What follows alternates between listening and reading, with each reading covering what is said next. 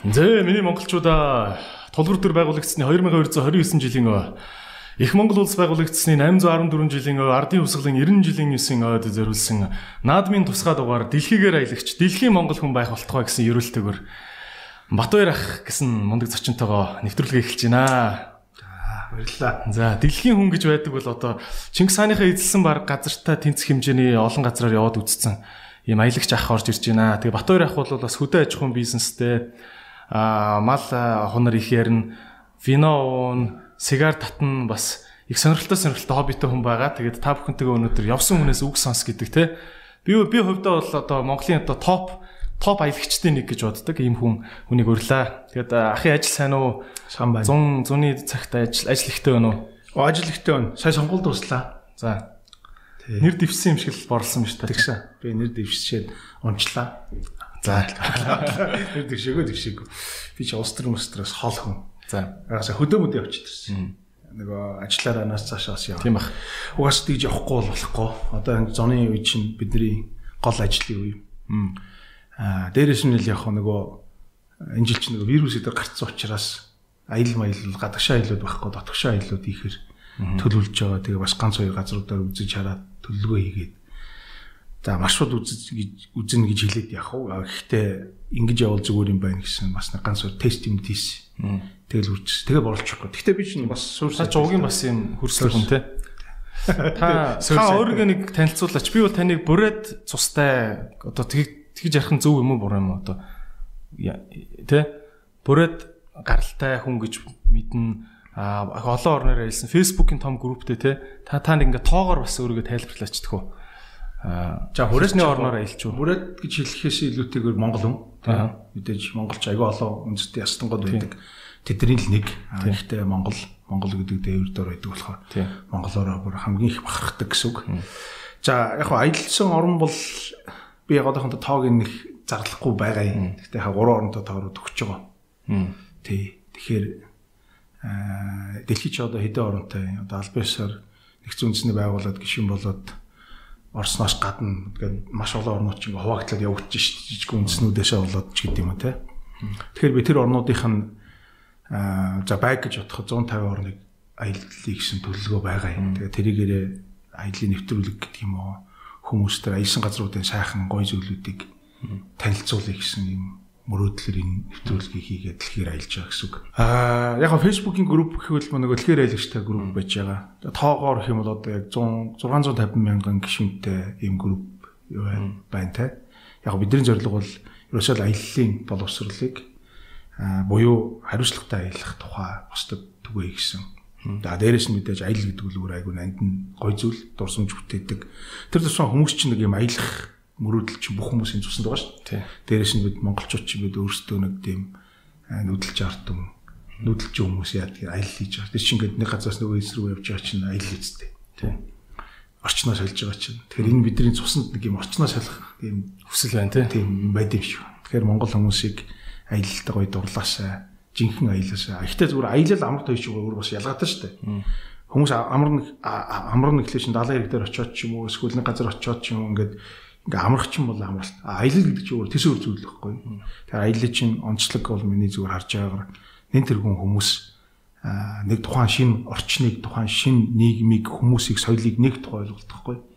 Тийм учраас би хүмүүсийг тэрийг нээж аялаасаа гэж хүсэж байгаа. Тэрийг л одоо хүмүүстэй хуваалцах гэж байгуулсан групп шүү дээ. Хичнээн хүнтэй групп байдаг лээ. Мангар том Facebook групп байдаг гэж сонссон. Гэхдээ яг 650 мянган хүнтэй групптэй. Гэтэ зүгээр мангар том чаашаа зүгээр нийт сонгогчдын баг тал нь юм шүү. Монгол улсын нөө. Танийх сонгуулийн групп юм биш үү? Гүй гүй. Гэтэ яг надтай ажилласан хүмүүсээ гişү болсон шүү дээ. Тэгсэн үү? Оо. Ганхуу ах чаа яасан? Яасан бэ? Гişү надтай хамт ажилласан 3 байдий. Яг ер нь 4 5 байдий. Тэрнээс 3 нэр дэвшсэн. Ганхуу, Гиндэн дармын ганхуу, Хасурын ган хоёыг, Гонгорын дамд нэмгээ 3 залуу.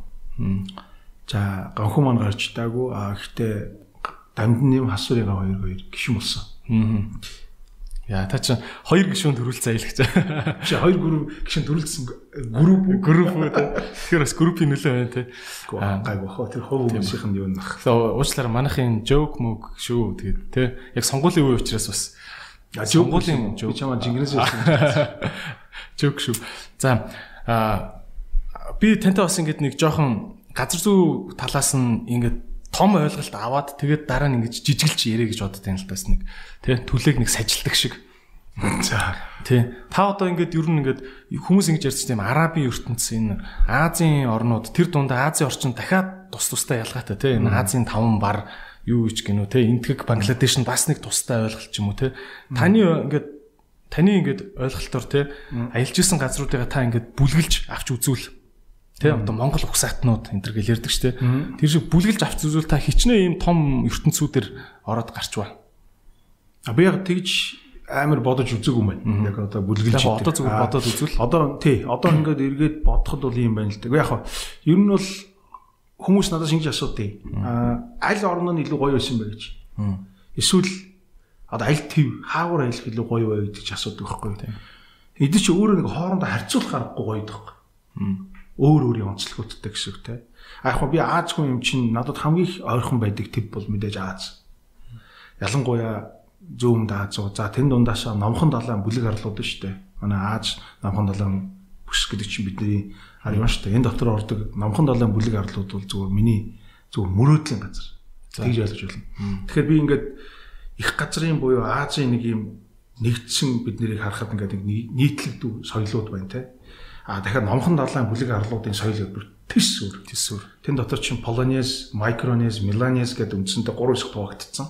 Ийм алтан гурвалжин байгаа юм. Аа за. Зүүн талаар нь болохоор одоо Америк ТV-ийн нөгөө баруун эрэг буюу Чил эдэргээд улсууд ба штэ.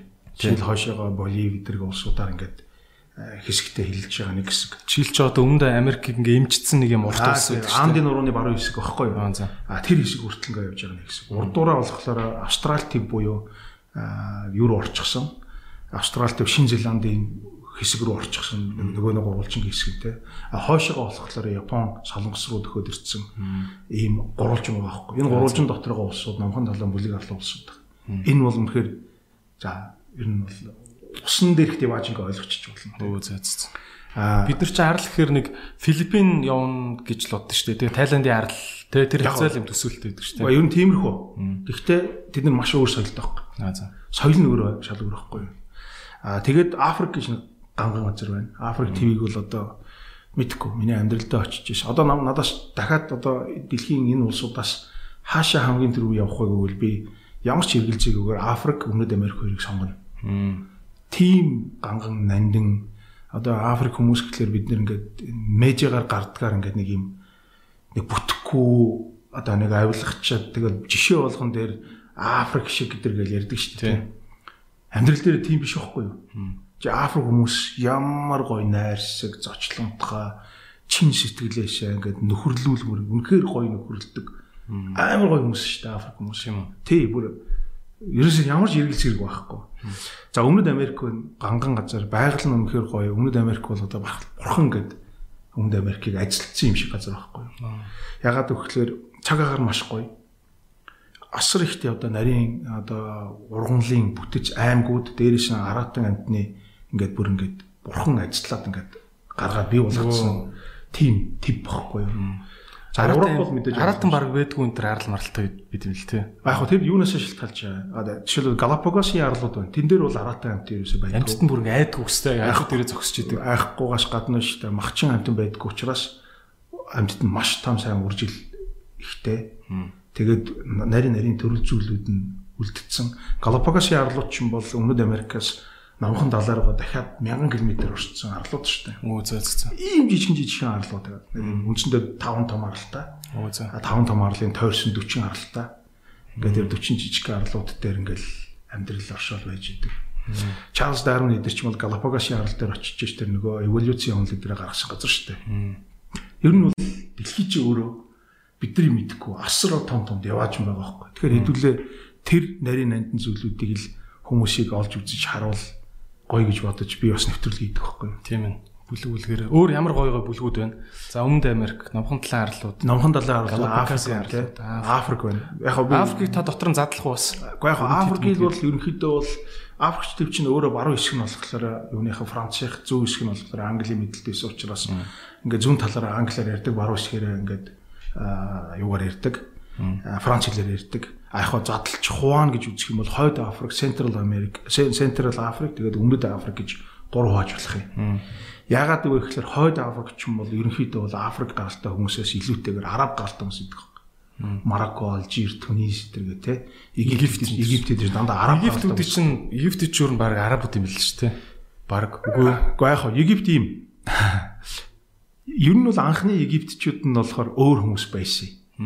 Тэгээд Египтийн тэр хүмүүс чинь яасан бэ гэхээр хэсэг хугацааны дараа тэдгээр хүмүүс ингээд устдаж үгүй болоод өөрөөсөө ийш тийшээ нүүдэлж явж устдаж үгүй болоод өмнөд урдаас нь Суданаас хойд Суданаас нүүдэлж ирсэн мөн арабын элсэн зүйлээс нүүдэлж ирсэн арабчууд өнөөдрийн Египтийн газар нутгийг ижлээд Египчүүд болсон баг. Тэрнээс анхныхан дээр одоо жишээл бидний яриад байдаг тэр Египтийн пирамид эдрийг барьж байгуулсан египтчүүд ч юм бол байхгүй өөр хүмүүс. Тэд нар бол машин өндөр нуруутай, тослог гоё арьстай, бордуу, тэгээд юм хар устай. Тэгээ өөр хэлээр ярьдаг, соёл нь өөр, асар инженерийн болон одоо эдийн засгийн мэдлэгтэй тэгээ шүтлгүүд нь өөр тэнгэр шүтлэгтэй те.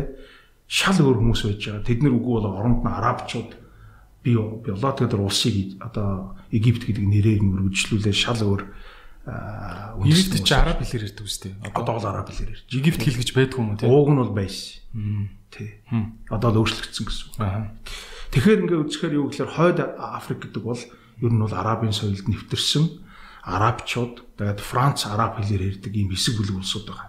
А тэрний нөгөө талд нь газрын дундад тэнгисийн улаан тэнгисээр зааглагдсан газрын дундад тэнгисийн нөгөө хэсэг дээр нь болохоор арабын хог байж байгаа шүү дээ. Тэнд чинь бол одоо нөгөө яг нөгөө одоо шилүү Сауди Араб те одоо босоод энэ арабын улсууд ч байж байгаа байхгүй.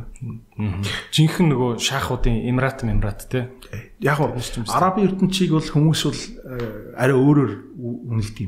Миний хувьд бол ойлголт бол ягаад гэвэл өнөөдрийн Эмират одоо Дубай ч гэдэг юм уу эсвэл Катар ч гэдэг юм уу энэ улсууд чинь саяхан 1970-ад оноос хойш нефтийн одоо юугаар бий болсон улсууд гэхгүй. А тэрнээс өмнөх арабын ертөнц чинь ямар хүмүүс байсан бэ гэхээр одоо бидний яриад байгаа нөгөө Египтүүд байсан гэсэн үг те. Дээрээс нь одоо Сир, Лив энэ үндэстэнгүүд бүгдээрээ байсан. Энийгээр нэг арабын ертөнцийг тодорхойлдог. Ирак, Иранад, Персүүд эдэр чинь арабын ертөнцийг тодорхойлдог гэсэн. Тэдний соёлууд чинь өөрсдөө одоо жинхэнэ бидний ярьдгаар нэг мянган нэгэн шиний үлгэр шиг тийм ганган соёлууд одоо бүр одон орон судлал одоо юу гэдгийг шинжлэх ухааны маш олон тийм суурьуудыг бий болгоцсон соёлууд байсан. Харамсалтай нь гэдэг юм уу? Одоо түүхийн одоо бас нэг нухчаа юм уу? Сүүлд нөгөө э, нефтийн болон газрын тосны баялагаар тий. Газрын тосны баялагаар хүчрхэгдсэн одоо тухайн үед сургаггүй байсан улсууд чинь зөвөр нэг тэмээтэй нүүдэлчин байсан улсууд ч хүчээ аваад баяжаад нөгөө тэр соёлоодыг даваад одоо хүмүүст ямар төсөөл өгч ийн үг гэхээр араб гингүү шууд Дубай юм уу Катар юм уу Кувейт гэдэг ойлголт орж ирээд байгаа байхгүй. А тэрнээс ч өмнө жинхэнэ араб соёл бол нөгөө Иракийн, Першийн, тэгээ Ливийн, Сирийн тэр соёлууд байсан байхгүй. Тэгээ тэд нар чинь бол өөрсдөө маш нанд шүү. Хэдэн зуун жил оршин тогтсон хаант улсуудтай тухайн үеийн одоо Монголын эзэнт гүрэн гэж жишээлбэл манайх ч ингээд Сирээр дамжаад Сирийн 500 жил оршин тогтнодсон байсан гайхалтай том империйг Монголын эзэнт гүрэн нураажиж Сир, Йордан, Израиль, Палестин руу орж исэн байхгүй. Тэгээ тэндээ би монголчууд чинь 20 орчим жил нийтдээ тэр ингээд би жишээлбэл Йорданд очичоод байж хахад монголчуудын эзэлж исэн цайз байгаа. Тэр цайз 20 жил монголчууд оршин тогтнож байсан. Монгол дүрм тогтоож исэн. Монгол бүх хууль юугаар явж исэн. А тэгээ харамсалтай нэг тийм буцахтаа монголчууд тэр цайзыг нураага ботсон байдгийг. А шалтгаан бол маш инgi ягаад гэвэл тэр цайзыг өөрөө эзлэхэд аягүй төвөгтэй учраас дахиад бид нэр ирэхэд тэр цайзыг бол эзлэхэд төвөгчлөхгүй монголчуудад төвөгчлөхгүй байх хэрэгтэй гэсэн үг. Тэгэхээр тэд нар бид нэр тэр соёлоодыг яаж исэн бэ гэхээр нэгдүгürt бид нэр нэг дээвэр дор нэг захиргаан дор оруулаад нэгдсэн нэг тийм соёлын хавтгай бий болгосон. Тэр нь өөрөө худалдааны зам одоо бусад бүх одоо дипломат ёс одоо яг тухайн үеийн шийдчихсэн бүх юм юу гэдэг тэрийгээр явж исэн гэсэн үгтэй. Нэг талаас нөгөө талаас нэг хүний маш олон жилийн тогтсон дарангууллуудыг бид устгаж өгсөн байхгүй уулан бол. Одоо шилүү сирч юм 500 жил тогтсон хаан засгалтай. Тэр хавьяасаа дуртайгаа хийдэг тий дуртайгаа хийдгээс гадна ерөөсөө ингээд ер нь нэг систем удаан ингээ орчин тогтнохоор өөрөө ингээ дотроос өнгөрч эхэлдэг те. Тэгээ ялзарч эхэлдэг. Бүх бүх хүмүүс нь эсэргүүцэж исэн юмыг орж ирэнгүүтээ бид нар яаж ийнө вэ гэхээр Монголын эзэнт гүрэн хавтгаа болгож исэн байхгүй. Гэх юм чинь. Тэгээ тэрийгээр явхаар ингээ тэр соёл ингээ нэвт өнөртнө. Оо зөө зөө. Гоё. Тий. Одоо ингээл яг монголчууд ингээл түүх соёлоо ярихаараа мэдээж аль болох өөрийнхөө талаас дүүлгэж ярина штэ. Монголчууд бол дэлхийг ингэж эзэлж исэн учраас Монголыг дагдаг байлаа гэл ингээ ярина штэ.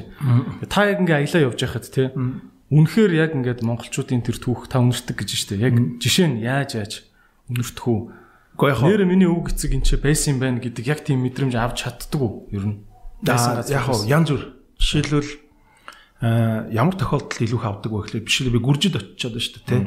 Гүржид очинготой гүрж ингээд айл зочлуулаад хүмүүстэй яриа сууж явахд бол нөхдүүд Монголын эзэнт гүрэн манай одоо юу гэдгийг улсыг эзэлж авснараа одоо гүржүүдийг маш ихээр дайн тулаанд оролцуулаад ерөнхийдөө бол монголчууд бол энэ Кавказын нурууг чинь Ер нь Кавказын нурууч монголчуудын хувьд бол түшиж газар байсан байхгүй юу? Европ руу явдаг, Дундад Аз руу явдаг түшиж газар байдаг шүү дээ. Хоолуун цайтай.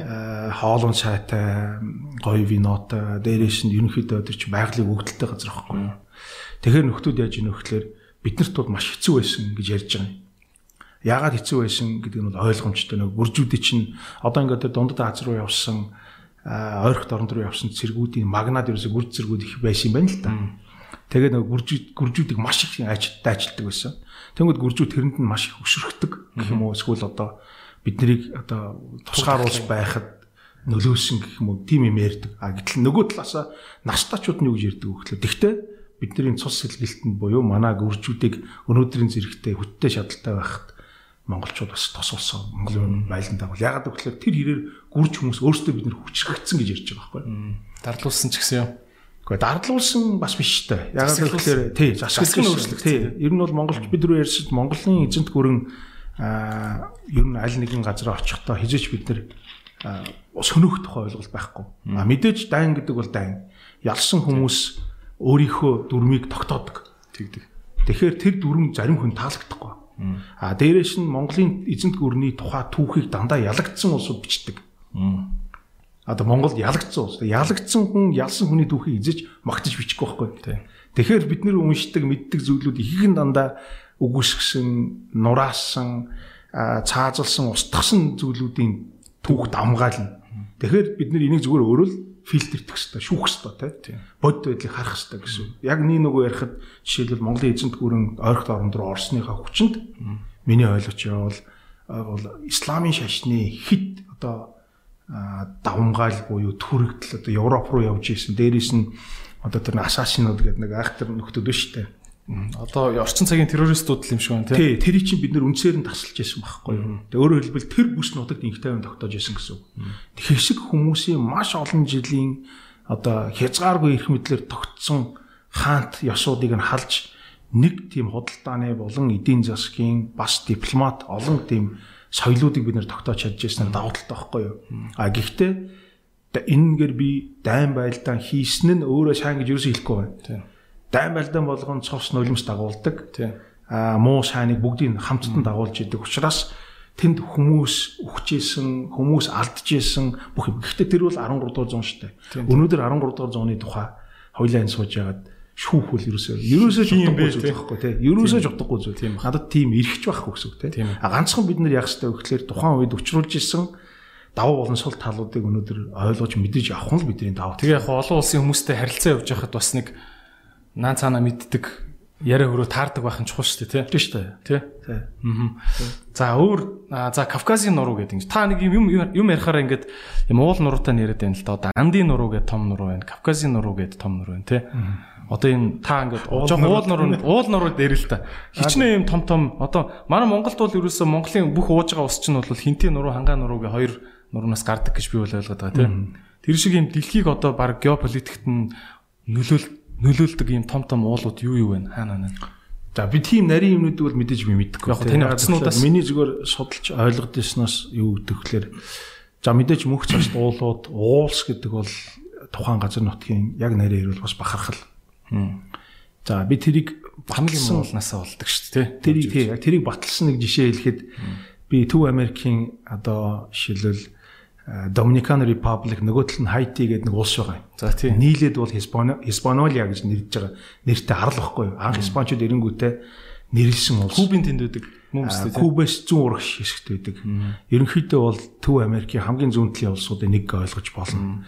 Тэр улсын Dominican Republic Haiti гэдэг хоёр улс чинь нэг нь Испанчууд нөгөөх нь Францын колонийн хоёр улс байхгүй юу?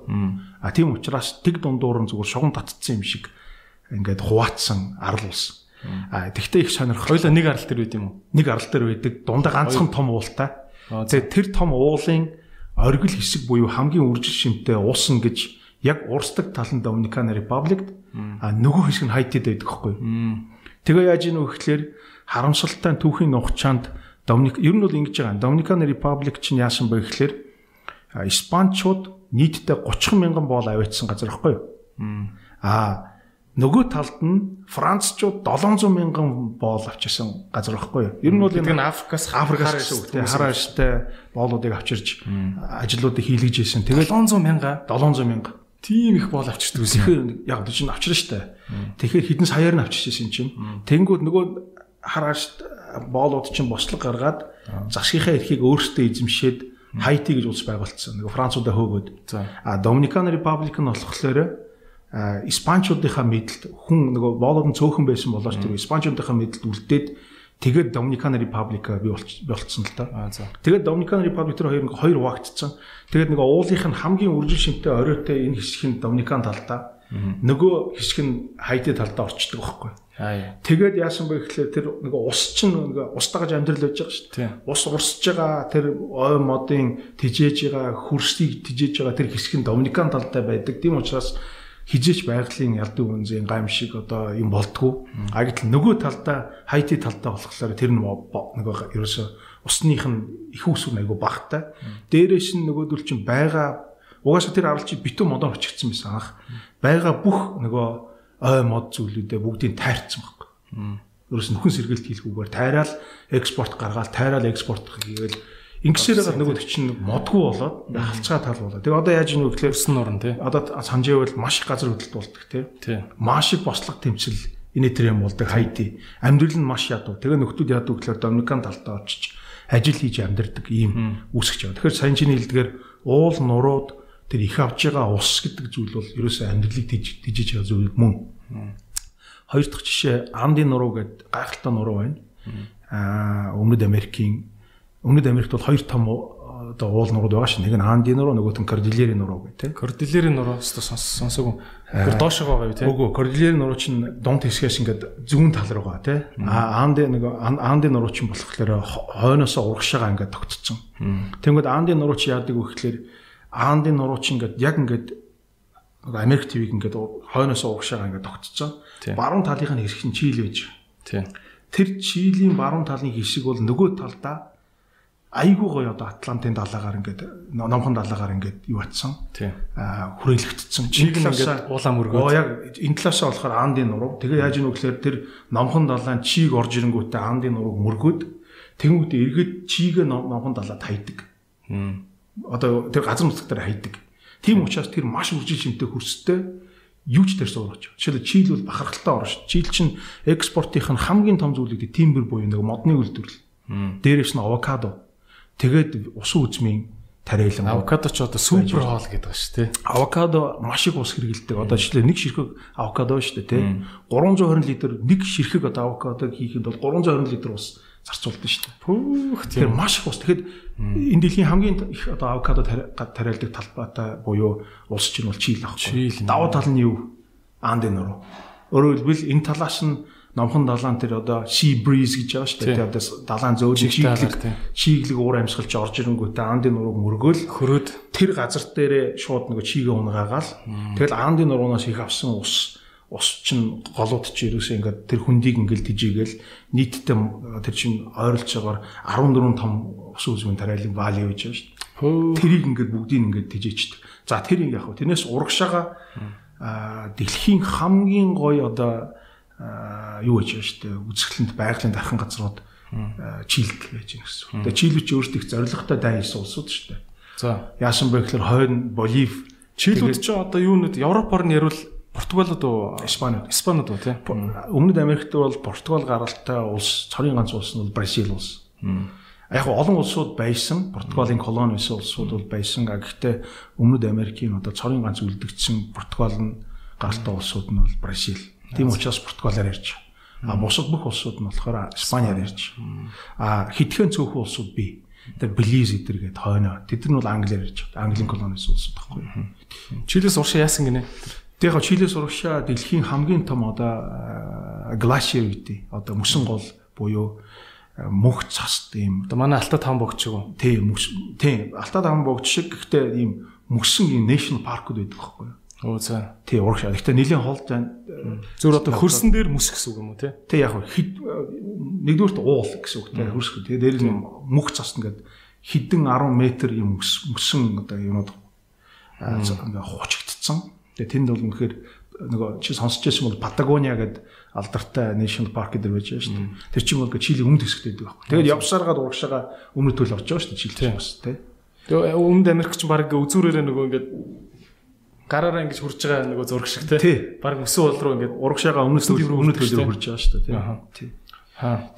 Тийм байна. Тэгэхээр уул гэдэг бол тийм чухал байна. Тийм байна те. Тий. Одоо шил дараагийн Африк ТV-ийн жишээ юу гэж? Танзан. Танзан чинь бол юу Килиманжаро гэж өндөр уул байна тий. Килиманжаро гэж уул чинь бол нэг нь Танзан Африкийн отхон тэнгэр өстэй. Ерөөсөл баг таван богдоо. Африк таан богд. За. Тий. Нэг хэсэг нь Танзанд нөгөө хэсэг нь Кенд байдаг байхгүй. Оо за. Тэгэл ерөөсөө тэр ууланд л ам амьдрал аратан жигүүрт нь шавж шít. Тэгээ бусд газар руугаа ингээл цөлжээл гэсэн үгтэй. Уул байхаар уул байна гэдэг чинь агарын чигийг хураана гэсэн үг. Тэгээ агарын чиг доошо гол болно гэсэн үг. Тэгэл амьдрал гэсэн үстэй. Ер нь яг хавчхандаа хэлбэл тийм гэсэн. Тийм учраас бид нар чинь уулсаа хайрлаж явах хэрэгтэй. Тийм. Уул уулын ус гэдэг бол ерөөсөө хөрсний усыг тижиж идэг зүйл шүү дээ. Тийм тий. Монголчууд одоо тийм болохоор л уулын орой дээр одоо илүү шийдэл гаргахгүй. Монголын хамгийн өсгөлтэй шайн тариа ургадаг газар тариалангийн бүс нутаг хаагур байна. Хойлын хэсгээр л байгаа шүү. Ерөөсөө юм инхэн л гурвалж шүү дээ. Тийм үү. Тий. Ингээл ерөөсөө Юу юу гэдэг баруун тишээгээ яг хаа увс руу явж байгаа юм тий.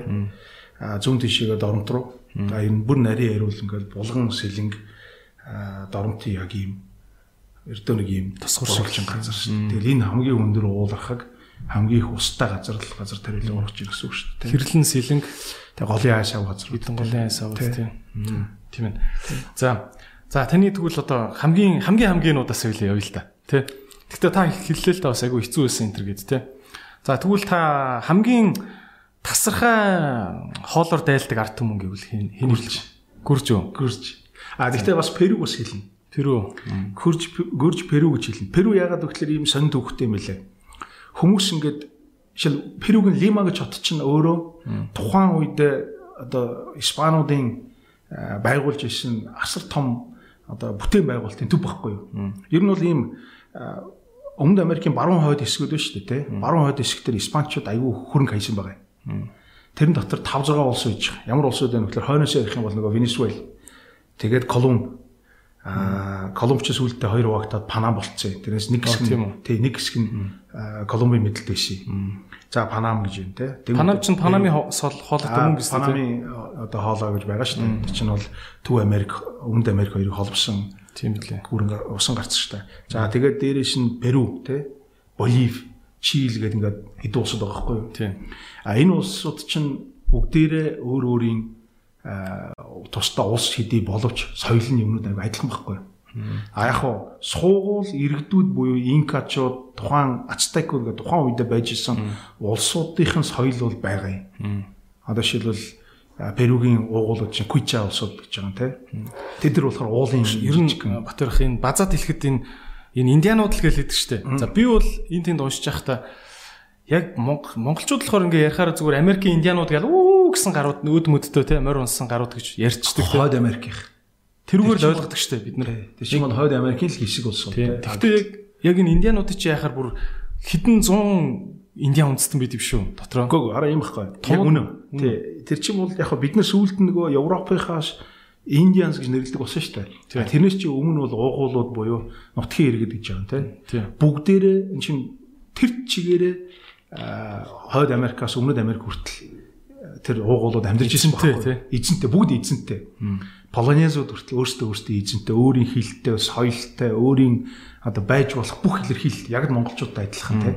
А тэд бид тэдэнд тэнд ганцхан зүйлийн ялгаа байгаад байна юу гэхээр амьдарч байгаа орчин байгаа газраасаа шалтгаалаад нуруу нь өндөр нам те ууланд амьдардаг хүмүүс нь болохоор морь хэргэлдэггүй явгаа явдаг ч байх юм уу те а дуулж байгаа амьтад нь бол нөгөө лам гөрөөск байж ин те эсвэл нэг тийм тухайн газар нутагтаа зогтсон талд амьдардаг нь морь ундагч үед юм уу те ялангуяа бид нар бол Америкийн Индианс гэхэлэр нэгдүгээр Америк төвчин дотроо хойд Америк, өмнөд Америк хоёр төв байж байгаа. Тэгээ American Indians гэхэлэр бид нар шууд нөгөө кино уран зохиолоороо төсөөлөөрөө зөвхөн хойд Америкийн индиануудыг төсөөлөд байна. Гэтэл яг амьдрал дээр бол өмнөд Америкийн индианууд ч бас ялгаагүй адилхан соёлтой ус. Бараг илүү эсэр үтэл гоо харьцуулгыг дахиад эргээд төвхтэй. А соёлын хувьд буюу а хөрөнгө мөнгө чинээтэй байсан талаараа бол өмнөд Америкийн индианууд нь илүү байсан аимшигтай их хоолны соёлтой аимшигтай баян одоо испанчууд ба шүү дээ тий анх 1600 1400 тэр 50-д оны үед юунд хүл тавьчаад Америк төвд хүл тавьчаад цочирдж байсан гэж байгаа шүү дээ. Баян тансгийн гайхаад Испаниас ирсэн булайзлагч нар шүү дээ. Тий. Баян тансгийн гайхаад уутаал байсан багтай өстой. Гэхдээ яг хоо тэд нар бол ганган байгаа. Хувцхуунаар одоо шийдвэл тэр Европ хувцс чинь бол маш соёлон ганган шүү дээ. Тэр хүмүүс ингээ буучаад тэр овгийн индиануудын эдэлж хэрглэж байгаа тэр байгаа байдал дээр хараад цочирдж байсан гэж хүнс эдрийг хараад тэд нар бол зэрлгүүд гэж бодож ирсэн чинь аимшигтай соёлтой нийгэм байсан баг. Тэдний байгуулсан тэр барилга, байшин, тэр цайз, пирамид эдэр бол зүгээр Европууд яг соёлын ялгаа байгаа. Европуудын байгуулж исэн алдартай том том музей, тэр том байшин одоо юу гэдэг эднэр эдрээс бол өөр. Гэхдээ тэр ямар ч хөдөлмөрийн баг зэвсэггүй улсуудын хийсэн инженерийн техник технологи тэр 100 100 тонн чулуунуудыг дундуур нь цаас орох зайгүй болтол нь үрж тавьсан байгаа байдал тэр барилгын өнөөдөр хүртэл учрыг нь олж бид нэр тайлж чадахгүй байгаа. Тэр барилгын асар том технологийн асуудлууд нарны цаг маг гэж байж штэ. Тэр чинь нөгөө өдөр чи харангуудаа цочирдж байгаа байхгүй юу? Жинхэнэ одоо яриад байгаа нөгөө техник аквапоник а одоо нөгөө дотроо загастай загас нь баангууд тэрүүгээрээ шимээ аваад ургадаг тийм юм. Загас ногооны аж ахуй энтрийг хослуулсан юм уу чинь тэнд байсан юм шүү те өмнөд мөр хараа. Зөвхөн Перу гэхэд төмсний 200 төрлийн сорт байна. Төмсний. А биш төмсний 30-аас 40 төрлийн сорт. А нөгөө эрдэн шиш байдаг шүү дээ. Тэгээ эрдэн шишийн 200 орчим төрлийн сорт байна. Хөгжүүлээд газар газар болгон өөр өөрийн амт одоо юмдаа зориулсан. Тэрний хоолн дээр би дахиад гүйцэчгэд Перу ягаад лаг хоолтой вэ гэхлээр тийм асар их тийм хоолны соёл суудсан энэ хөрсөн дээр Лима хотын нэг айгүй мундаг тогооч нөхөр юу гэж хийдсэн харсан бэ гэхлээр Лима хотын өнгө төрх юу байх юм бэ? Бид нэр яаж энэ Лима хотыг бусдад илэрхийлэх юм бэ гэд нөхөр яасан бэ гэхдээ дэлхийн маш олон төрлийн хоолуудын рецептүүдийг буюу менюнуудыг өөрөө бүгдийг ингээ зохиогоо тэгээ өөрөө нөгөө ийм хоолны одоо сургууль дээ тийм одоо cooking school гэж байгаа одоо тогоочийн курс гэсэн үг тийм тэр курсээрээ дамжуулаад маш олон шавнар төрүүлээд одоо Лима хотын хоолны ресторануудын хоолны менюнд давтагдчихгүйгээр 4800 төрлийн меню байна. Пүүх 4800 газар очиж идэхийн арга. Тэгэхээр биш чи тэнд очиод ресторан дагаж ингээл яваад л байж байгаа 4000 төрлийн хоол юм уу? Меню юм уу? 4800 төрлийн хоол. Аа за за. Менюнд нь байж байгаа байхгүй. Аа яа. Тэгээ 4800 төрлийн хоол байна гэдэг чинь энэ чинь хэдэн жил идэд бантлаа бантлаад байхгүй. Яг гэхдээ хоолнууд нь өөрөө мэдээж жишээл манай бууз гэж хэлэхэд манайх нэг одоо юу гэдэг байцаатай бууз, махтай бууз гэдэг шиг. Бас нэг нэг төрлийн хоол ингээд салаална л та. Гэхдээ л дахин давтагчгүй 4800 төрлийн хоол гэдэг бол гэж гайхшмаа байна шүү дээ. Тэгэхээр бол дандаа нутгийн хүнсээрээ тий баг маш олон төр яг нутгийн хүнсээрээ хийн импортын юмнууд байж байгаа. Гэхдээ ер нь их их орнууд нутгийн хүнсээрээ буюу өөрийнхөө юугаар хоол хийдэг. Соёлын тим. Тэгэхээр тэрийг бид нэр бол бас хүндэлж ирэх хэрэгтэй. Хоёрдугаарт би түрүүн хэлчихсэн хоолтой холбогдуулаад хэлэхэд устай холбоотой зүйл байгаа. Ер нь бол дэлхийн дулаар л одоо дэлхийн байгаль орчны өөрчлөлтүүд байна шүү дээ, тий. Нөлөөлдөг нэг асар том зүйл тээвэр өгдөг байхгүй юу? За. Тийм учраас ер нь альва улс үндэстэн сүүлүүд ийм тренд бий болсон. Сая ярьлаа шүү дээ авокадо байна те. Авок нэг ширхэг авокадо тариалахын тулд 320 литр ус гаргаж байна. А тэнгуүтээ тэр тариалсан авсан авокадогоо тээвэрлэх зардал чинь өөрөө хүлэмжийг асар их нэмэгдүүлдэг байхгүй юу? Тэг учраас дэлхийд үдэ яах ёстой гэхээр болж игэл өөрийнхөө газар нутагтаар тариалсан хүнсний ногоо одоо хоол хүнсний материалаар хоол хийж их нь дэлхийн хүлэмжийг бууруулна гэсэн тооцоо идэм юм. Тийм бах тий. Тийм байгаа. Тэг чийлд байгаа авокадо код Америкт аваачгаад тэр чи одоо өчнөө агаар бохирдуулна ш тийм үстэй тий. Яг хаа нөлөөлөл нь ихтэй гэсэн тий. Тэгэхээр хойд Америк өөрөө тарих хэрэгтэй. Гэхдээ заримдаа ургадгүй газар байна. Тийм тийм. Жишээлбэл Монгол бол яач чичээгээд ус үзэм тарилж чадахгүй. А ус үзэм гаргаж болно. Гэхдээ ус үзэмч дотор хоёр төр шүү дээ. Нэг нь table одоо grape гэж байгаа table одоо ус үзэм иддэг одоо бид нар идэд идэг. Нөгөөх нь болохоор вино хийдэг те. Тэгээ вино хийдэг. Нэр таны виног задлаа шүү. Та нэг тэгэр. Тэгэхээр table wine үүсгэж байгаа. Юу table grape нөгөө яг виноны grape хоёр чинь өөр хоёр сортын ус үзмүүд. Тэгэхээр Монголд тэр яг вино хийдэг ус үзм гэдэг л урах боломжгүй байхгүй. Ягаад гэвэл вино чинь өөрөө одоо энэ чинь дэлхийд дээр ургадаг хэдэн төрлийн юм байна. За вино байж гин, кофе байж гин, сигар байж гин те ингээд нэг бүсээр ургадаг. Тэр юу явдаг вэ гэхээр өргөргийн 27 градусаас 48 градусын хооронд ургадаг байхгүй. Дэлхийд нар чи эд дээр үт юм? Монголыг би мэдэхгүй байна. Аа тэгэхээр 27-аас 48 градусын хооронд ургадаг байхгүй. Тэгээ тэр юу яадаг гэхээр хамгийн чухал зүйл нь түрүүний ярьдаг. Ер нь бол гурван зүйлийн зүйл байна. Нэгдүгээрт нь болохоор нар байна. Хоёрдугаарх нь ус байгаа. Гуравдугаар нь хөрс байгаа. Тэгэхээр энэ гурван төрөл нийлжиж л урах хэрэгтэй.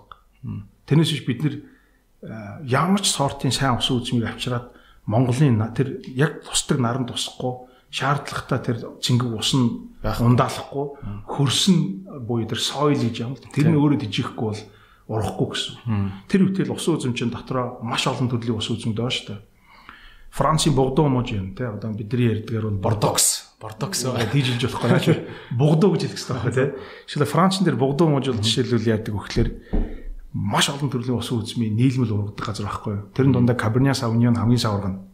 Cabernet Cabernet Sauvignon аа Бургунди гэж мууж байгаа. За. Одоо Франц хэлээр бол Бургонь гэж хэлж байгаа тийм. Тэр мужи чинь хойноосоо урагшаага ингээд бүр ингээд урагшаага байд Леон гэж хот хүртэл явдаг тэр нарийнхаа юм зурвас байхгүй юу. Энэ зурвас дээр зөвхөн Пинонуа, Шагдуна гэж хоёр төрлөл ургана. Оо за. Тэр хоёр л хамгийн сайн жимс гарна. Хэрвээ тэр хоёр бас өөр төрлийн жимсүүд яг хоо ер нь бол богдууд ч юм уу Пинонуа дээр ургана л да. Тэгвэл Пинонуа хамгийн төгс ургадаг нь ердөө тэр Тэр мужлын. Бидний ярьдаг бүргүнди муж байхгүй. Тэгэхээр бүргүнди мужийн мужийн ургуулсан пинонуа гэдэг жимсээр хийсэн вино дэлхийн топ вино болно л гэсэн үг. Тэрэн дотор Романи Конти гэж тариалангийн талбай 1.4 га газрын тариалангийн талбай. За.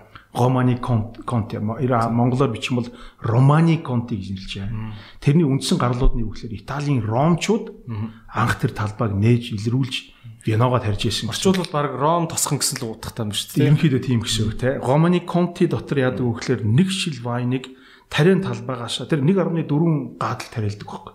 Жижигхэн юм шүү дээ. Жохон гэсэн үг те. Тэн дотроос ургасан нэг шил вайн тэн дотроос авсан ус үзмээр одоо бий болгосон нэг шил вайн талбай дээрээс 15 мянган евро. Чи тэрийг аваад дуудлага худалдаан дээр аваачих бол даруй 50 мянган евро хүрнэ. Чи дахиад 10 жил хадгалвал 100 мянган евро. Оо за за. Өөрөөр хэлбэл тэр тэр яагаад гэдэг вэ гэхээр ийм 5 давхар тусгай төрлийн хөрстэй топ зэрэглэлийн вино гардаг байхгүй юу? За шагдууны гэж тэнд дахиад ургана.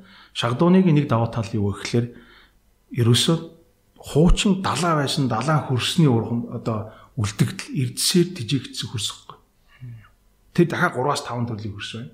Тэгээ хөрсийг ингээд яраад ингээд гараараа ингээд харах юм бол энэ дотор дунгийн хилцхий идэр байна гэсэн үг тийм. Тийм учраас цагаан виног хэрэглэхдээ юутэй хэрэглэдэг вэ гэхээр далайн амтан буюу seafood юм уу загастай хэрэглэгч тийм юм.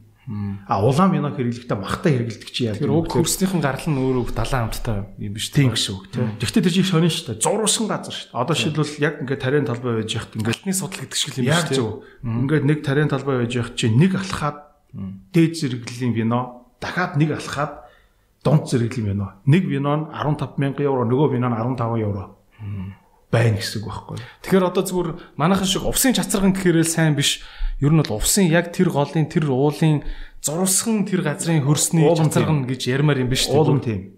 Хэрвээ тэгж болдог бол хэрвээ бид нар тэрийг үнэлдэг бол тэрийг ойлгодог бол тэгж хийх ёстой. Аянтай холбогдвол би дахиад нэг юм яриа. Аа 1800 ер нь бол ингэсэн Чил гэж ямар улс вэ? Би дахиад Чилийн тухай ярих дуртай байгаа юм. Чил тасархаа улс юм шиг байна. Тасархаа улс юу? Амар уул урхатай тий. Оюутлогоо цаашаа уурханууд үүд юм шиг. Яг ер нь бол Чил чинь өөрөө дөрвөн төрлийн зөвлөөр Монголын ирж юу тухайн улсын баялаг бүтээж байна. Нэгдүгээрх нь уул урхаа. Хоёрдугаарх нь болохоор timber буюу модны үйлдвэрлэл, гуравдугаарх нь жимс жимс хүнсний ногооны үйлдвэрлэл, дөрөвдүгээрх нь вино. Вино. За тав гэж ярих юм бол аялж болчихлоо. Тэгэхээр энийг тухайн улсын тухайн улсын мах байхгүй. Тэгэхээр жоох хэмжээнд би. Гэхдээ бол ер нь Латин Америкч мах бол маш сайтай шүү дээ. Тэгэхээр энэ таван зүйл яаж ийм вөхлөр тухайн улсын нийт одоо бүх орлогыг бүтээж байгаа. Нийтдээ 17.5 сая хүнтэй улс шүү дээ жилж. Тэгээд тэрийг бүтээж байгаа. Тэр бүтээсэн баялагуудыг нөгөө Чилийн ард түмэн бахархалтайгаар ярьдаг байхгүй. Уул урхаа зис бол манай улсын баялаг мөн Тэрнээс бол шулуулаад байна. Нөө. баялаг цөлнөлөө гэж ярьж. Нөө нөө тэгж болохгүй. Тэр чинь нь шүү дээ ямар юм бэ нөхлөөр зөв засаглал байгалийн баялаг хэрхэн яаж хүртээмжтэйгээр хүмүүст хүргэх вэ гэдэг зүйл шүү дээ. Хоёрдугаар нь шүү дээ тэр timber буюу модны үйлдвэрлэл тэр асар их модыг хэрхэн яаж зөв ургуулж тэр чинь модыг зөвхөн байгалийн юм ургуулахгүй шүү дээ. Тайрахгүй шүү дээ.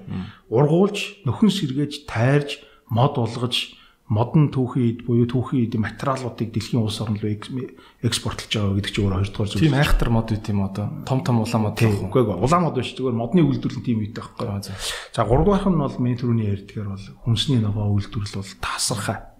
Одоо жишээлбэл бүх юм өөрөөсөө хангаж байна. Яг тэр том хөндий аандын нурууны бурхны бэлэг тэнд ч байж байгаа байхгүй. Тийм. За вино үйлдвэрлэл. Вино үйлдвэрлэгээ ярихгууд яасан бэ гэхлээр ер нь бол Чил чинь Испани гаралтай улсууд Тэнгүүтээ Испанчууд ягаад Францын одоо сортуудыг авчиж нутгшуул Испаний сортуудыг авчираагүй вэ гэхлээр айгу сони юм бил. Анх бол ер нь бол вино гэдэг зүйл чинь болохоор лам нарын ер нь бол виног хамгийн одоо олон жил үргэлжлүүлж виног яг өөрийнх нь хэмжээгээр авч авсан хүмүүс ч голдуу сүм. Сүм болгон өөрийн вайны арттай. Тэндээ виногоо эсгдэг, тарьд ус үзмээ тарьдаг, ургуулдаг, хураадаг. Тэгээд нөгөө тэрийг хөгжүүлээд ингээ вино болгоод дарддаг ингээ тэгээ хүмүүст хүртээд тэр шив нарийн ярил Иесус Христийн цус гэж нэрлэдэг штэ. Өө цаа. Тий, тэгээ тэрний чинь шалтгаан тавь. Гэхдээ вино гэдэг зүйл чинь өөрөө өөрөө маш ариун нандин зүйл байхгүй юу?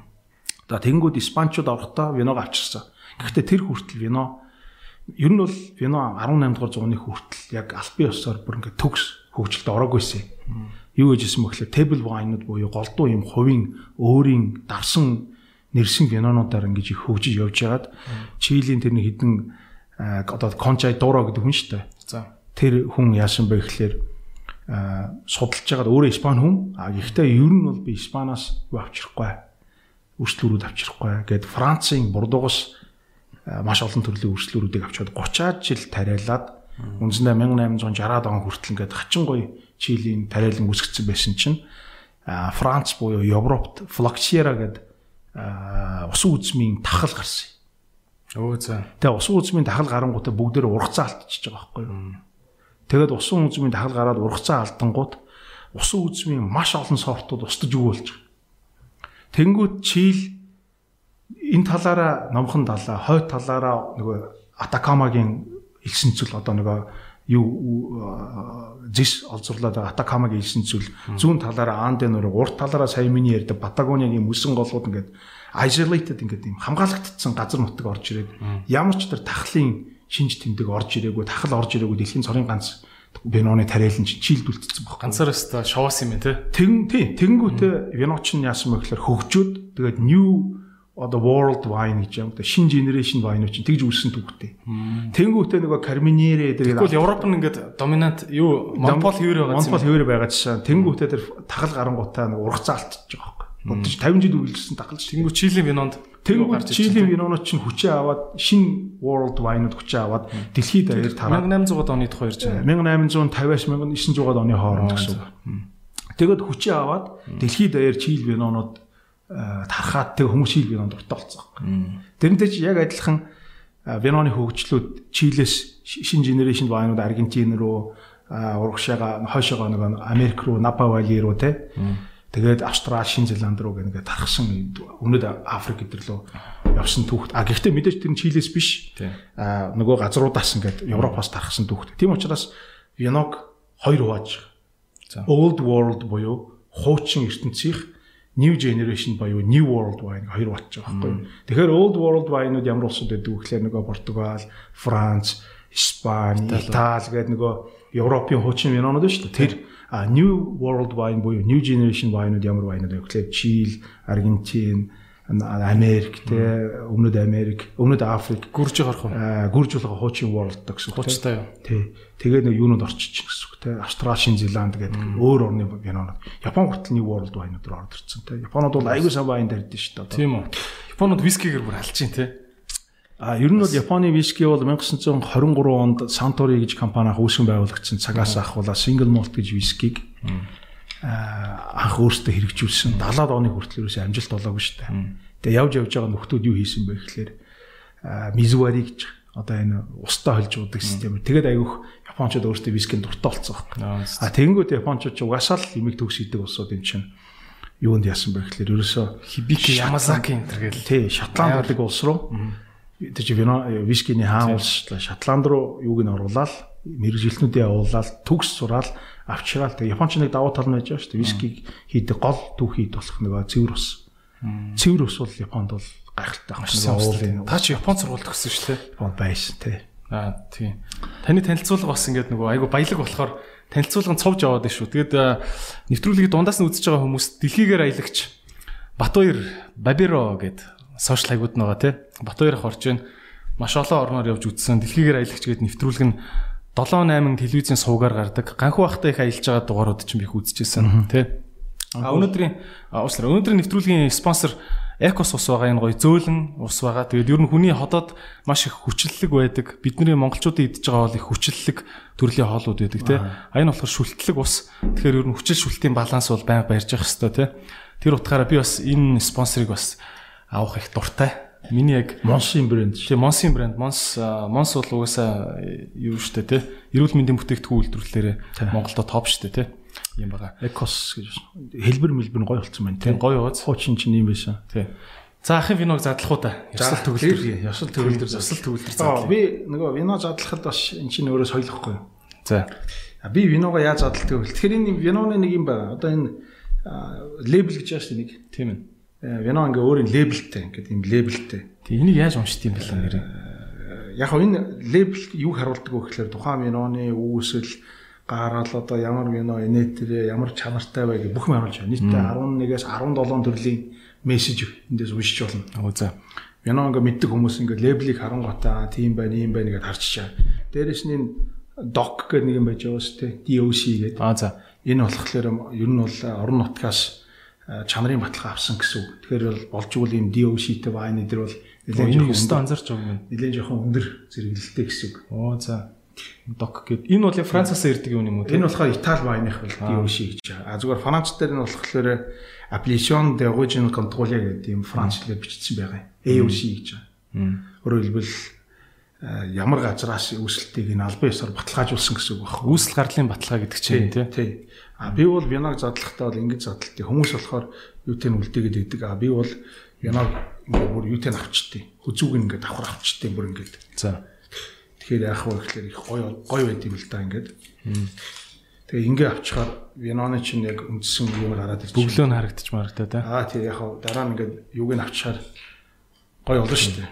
Тэгээд вино чинь гоё гэж байгаа шүү дээ. Та одоо миний нэвтрүүлэг дээр архины төрлийн юм задлсан анхны боллоо Вино бол арх биш. Иесусийн цусоо. Биш ээ. Иесусийн цус биш. Тэгж туйширж байсан.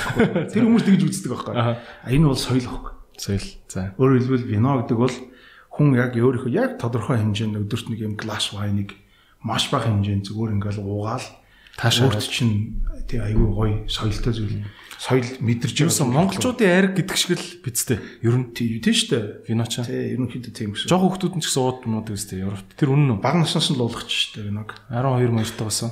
Тэгээ виног онгоолохдоо одоо ингэж үрж байгаа л би танарт одоо би чамд үзүүлээ те. Ингээд яг ингэж авчираа төгсгөл хэсэг байгаа зэн төгсгөл хэсэг.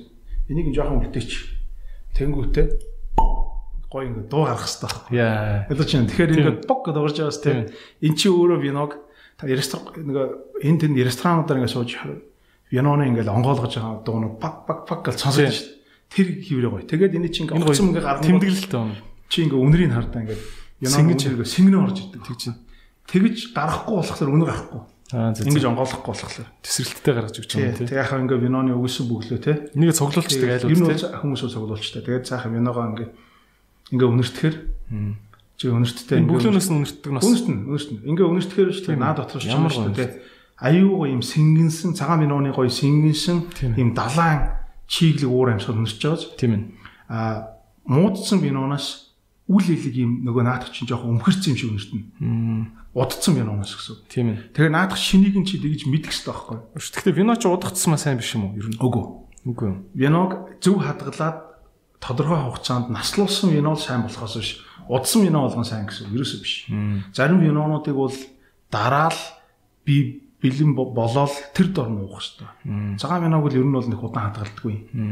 А улаан винонуудыг ээжин буюу одоо насжуулах процесс хийн. Гэхдээ чи баррел юм уу? Эсвэл яг ингээд зөв Бараг тодуул шиг юм дотраад. аа тий газрын гүний яг ингээд юм дотор Шилэндээ удах бол тийм ч сайн биш юм тий. а виноноос шилтгаална. Жишээлбэл зориулт нь дарж хадгалах зориулттай винонууд бол хадгалж болно. Гэхдээ чи зөв температурт урт хугацаанд яг зөв одоо нөхцлөөр хадгалах хэрэгтэй гэсэн. Ээ.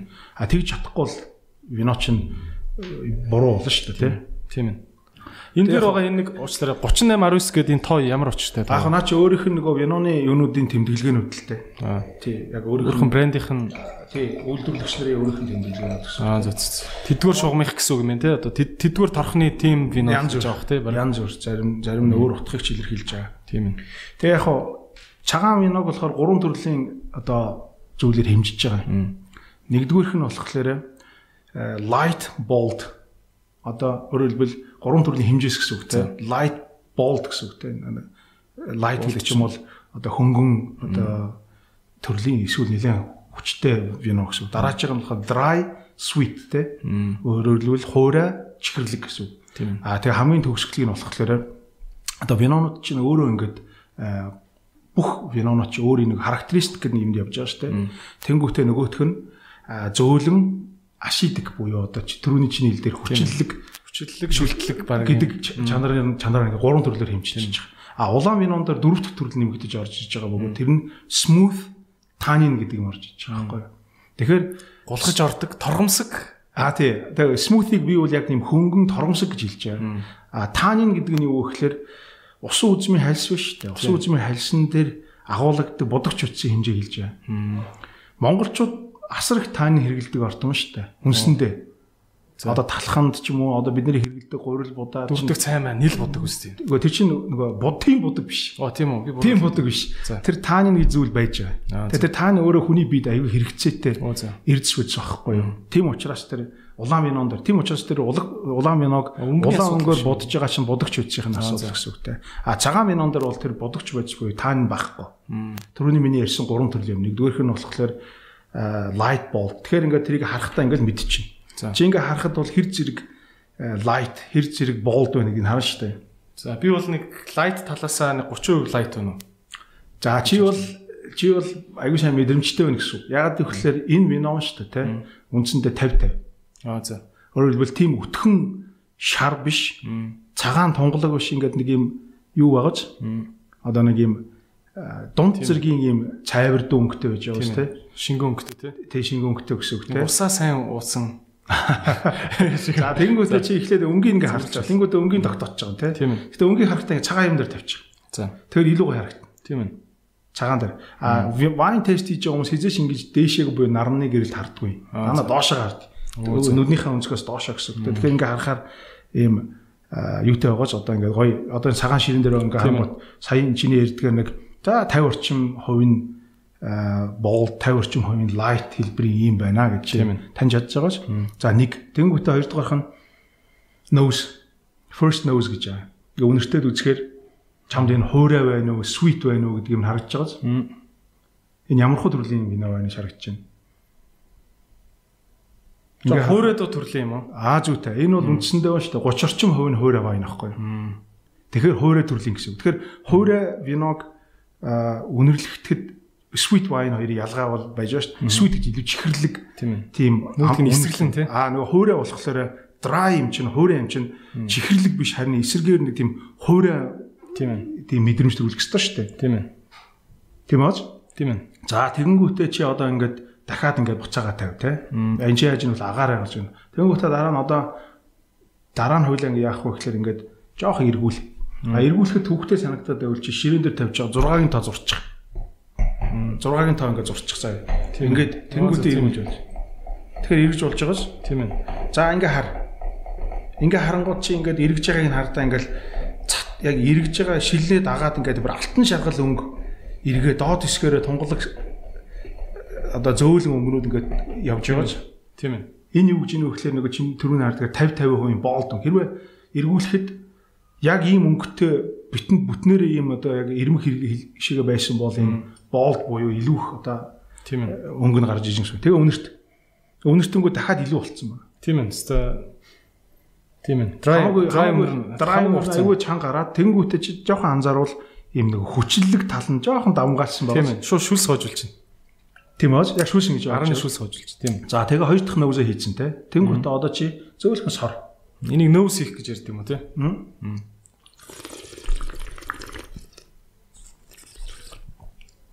Агаар сор. Вино штэ аманд орохдоо дангаар орж болохгүй. Аманд орохдоо агаарт орох хэрэгтэй. Өө за. Тэнгүүтээ агаарт оронготой хүний хил биш та хүний хилийг ингээд тойруулаад вино тархах хэвээр. Тархангуудаа чиний ингээд завжаар шимэгдэх хэвээр. Тийм ээ. Тэгээд чи тэрэн дээр ингээд вино чинь ингээд ингээд чиний хилэн дээр ингээд виноны тий бүжиглэх хэвээр байхгүй. Ингээд декорэ декорэ заяа. Аа. Тийм мэдрэмж байна Тийм ээ. Дээд тагнаагаараа биш баг энэ доотлын буйл руугаа баг явуулж штэ. За тэгэнгүүтээ хэлээрээ шүдээ ингээ арч. Шүдээ арчаад завжаа ингээ томшоороо. Ингэнгүүт одоо чинь арааны шүл засгарч байгаа. Тэгж байна. Амар сарч. Наа чи юу гэнэ вөхлөөр хүчлэг чанар нь жоох өндөр байна гэсэн үг. Өөрөөр хэлбэл чиний нэг хоол идэх дуршлыг төрүүлж ийн гэсэн үг. Тийм ээ. Тэнгүүтээ одоо чи ямар юм тэгээд одоо амтын ярина одоо. Ямар төрлийн амт вэ чамд амт гэж. Вино болгон жимслэг амт байх хэвээр. Дээрээс нь цагаан винон дээр хамгийн түрүүн миний хэлснээр суур өөрийнх нь юуны амт байх хэвээр. Одоо хөрсний амт байх хэвээр.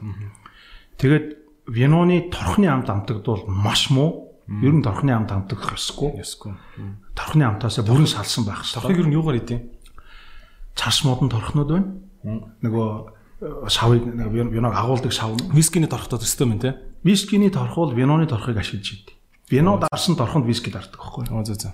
Тэгэхээр нэг торхон гэсэн үг зөө зөө. Ер нь дунджаар 3-аас 5 жил вино дарсан торхонд виски дардаг байхгүй юу? Зөө зөө. За тэгээд ингээд чи дахиад ингээд виногоо шахах эргүүл.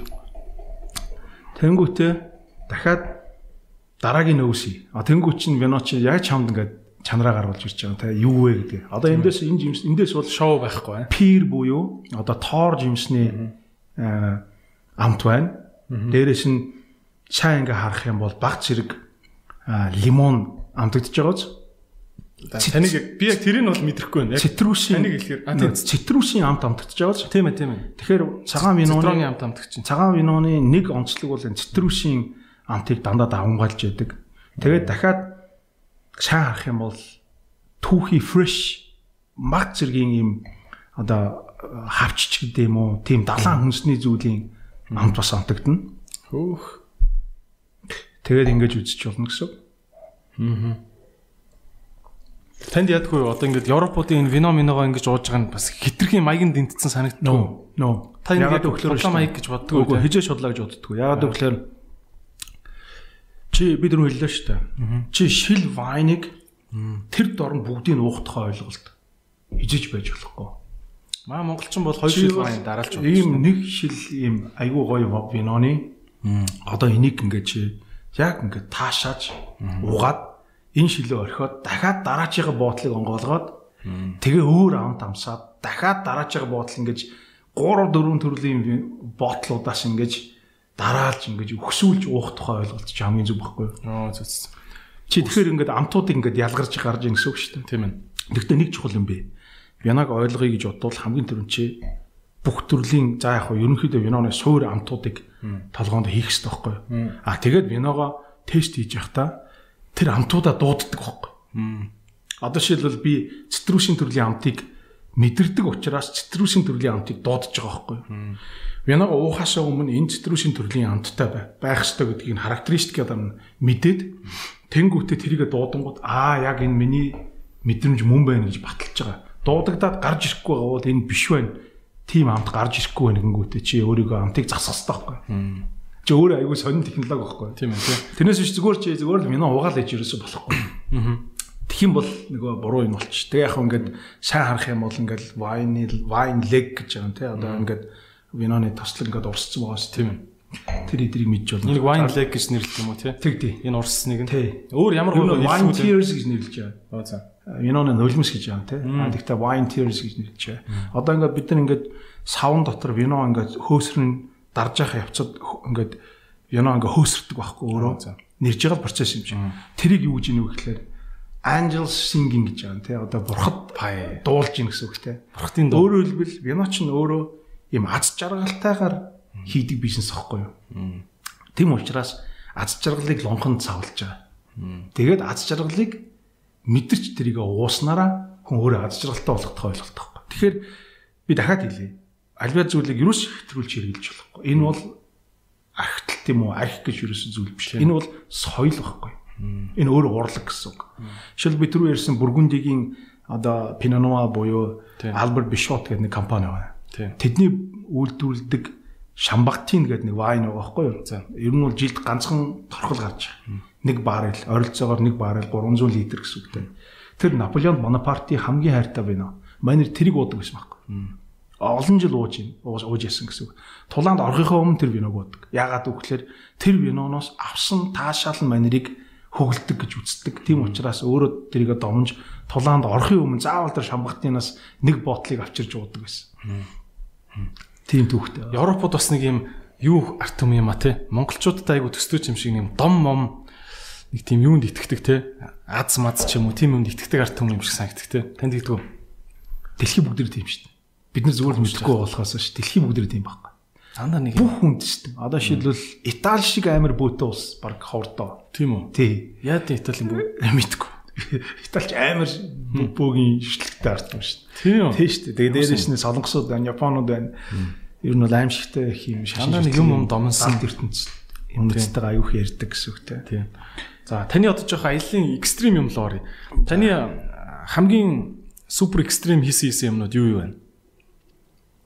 Гэхдээ экстрим хийсэн юмнууд бол жишээлбэл би юунаас Йорданы Петрагийн хажуутлын хад руу авирч алхаж бууж исэн. Ганхүү бит хоёр те. Манай ганхүү ч юм бас шанцтай гар штэ. Хойлоо бит хоёр эхний өдөр ингэж явчаад нөгөө тэр чинь ингээд хүн явуулдггүй. Эхний өдөр ингээд бид ингээд хөндөгөөр нь 15 км алхаж байгаа байхгүй. Тэгээ дараа нь хойлоо маргааш нас хойлоо одоо хөндөгөр нь яваад уулаар нь явъя гэдэг. Оо штэ тэр мангар өндөр уул байгаа юм чи. Тэгэл гүрийгээл ууланд нь гарчаал ёстой нэг нэг оногоо шиг бас Эверестээр гарсан чинь нэг Эверестийн наар нэг уулан дээр гарчаад хүү мүү гэж ингэсэн чинь нэг сарлаг тоосон юм байдаг шүү тий. Бит хоёр яг гараад л та нэр яа маа ингэсэн чинь нэг хонь тоосон бацаа гараад байдаг. Тэнгүүт өөхс бит хоёр ингэж гүрэж тэр яаж юм амир илсэн уул муул гэдэг юм. Үгүй тэр хад гэдэг юм. Тэр уул уулаараа л тэр нөхдүүд л амьдэрж идэг юм байл. Оо зү зү. Тэгээ тэр нь бол ингээл амир их чинь ингээл уул манайч чинь ингээл хавцал мавцлаар ингээл яваад гарч байгаа шүү. Тэгэл уулан дээр гараад л шүү үү мүү гэж ингэсэн чинь харин хонь тууцсан бацаа гараас шүглдэ гараад ирдэг шүү дээ. Тэгсэн ойлээ зүгээр өө мөө. Өнгө болсон. Өнгө болсон. Тэр Петра ч амар газар юм билий те. Тэр ямар том хадыг ингээд бүр ингээд 9 давхар байшин шиг нэрлж байгаа. Байшин шиг болтлоо ингээд газнах гэдэг араб хэлээрээ. Аа трэшо гэж нэрлэж байгаа. Баялаг гэсэн үгтэй. Тэр яасан бэ гэхлээр ерөнхийдөө бол бидуинчууд бидуин гэж нүүдэлчин улсууд тэдний соёл дээр нэмэх нь грек романы соёл нэмэгдээд хадыг тэр чинь бунхан штэ Ерөөсө хаадууд нь өөрсдөө оршуулах бунхнуудаа ингээ síлдэг байсан. Одоо тэр энэ пирамид ч гэсэн бунхан шүү дээ. Оршуулган газар л юм шүү дээ. Тий, ерөөсөө л оршно. Тэр бунхан дотроо тэр хадыг ингээ síлээл дотор нь юм өрөөнүүд хийгээл тэр дотроо нас хаан насрангууд нь өөрийгөө тавина. Ерөнхийдөө бол дэлхийн бүх улс чинь тийм шүү дээ. Язгууртнууд үхтэй бүх юм авч явдаг. Очоо тэнгэр тэрийг авч очин гэсэн санаа шүү дээ. Тийм учраас нөхөр үхтэй өөрийнхөө бунхныг л байвалж байгаа байхгүй юу? Өөрөөр өөрийнхөө ордныг дараагийн амьдралдаа өөрийнхөө орныг байгуулж тэр эзгүй зүйлд яах гэж тийм том байшин барьдаг байна гэж бодогдтол ам тий. Үнэн. Гайхалтай гоё юм Итали Роман дизайнер бүр ингээд чи одоо ойролцоогоор хэдэн давхар 6 7 давхар байшин шиг юм бариад байгаа шүү. Тийм тий. Хад сийлээд Тэгээд тийч хичнээн хүний цус хөл одоо нулимсаар байсан гэхүү те. Одоо энэ ацтекуудын сувргууд байна. Жишээлбэл энэ юуны Мачу Пичу дээр ч гэсэн ингээл ерөнхийдөө бол хаадууд л өөртөө зориулж байгууламжид барьж ирсэн. Тийм ээ тий. Дараагийн нэг экстрим хийсэн зүйл юу гэхээр ганхуу нөгөө хассуурын ган хоёыг гонгорын дамдны бид дөрөв бахан гişүүдийн нэртэй хэлээ. За нөгөө сая сонгуулаар ингэж ярьсаар сурцсан байна тий. Тэгээд хассуурын ган хоёыг ган рекламны тий. Мань дөрөв мань дөрөв яасан бэ гэхээр нөгөө солонгон уул буюу Мачу Пичу орчоод солонгон уул буюу 5036 та Бинибунка гэдэг уулан дээр гарсан. 5036 м те. Ер нь бол 5200 м-тэй. Тэгээд тэнд бол ингэдэм билээ. Кока гэдэг навч байгаа юм. Ер нь бол кокаины навч юм шиг байгаа. За. Тэрийг бол зархыг хоригддаг. Тэгээ тэр навчийг ажиллаж иж суц тэлдэг байхгүй юу. Тэгээд ингээд хоёр жавжиндээ хийгэлж ажиллаад явж. Дээрээс нь лавандер шүү дээ. Тий. Лавандер цэцгийн нөгөө гой ягаан өнгөтэй. Тий. Лавандрын одоо тосоор нүрээ ингээд тослохоор хүний сэтгэл тайвширдаг байхгүй. Тэгээ машин зогсоолч явсаар гал 4380 м дээр очиж байгаа. Монгол улсын хамгийн өндөр цэг 4374 м байхгүй алтаа даван богдын хүүтний оргил чинь 4374 ба. Бид нар бол 4380 м дээр машинтаа очиж байгаа. Машинтаа очил зогсоолоор очингууд ингээ хажууд ингээ хүмүүс ингээ мяараа нэг унтсан байгаа байхгүй хүчил төрөгч багтаад хүчил төрөгч багтаад өндөр өндрийн өвчин хөдлөө ингээ унц. Айн үстэй. Тий, тэгэн чи бид нар шин сэтгэл зовж юм за яана гэл. Хэдүүл алах юм. Тэгээ бид нар шин ингээл 100 халтын шин гэдэг нэг юм ямх ямхаар алах штэ. Тэгээ баг ярих хэрэгтэй. Том алах юм бол гойны булчин ч өстой будоолт юм л шүү дээ. Том алах бол нэг чөөчгөж алдна. Яа чөөчгөж алах штэ. Тэгээ бид нар шин ингээл нэг жимээр ингээл чөөчгнээр алхаж байгаа штэ. Тэгээ ингээл алхаж явсаар гал орой дээр гарч ирээл вау гэл орой дээр гарч ирэнгүүт тэг чи өнөө зүрх чинь ингээд өндөрт ингээд асах хэрэгтэй байхгүй ааж маажмаар. Тэгэл гараал ирэнгүүт чинь хүн ингээл бүх бүх стресс авчихж байгаа юм чи. Тэгэл орой дээр гараал ирэнгүүт орилол бид нар хэдүүлээ. Гоё байна. Доош яаж харагдах вэ? Доор чинь шуум уу нисэн ачих вэ? Тийм шүү дээ. Ингээд байж их доороос бүргэд гараал ирнэ те. Ер нь 5000-тай ууланд гархан гарсан хүмүүс бүгд мэдэх байх. Тэгэл гарахаар хүн ингээд баяр төрдөг байхгүй. Тэгээ ягаад ч дараагийн бол бодогдтiin бил. Би бол уулч биш ч те. Тэгш би араа өөр ууланд гарандаа гэж бодогч. За нэг ихшин тэн айгүй бүтлгүй юм болсон яасан ихлээр манай би энэ зураг мураг авчаал манай хэд ингээд бидний зураг мураг авахул чи буучдаг байхгүй. Тэгээ манай гайд бит хоёр би ч нэг камера аваа явж ирсэн. Миний дроны хайрцаг юм хөнгөн хайрцаг байсан чинь зураг авч явахдаа газар тавьчихсан юм байна л да. Тэгсэн нөгөөх нь уулын нөгөө тал руу унчиж салхинд. Тэгээд нөгөө дрон манон юмнуудаа авч явах аюу төвхтэй болчих жоохгүй. Тэнгүүтээ нөгөө гайдасаа чи яасан гэсэн чинь унаацсан гэхлээр нөгөө гайдыг за чи энэ талаар нь буу би энэ талаар нь буугаа бит хоёр ингээд уулын нөгөө талаар ингээд бууж байгаа байхгүй. Тэгэл ингээд буугаад би чинь арай бил хүртэл нэг ойролцоо орд чинь нэг 4300 400 м л дахиад бууж байгаа шүү дээ. Тэгээ буугаа ингээд харсан чи би замгүй газараа буучиж. Өөрөөр хэлбэл би буцаад нөгөө юу руу явж чадах байхгүй болчихгүй. Нөгөө кампер руугаа. Тэгэхээр би надад ганцхан зам үлж яж би уулаа дахиж өгсөн буух болж байгаа байхгүй. Тэнгүү дотроос тийчээс бөөн дахиад тэмцэл явууч. Дахиад би алхаж байгаа байхгүй. Алхаад алхаад оройд нь гарч ирэл нөгөө нөхчин гарч ирэл чи миний камерын гэр олсон гэж олоогүй би тэнгуут нөгөөстэй за одоо яах яах вэ гэж хойлоо. Тэгэл хойлоо нөгөө талаар буугаад очсон. Нөгөө нөхөр камптер мартсан байдаг байхгүй. Тэгээд би дотор өстэй бухимдаж өгч байгаа юм чи. Тэр чи өөрөөр хэлбэл би хоёр удаа гарч байгаа чи. Ингэж гараад ингэ гараад лав газар. Тэгтээ одоо бодоход гоё юм биш үү те. Хоёр удаа хямар сэргээд. Тэр яг хаана үүдэг бол гинэ? Байрлал нь. Аа, Перугийн Куско хотоос урагшаага 60 орчим километртэй байдаг. Солонгон уул. Перу ч нь болохоор яг Чилийн дээр үүдэг улс те. Яг толгой дээр нь үүдэг улс те. Тэгвэл таны одоо хамгийн аяллаа хамгийн хөгтөө юмнууд юу вэ? Тэгээ дандаа л асуудаг байх л та. За яг асууж яасан. Би би чамд ярих уу? Би яг энэ хөгтөө юмны та өөр газар яриаггүй юм яриараа. Яс за яг мэдгүй би ярьснаа санахгүй. За. Би гэхдээ нэг жирэгцээ. Тэгсэн чинь хүмүүс чи дүү идрэг идрээд натхаа яар гэсэн байхгүй. Аа за яасан гэсэн бэлээ. Би ингээд нөгөө Йорданд ордог байхгүй юу? Йордан чи Араби орн. Ер нь Араби орнууд чи нөгөө одоо ихэнх орнууд ингээд хурууны хий аваад тэнгуүтээ зураг авдаг штэ. Тий. Араби орнууд ч нэг эмгтээчүүд ингээд хаалттай очиж зураг авдаг юм байна л та. Аа за. Тэгээд тэрнийх нь нүд скандд юм байна. Мүү за. Тэгээд наваа ингээд юун дээр хүрээ тэр каунтер дээр яваад очдөг байхгүй юу? Тэгсэн чинь аа нүд сканддаг би тэгээ хавнаас нь харж хагаад миний өмнөх нүдээ сканд болоо гарсан юм чи би очиад нүдээ сканд болох гээд ингээд камер дээр ингээд хараа зогссон чинь нөгөө нөхөр тэгдэг байхгүй юу? Open your eyes гэдэг байхгүй. Скан ажилтдаг. Тэгэхээр нь би жоохон ингэж харж зогсож байна. Миний бүр өвдөрх юм байна л да. Тэгэхээр яг тэгин тэгшин чи би ингэ харж зогсоосоо open your eyes гүтэн би I already opened my eyes гэдэг багхгүй юу. Тэгсэн нөгөө нөхөр чинь then use your fingers гэдэг багхгүй. Тэгээ би нүдэ нээж байгаа ингэж байгаа скандал байна. Миний хажууд ганхуу хажуутлын каунтер зогссон. Намаа шоолоод инээдсэн. Тэгсэн чинь ганхууг очсон чинь ингэж нэмэргүй заяа нөгөөх нь ажилтдаг. Тэгвүүт нөгөө байцаагч нь пассвортыг авангуудаа цаашаа орцсон. Яасан гэж тодруулна гэ. Нүдэн скандагддаг. Тэгээ би дотор орж ирсэн байхгүй. Тэгээ би нэг твиттер дээр бичсэн ч хүмүүс идрээ бол бүр сүнх юм байна гэж хэлсэн тийм шүү. Чи бол баларх юм байна. Гэхдээ яг өмнө хэлэхэд Аазууд бид нэр ингээд ийм онигор нүдтэй те. Тэгээ хүмүүс намайг жалаг нүдтэй л те. А? Арабууд жалаг нүдтэй л те. Тийм тийм амар налаг нүдтэй. Тэгээ хүмүүс намайг тоглоомыг асуудаг байхгүй. Чи дандаа панорама хардггүй гэж явж ирсэн. Насан туршдаа панорама хардаг. Үгүй шүү дээ би бүх юмыг яг бүтнээр нь харж байгаа. Хотлоо яриад чи гээ панорама хардаг байхаа гэж ийм их нарийн юмар намайг нэг ингэж хардаг гэж бодоод байгаа шүү тий. Чамаас нэг асууж ирсэн үү? Асууд шүү дээ. Би бол яд шүү дээ. Би нэг коллежт маа нэг найз чи юу нэг яагаад ингэж ийм онгор болцсон ингэж би тэгээ тайлбарласан аахгүй. Наш гэдэхгүй нүгдэг чинь. Хөрөдөр. За гэсэн чинь Тэгээ би нүүрлэн үлээсэн аахгүй. гэдэг. Гэсэн чинь нөө чи ингээ харж чадахгүй ингээ нүдэ онит юм байна. За. Яг ийм юм 100 100 үеэрээ 500 мянган жил нүүрлүүч салхи хүлээвэл чи яв нүдтэй болох вэ гэсэн. Чам ямар яах вэ гэдэг. Тэгээ мама манай манай их орон ч амар салхитай орон дээвэр дээр байдаг орон гэж тэгж тайлбарлсан. Яг гоо жоохон тэр сүртэй тайлбарлалцсан л та. За таны юун дээр аа амьтдын хувьд хамгийн одоо гайхшруулсан гайхшруулсан одоо одоо biodiversity гэж яриад байгаа шүү дээ тийм аймтан одоо ургамал тэр байгалийн цогцол цогцлбор одоо цогц бүрдсэн улсын хувьд гэвэл та аль улсыг нэрлэх вэ? За яг хав байгаль нь таныг бүр ангаалгасан улс юу вэ? За яг хав ер нь бол дан байгалаар ярил Швейцар гоё. Уул нурууд ус тэр эдгээр бол Швейцар бол үнэхээр тасархаа. Бүр гайхалтай. Гэтэ навч цэцгний хэмжээнд ярьж байгаа шүү дээ. Тий, тэр талаар Швейцар гоё а номхон далайн тэр бүлэг арлууд бас гоё. Яагаад гэвэл тэд нар үнэхээр сая би сүүлд Рапану явсан. Тэгээ Easter Island гэдэг англиар.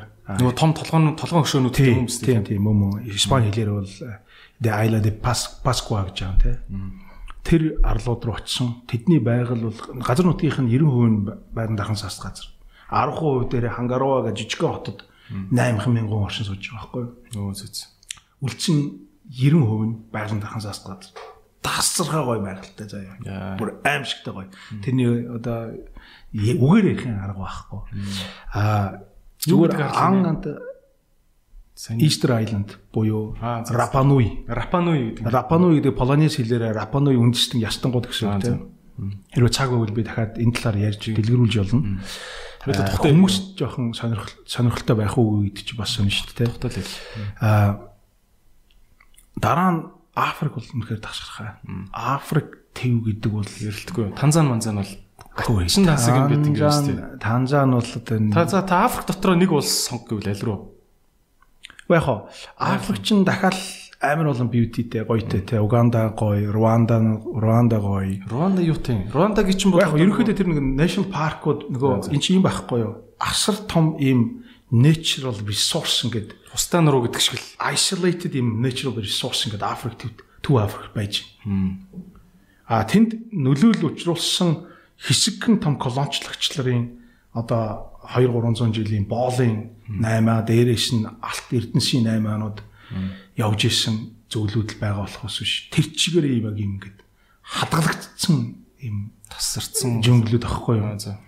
Тэр бол үнэхээр үнэхээр одоо байж болдог хамгийн гоё зүйлүүд энэ аан амтан байж. Жишээлбэл би Танзанийн 4 5 том national park-уудаар ингээ явж байхад бол тэр яа аратан амтан тэр бол нэр үнэхээр нэр чинь л арслан марслан гүйлдэл хав. Өө тийш тийм зүгээр арслан бидний нүдэн дээр арслан давхиж очиж юу барайл? Гөрөөс гөрөөс биш. Нөгөө гаха зэрэг гаха барайл. Тэгэл юм чи шууд ингээл барайл ичж байгаа нэ. Тэгэл ингээл энэ тэнд гөрөөс нөгөө судалт гөрөөсөч бэлчээл, анааш бэлчээл, судалт гөрөөстийн туглалал, усны өвхөр тийм туглалал. Бид чинь бол супер юм. Таны гоё амтын яриач чинь амтд ер нь яад яад юм бэ? Одоо бид нар телевизээр харахаар би яаж амтныг яад юм гэдэг юм бэ? Биш анааш манаш ч одоо яад юм юм бид юм одоо ингээд танд ийм гайхшруулсан юм байна уу? Хөө энэ амтан чи ингэдэг байсан юм уу? Өстой телевизээр хардгаас шал өөр юм байлаа ч юм уу? Тиймэрхүү усны усны өвхөр буюу хиппоз гэж юм тий албан латинэр нь тэр хиппос ч юм бол зулцгалахтаа бол аимшигтай зовж зулцгалдаг амт байл шүү дээ. Оо тийм үү.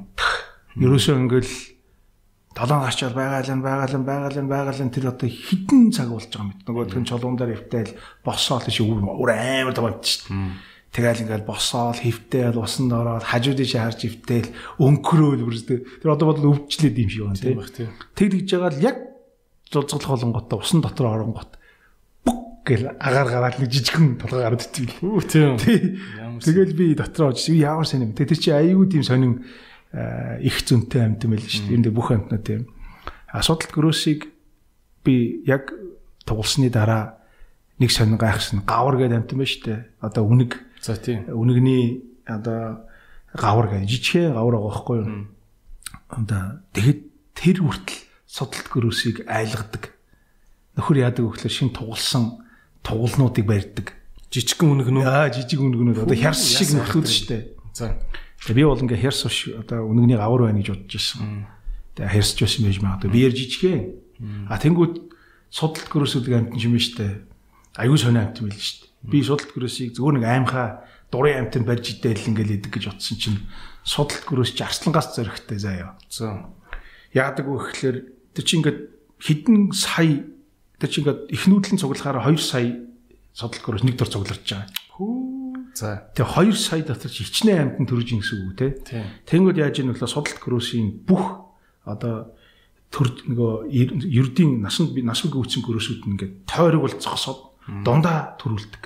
Хөөх тийм үү. Тий. Тэгээд сайн зохион байгуулалт. Аюу сайн зохион байгуулалт. Тэгээ ингээд бүгдээр ингээд эвэрнүүдээ ингээд гадаашаа харуулад ингээд амьдтыг яг бүр Симбатер гардаг нэг юм амар юуртэй бүгд байл те. Тий, ингээд ерөөсөө тэр гавар мавар одоо хярс юу ч байдгийг үнийг арслан ирэнгүүд ингээд хөөдөг сүргээрээ ойртуулдаггүй. Айгүй сони билээ ш. Тэгээд хүртлүүд юм. Хөөн.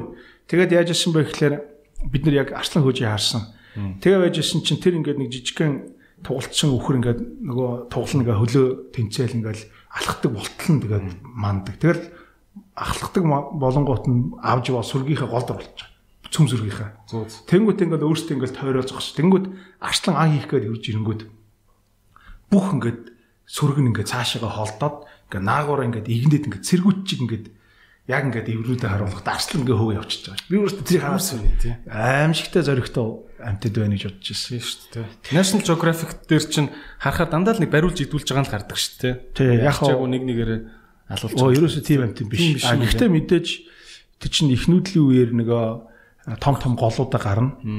Үржин шинтэй нөгөө хөрсүүд дээр очино. Дээрээс нь ус гэдэг бол нөгөө бүх амьтны их усүр шүү дээ. Тэгэхээр усаа идэх гэж байгаа усаа усаа уух гэж байгаа усанд ирж байгаа амьд чинь дайснууд тэр тэрг байж матраас ахуулаад те.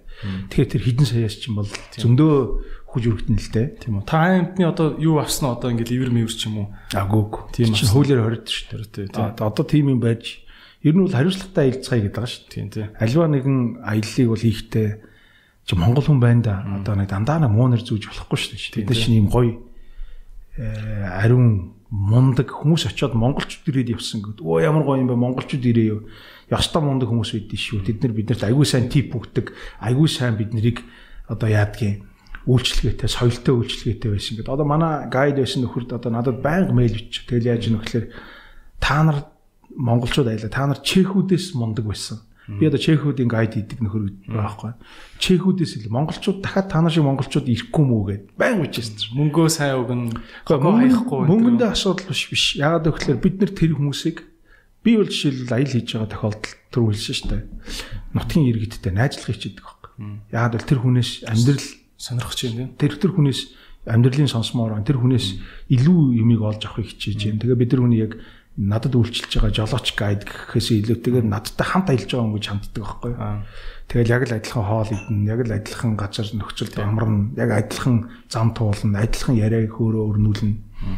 Тэг ягаад гэвэл Трамп явсан нөхөр маань шил Африк ч юм бол аюух өвч өвчин ихтэй. Аа хумхаа да yellow fever дээрээс нэг малария гэдэг өвчин байна. Тийм. Бид нар нэрийг сонсч байсан л болохоос биш яг энэ өвчнүүд яг яадаг өвчин яаж халддгийг вирусын гаралтай мó бактерийн гаралтай мó амаар юм амьсгалаар юм уу сайн мэддгүй шүү дээ. Та ер нь энэ алдартай нэг айхтар өвчнүүдийг нэг задлж ярьж өгөөч. би би одоо яаж өвч өвчнүүдийг За мэдхүү дээ. энэ бүр Зүгээр яг аялалны имлэгийн бүх төрлийн аялал явж байгаахийн хувьд хүн өөрийгөө хамгаалах хэрэгтэй. Тийм тэрийг харин мэдмээр шүү дээ. Денги февер мевер гэдэг амар өвчин бит юм шүү. Тийм тийм. Ерөнхийдөө бол хүн хамгийн түрүүн гурван төрлийн зүйлээс өөрийгөө маш сайн хамгаалах хэрэгтэй. За. Тэрний яадаг вэ гэхээр нэг нь малариагаас хамгаалах. Малари. Хоёрдугаарх нь хумхаа. Халуун орны дээр хумхаа гэж өвчин бол Монгол чигүүлэг яруулж ирсэн гэсэн тий. Тэ яг тийм юм ярьдаг те.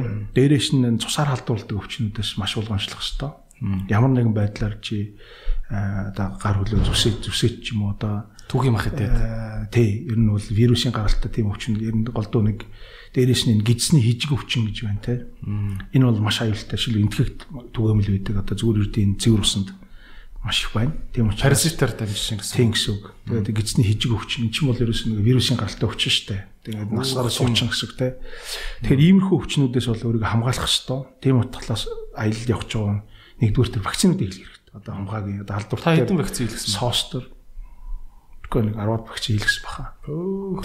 За малария гэж өвчин. Малария ч юм бол цусаар дамжина, шумуулаар дамжина хамгийн гол нь. Яа. Дэлхийд дахинд одоо малария өвчнөр а, 30 секунд тутам нэг хүүхэд насурдаг байсан бол одоо 45 секунд бол жоох уртассан. А хамгаалах цорын ганц арга нь юу гэхээр унтахта тор хэрэглэх. Ер нь шумуулан татуулахгүй байх. Вакцин байдаг юм баларыг. Баггүй. Тэгээд малари чи вэ гэхээр насан турш хүн тусахтаа халуураад л өнгөрдөг бол 5 хүртэлх насны хүүхд тусахаараа ер нь бол үхэл нь өндөртэй хоёр хүүхдээ нэг нь насурдаг байхгүй. Хөөх. Тэгээ том хүн ч бас халуураад өнгөрсөн ч гэсэн тэгээд үр дагавар нь бүр ингээд 2 3 жилийн дараа гинт гарч ирдэг. Малариагаас болж байгаа өвчний асуудлууд байна. Тий. үүснэ. Тийм учраас яадаг вэ гэхээр тийм газар очихоос өмнө малариагийн таблет таблеткээр өмнө үдий. Хамгаалдаг юм те. Тэрнээсээ хоёр хоёрыг ууччих.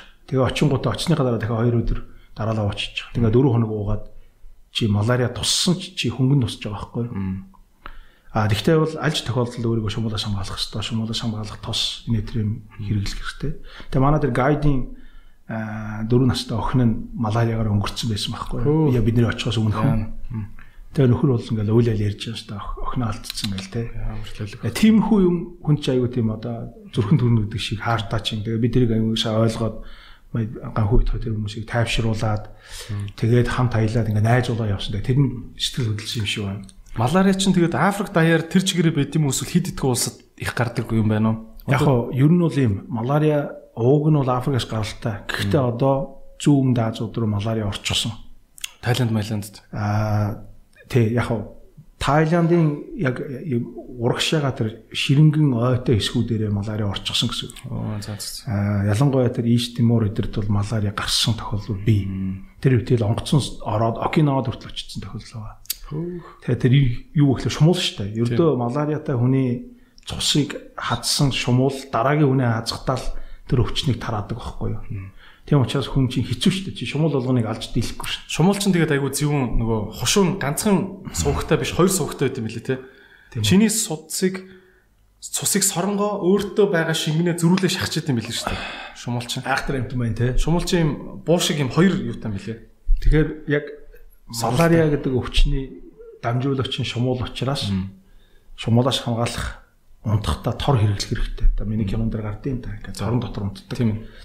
А гэтэл Африкийн тэр нөгөө иргэд чинь зарим нь ядууд ороогоосоо болоод нөгөө торгу тийм учраас айгүй олон хүүхдүүд өртдөг.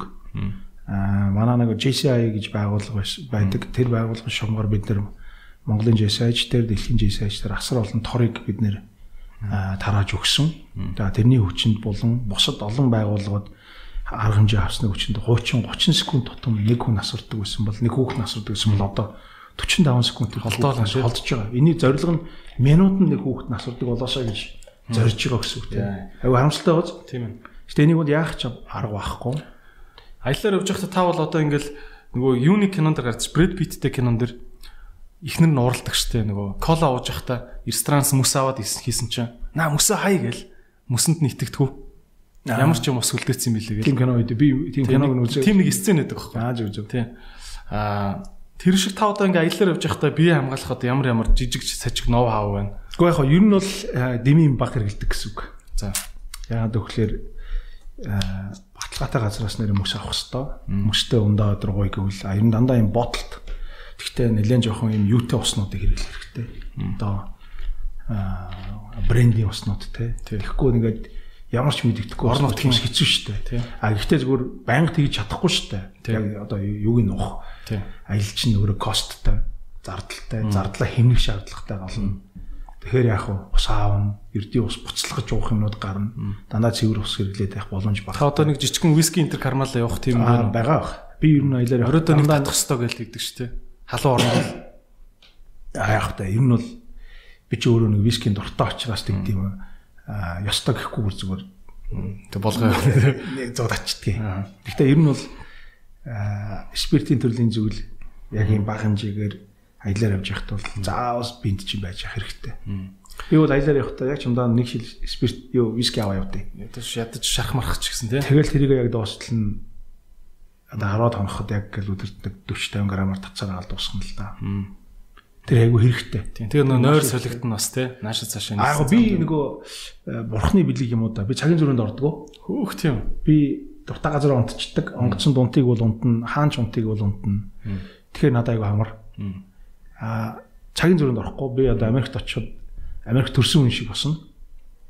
Тэгээд уяасан гоё. Яг ингээд тэр бас нэг тийм бурхны бэлгэлтэй. Тэр хүмүүс хавар байдаг бах гэхдээ байд юм бил. Одоо манай ганхуус тийм. Ганхуу идэхээр яг тэрийгээр адилхан. Ганхуу хизээч цагийн зүрхэнд ордог байхгүй. Яваал очино яг маргааш нь бит хоёр одоо ингээ юу гэдэг кубд очлоо гэхэд 13 4 цагийн зүрхт очиж байгаа шүү дээ. Чинь үлээ унтаал өглөө бос. Куб нэр ямар байх хэвээр. Куб төрсөн. Хотууд нь тасарцсан л гээл сонсчихсан да.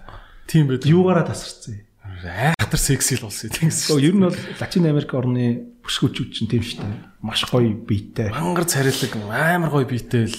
Тэгээд нөгөө дээрээс нь тэр чинь нөгөө амьдралын хэлбэрх нөлөөлж байгаа шүү. Аюух бүжгэлдэг, аюух тийм актив. Тэгээд ер нь манахаас бус орны хүмүүс чинь ер нь бол амар алхахдаг хүмүүс шүү дээ.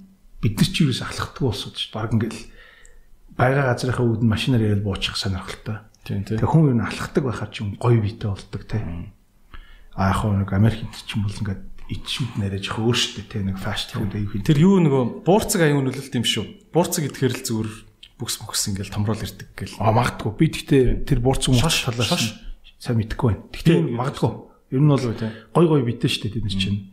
Би тэрийг юу гэж боддог вэ гэхээр нэгдүгээр тэр хөдөлгөөнтэй нөлөөлж, хоёрдугаар тэр бүжигтэй нөлөө бас шалтгаан баг шүү.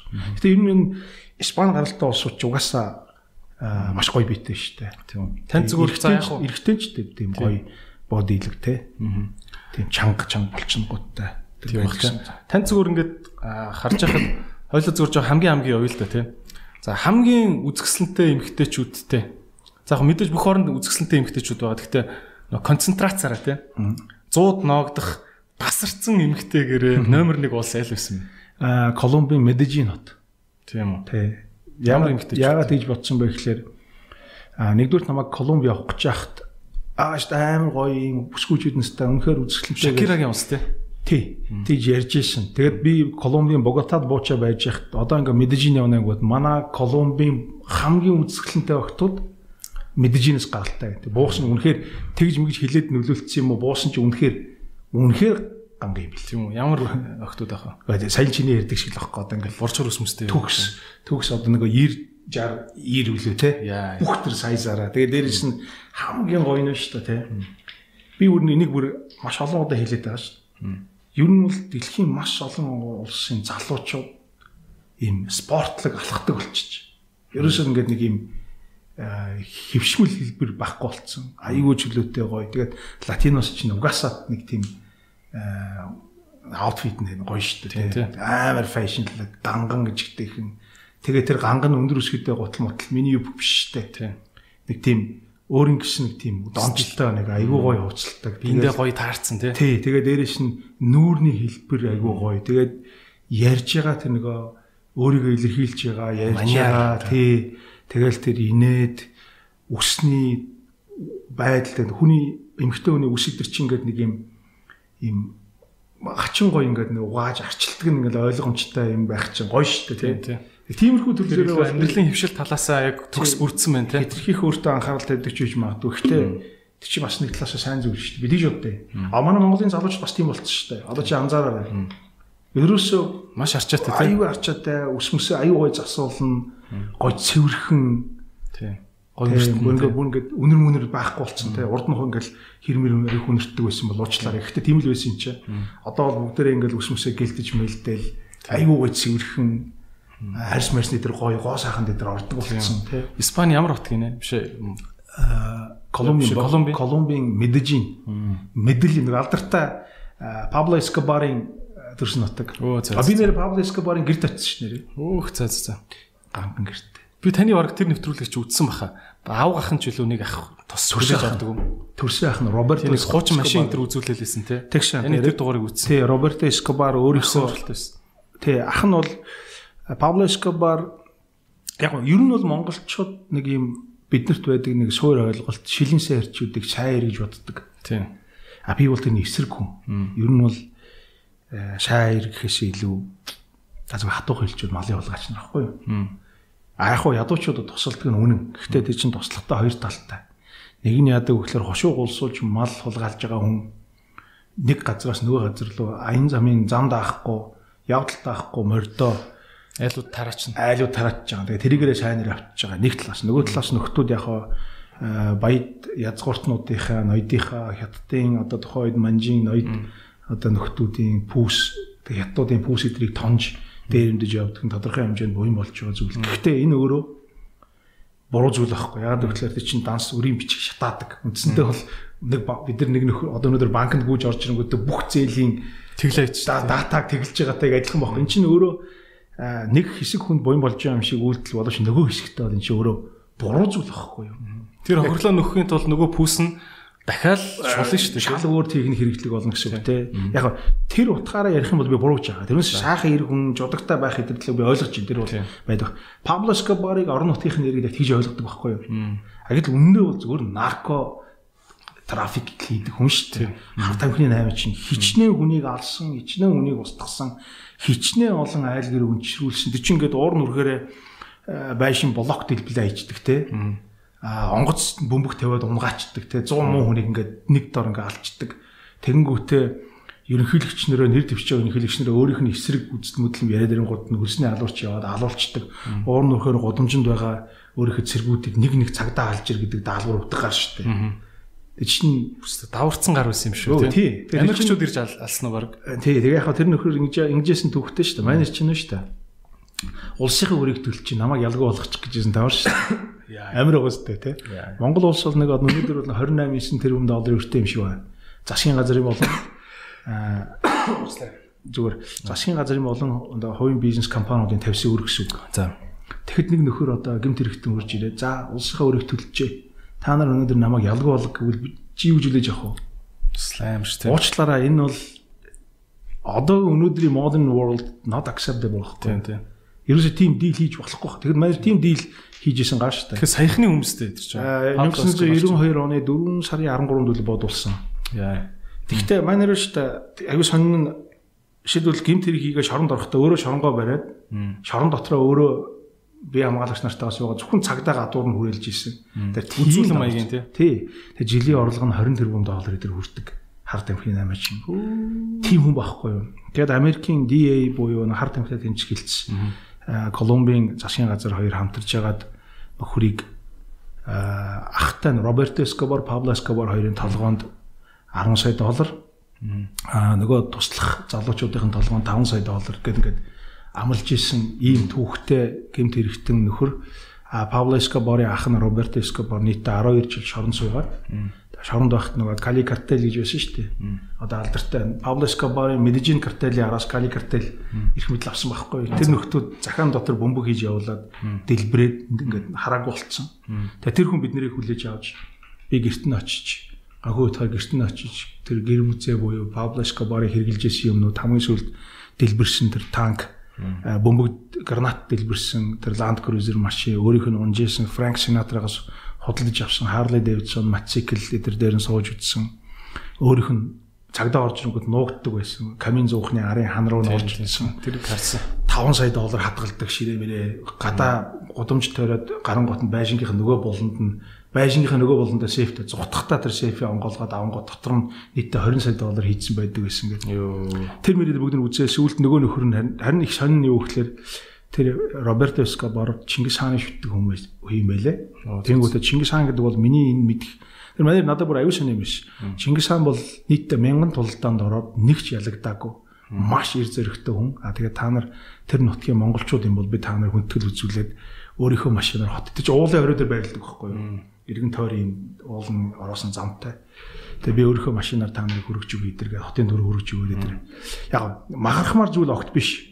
Тийм. Би одоо энийг бахархаад ч юм уу эсвэл гоё мой гэж юусэн яриад байгаа юм шиг. Зөвхөн аялагч хүний содон зүйл тий. Тий, аялагч хүний хувьд би тийм эрсдэл гаргаад тэрийг үзээд тэгээд а миний тайлбарлаж байгаа зүйл юу гэхээр гэмтэрхтэн бол гэмтэрхтэн байдаг юм аа. Тэрийг бахархаад дурсаад магтаад сайшаагаад одоо юу гэдэг нь шүтээд байх зүйл ерөөсөө биш. Тийм. А гол нь гэхдээ түүхийн нэг хэсэг тий. Түүхийн нэг хэсэг гол нь хүмүүс юу гэж ойлгох хэрэгтэй вэ гэхээр ийм хүмүүс байдаг ертөнцид нөгөө дэлхийн нөгөө талд бас нэг юм ертөнц байна л гэдгийг мартаж болохгүй те. Тэгэхээр сайн муу бүгд ээлжилж идэг орвоо гэсэн үг шүү дээ. Тэгэл цагтаа тэгж цалгиж авсан нөхрийн ах нь одоо тэгэл жирийн нэг өвгөн нэг гэр мүзэн ажиллуулаад сууж шүү дээ те. Байрандаа тавигдсан гэсэн үг тэдний гэр бүл. За бас яг тийм биш юм билээ. Бас нөлөөтэй. Тийм биш юм билээ. Альтер зүйлийг яасан бэ гэхлээр манер 72 цаг биш 10 хоногийн дотор fundraising хийгээд 50 сая доллар цуглуулчихлаа. Төө. Яг нодлонгийн нэг сар. Тэгэхээр тэр сүлжээ мүлжээ айхтар байна тийм. Гэдэг чинь юу вэ гэхээр манер зүгээр л тэр наркотрафикийн нөхдүүдээс магадгүй юу авсан бах. фаунд босгосон бах. Тэгээ 50 сая доллар тэрний 12 сая доллар нь нэг өдрийн 24 цагийн дотор 12 сая доллар фандрайзингаар босгож байгаа байхгүй. Тэгэхээр бас тэр их Тэгэхээр бол манай still powerful bank гэсэн үг. Тийм байна тий. Тий. Айхтар. Өөрөөр хэлбэл Columbus бол хар тамхины бас нэг тодорхой нэг хэсэг. Гэхдээ улс жоох Колумбийн нэг хэсэг. А гэд Колумб ч өөрөө амар гой улс шүү дээ. Колумб шүү дээ. Тэг хөгжил тэр одоо Колумбийн засаг захиргаа ямар хөрөнгө оруулалтыг жуулчин татах гэж хийх чинь улсынхаа нэрийг зэвэрлэх гэж хичээж. Нийслэл нь юу вэ? Ямар Богота. Богота. Сантьяго ч юу вэ би андуурд. Сантьяго де Чили гэдэг чинь Чилийн Чилтэй андуурд. Тэмтэй. Энэ Өмнөд Америк хотуудын нэрнүүд их андуургтэн те хоорондоо. Би л дандаа чи нөгөө би яг очиж нүдэр очиж үзег болохоор. Аа юу вэ? За тэгвэл танд бүр ингээд айлд ороо зөө. Зүгээр жирийн айлд ороод хамгийн тасартан дайлуулж исэн улс хаана байсан бэ? Гүрж исэн. Тийм үү. Гүржид шүү дээ. Бид нар ингээд аяллаар явж байгаа цугаа хот хоёр нэг гүрж манай бидний жолооч хийсэн нөхрийн гэрт нь очиж байгаа байхгүй. За. Тэнгүүтээ очихдоо их төв сонирхолтой очив. Бид нар явж байгаад Кури гэдэг. Кули Кури Карандашвили нэртэй. За. Тэгээ бид нэр юм ярьж байгаа. Дашвили, Швили юмуд нэлээд те. Гүрж. Тэнгүүтээ би нөхөрд хэлсэн байхаа. Гүри, Нүри, Нүри Карандашвили гэдэг. Нүри чи ингээ бид нэг юм гүрж айлд орж үзмээр энэ чи нэг зохион байгуулаад өгч гэсэн. Гэхдээ одоо бид нэр энэ Батуми руу явж байна. Энэш яг энэ ойрхон 130 км-ийн газар Синаки гэдэг жижигхэн тосхон байгаа. Тэр Синаки тосхон манай аав амьдрдیں۔ Манай ээж Израильд гэрийн үйлчлэгч хийгээд одоо айлд ажилтдаг те одоо манай аав ах дүүнээ бүгдээрээ байж байгаа. Хойлоо хэдүүлээ тийш явж болно шүү дээ. Бол та асуудал алга байна шүү дээ. Буудал тонж явахаар даваа игээд. Тэгээ нөгөө нэг чинь зохион байгуулалт бид нар гэртэн дахиад очиж. Тэгэхээр бид нар ойлгоогүй байхгүй. Тэгээ гэртэн дахиад очисон чинь хаалга ингээд машинаас буугаад ингэсэн чинь хаалгаа онгоолгоод өө гэдгсэн тэд найр болж байна. Хүү за. Тэгсэн бид нар бүр гайхаад ингээд нэгсэн чинь эмийн гарч ирж намайг ингээд би ингээд нэг юм сургууль төгсөөд ирж байгаа хүүхдэн шиг заяа. Хүү за. Тэгэл намайг ингээд эмийн үнсээл аав нь тэрж аваал тэгэл ингээд гөржүүч ингээд хоёр хацар дээр үнсээл заяа. Тэгэл ингээд тэрж аваал гэрт ор гэрт ор гэл тэгэл оронгууд халуун цайгаар би тэг камер мамер тавьсан чинь наад камераа хай гээл бити бичлэг хийгээд дээ тэр гэл тэнгүүд орсон чинь ширээн дээр ингээд 15 6 хүн ингээд суудсан. За. Тэгээ би гайхсан байхгүй. Чи юунд ороод ирв уг нэг айл тамнаж утсан шүү дээ. Чи айл чинь дөрөв тавхан хүн байдаг үстэй. Тийм. 10 төгс энэ манай тосхны дарга. Энэ манай тим юмны дарга. Энэ манай энэ гэл ингээл манай ах トゥ тэндээс ирсэн эндээс ирсэн. Ингээ баахан хүмүүс ингээ ингээ ураа сууц. Би үр цочирдоод тэгсэн ингээ тэгэл Наашир Батбаяра гараад тэр манай юунд очи үзгээл сараа үзгээл гадаа цэцэрлэгд ор бид нар цэцэрлэгд орно ингээл ширээ засцсан байсан чи бороо орцсон гэл нэг дэрэг үзүүлээд тэгээ шорлог хийж байгаа галтгооны өөр онгоолгосон чи 10-аад хүүхнүүд хоол хийж фүү бүр гайхаад энэ тосхноороо хоол хийгээд гэсэн чинь ерөөсөө тгий дайлдаг. Тэгээд хүнийг дайлахтаа чи сэтгэл ханамжтай тултлан дайл. Сэтгэлээрээ дайл. А тэгэхгүй бити дайл гэж нэр. Тэгэл ширээгээ гаргаад тавьсан шинэ нэг хоолн дүүрчдэг байхгүй. Тэр чинь дүүрч байгаа юм чинь. Тэнгүүд хоолоо давхарлт юм байна тавгнууд дээр. Ингээд 2 4 тавгны дунд нэг тавгных нь эрмэгүүдээр ингээд давхарлаа давхарлаа. Тэгээ ингээд 3 давхар давхарладаг одоо. Тэгэж хоолоороо дайлж байгаа. Тэгээ би өчмөр яаж баах юм бэ? Сэрсэн будаа мудаатай плов молов шиг болох байна. Бүх төрлийн хоол байгаа юм чинь. Тэгэл гүрчин гой талахтай тий. Гүржийн тий хачапури гэдэг аюу гой талхтай гамбартай талах байгаа. Тэнгүүтээ нөгөө нөхдөө чинь шууд зойроо онгоолгоод виногоо гаргаж ирэл виногоо уугаал тэг чи ингээ вино багаашаа хэлж байгаа. За эхлээд градус нь ярьж байна уу? Үгүй хэмжээ нь. Эхлээд ингээ багаашаа эхлээд 50 граммаас эхлээд 100 граммаас эхлээд явсаар болсон байт юм тий. Үгүй хундгана. Тэгээд хундгандаа хийгээл баг гар ууж эхлээд сүүл рүү 300 г болоо сүүлд нь 500 г нэг дор 500 г чинь пив шиг байх юм. 1 литр одоо нэг шил вино гэсэн. Ийм том вино. Тий, тэр чи ингээд нэг амьсгаагаар өөртөө ууж үзүүлээд одоо чи юу гэдэг. Тэр чи бүгдийг ууж явж. Асал тасархай юм байна. Тэгээд ерөөсөө ингээд тэг харин тост хэлнэ. Аюу гой тостууд хэлээд виногоо. А зүгээр дуулах гэсэн чи аюу сайн. Тэн дээр би гүрж хүний ямар агуу юм бэ гэдэг ойлгосон Нөгөө нэг яахгүй. За чи бол миний зочин. Бид нар бол дуугүйгээр хизээч найр идэггүй. Тэг өнөөдөр дуулмаар байна. Гэхдээ нэг шалтгаан байгаа. Би чам тайлбарлая. Яасан бэ гэхээр манай хажуутлын айл 7 хоногийн өмнө хүүгээ алдчихсан. Тэгээ гэхдээ тэд нар өнөөдөр зочин ирснийг бид нэр ойлгож байгаа. Аа бид нарыг ингээ хоол унд бэлдээд ингээ сайхан наригж байгаач ойлгож байгаа. А гэхдээ би дуулвал тэднэрт айгүй хүнд байх болно те гашуудалтай гашуудалтай хөршийгөө би дуудуулаад тэднэрт би ингээд баярлцсан гэж байгаагаа мэдрүүлэх нь надад айгүй хүнд байна. Тийм учраас гүрч хүн бол вино дуу хоёргүй хэзэж байхгүй. А гэхдээ би ийм ёсыг бодоод өнөөдөр дуулахгүйгээр та нартай наригж байгаа шүү. Жилэнгүүд надад ингээд өстө ёнк гэж байгаа байхгүй юу? Тийм шүү дээ. Ямар амар хүндлэл вэ те? Зангирнэстэй тий. Тий, тэгээд ямар амар хүндлэл вэ те? Хөршүүдийгээ тэгэж хүндэлж миний хөрш одоо гашуудалтай байгаа учраас би өнөөдөр найрлж байгаа ч гэсэн зочин ирсэн ч гэсэн би дуулахгүй гэж. Маа монголчууд ер нь ингээд амралтын газар байж байгаа ч гэсэн ингээ харахаар хажуутлын гэр тав тухгүй болчихгүй энэ төр гэсэн тийм болгоомжл байдгүй те. Тэгээ тэр чинь бидний аюу том сул тал штэ. Шүнийн 5 цаг болж явах бусдад төв учруулна гэдэг чинь. Шүнийн 5 цаг болж явах хөгжмөө чанга тавьж мавайл те. Тэр үнэхээр харамсмаар. Тэ. Нөгөө нөгөө хүнээ яаж гоол гэж юурээс боддггүй. Тэгээ одоо яг хөтэ тэгээд бид нар чинь бас нэг маш богино хугацааны дотор өсрөнгөө хөгжил одоо хийж байгаа ард түмэн буруутгах байгаа зүйл байгаа хэдий ч гэсэн дэвшилтэй зүйлийг бас ойлгох ёстой. А гэхдээ голдуу тийм хүмүүс ямар хүмүүс ямар насны хүмүүс байна вэ гэдэг чинь хараараа заяа. Ямар насны хүмүүс вэ? А ямар ч гэсэн та нарын залуучууд огт биш. Тэгэл ойлгож байгаа. Тийм бах тий. Тэгэхээр яах вэ гэхээр зүр хэлчээ далаад та нарын залуучууд за миний үеийнхэн голдуу. Тэгэхээр та нарын залуучууд маш хүчтэйгээр энэ соёлыг энэ юмыг төрж биднийг төрөх ёстой юм. Одоо соёлын ийм реформуудыг хийх ёстой юм. Гэхдээ яг бидний үеийнхэн одоо биднээс ахмад үеийнхэнд туршлага аливаа нэгэн зүйлийг хийх байгаа тий. Хийх одоо одоо нарийн яруул ирэх мэдлэлтэй. Одоо юу гэдгийг санхүүгийн бололцоо шээ дээрээс нь туршлага а холбоо сүлбэ байна штэ. Тий гадаад дотоод одоо network холбоо сүлбээнүүд залуучууд маань тэр байх. Тэгэхээр хоёр талаас нь эдгээр ингээ уулзах хэрэгтэй. Ингээд яв цав таарах хэрэгтэй. Тэгээ шин соёл ах нарыг ингэж болдгоо маа ах нараа гэдэг имийг солих хэрэгтэй гэсэн үг. Хуучин соёл энэ дээр алдчих үедээ ийм юм дээр минь өнөр бити алдаараа гэдэг юм дэмжлэг юм байх. Энэ хоёр ингээд яв цав нийлж ижил хөгжих хэрэгтэй маа л да. Зүгээр миний бодол зүгээр яг тийм юм нэгэ сонсдог байх хэрэгтэй тийм. Хоёр талаасаа бие бинийг хөндлөх хэрэгтэй гэсэн. Түнс биш ингээл тэр үеийнхэн зайл зайгаа тавьж байгаа. Нөгөөх нь та нар банкротцаанаа тэгээд ерөөс болохгүй. Яг ингээд хоёр талаасаа ингээд төгс нийлээл тэгжээж л энэ өөрөө зөв голдрол орох хэрэгтэй.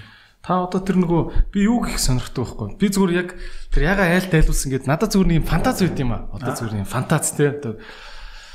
Би зүгээр нэг тийм Либанон гэдэг улсад айлууд нь бүр айлын эзэгтэн нар нь ширээн дээр зочин цадаад бараг тасарч унаад дууссан ч гэсэн ширээ дүв дүүрэн байх ёстой гэдэг соёлтой гэж би сонсч ирсэн.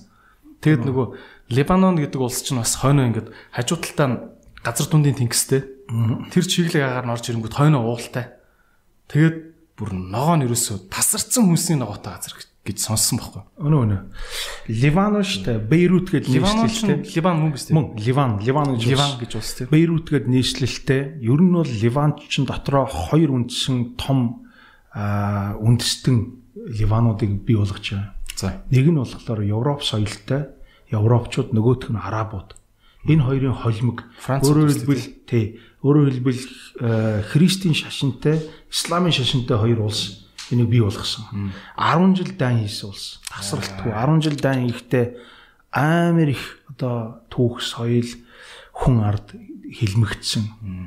Аа хинтээ дан хоорондоо хоорондоо дан штэ. Нөгөө шашны шашин хоорондын дан. Тэгээд хөрш усуудтайгаа штэ. Ер нь бол шир гаралтай улсууд штэ. Израильтай дан хийсэн нөхдүүдтэй бас. Тий. Ер нь ер нь бол хөрш хөрш орнуудтайгаа бас дан хийн штэ эдэр чинь. А шир гаралтай нөхдүүд штэ. Сирийн нэг одоо муж байж байгаа тусдаа бэдаасан шахуу улс гэхгүй юу? Тэр л өстө тасарсан улс гэж би сонссон. Тий, үнэхээр ганган улс заа юу. Үнэхээр ганган улс. Тэр бол үнэхээр газар дундын тэнгисийн ирэг дээр грек роман соёлын суурин дээр араб соёл холилдоод ингээ гараад ирчихсэн.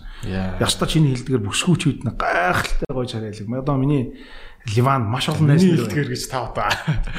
Ливан маш олон найз нар байна. Одоо Ливанд бол би одоо баг газар гიშхгүй.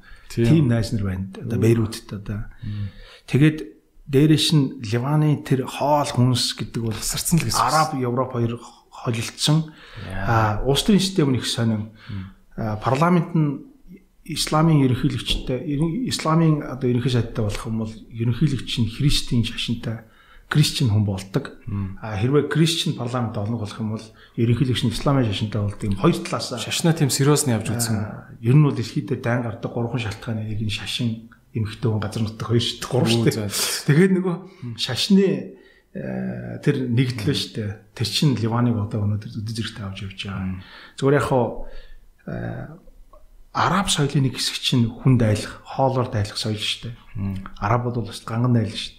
Тэхүү. Тий, аим шүү дээ. Тэр Йорданы дээр бол гайхалтай. Йордан бас нэг сонирхолтой нь одоо шилбэл би Йорданы хойно очичоод гар утсан ашаангууд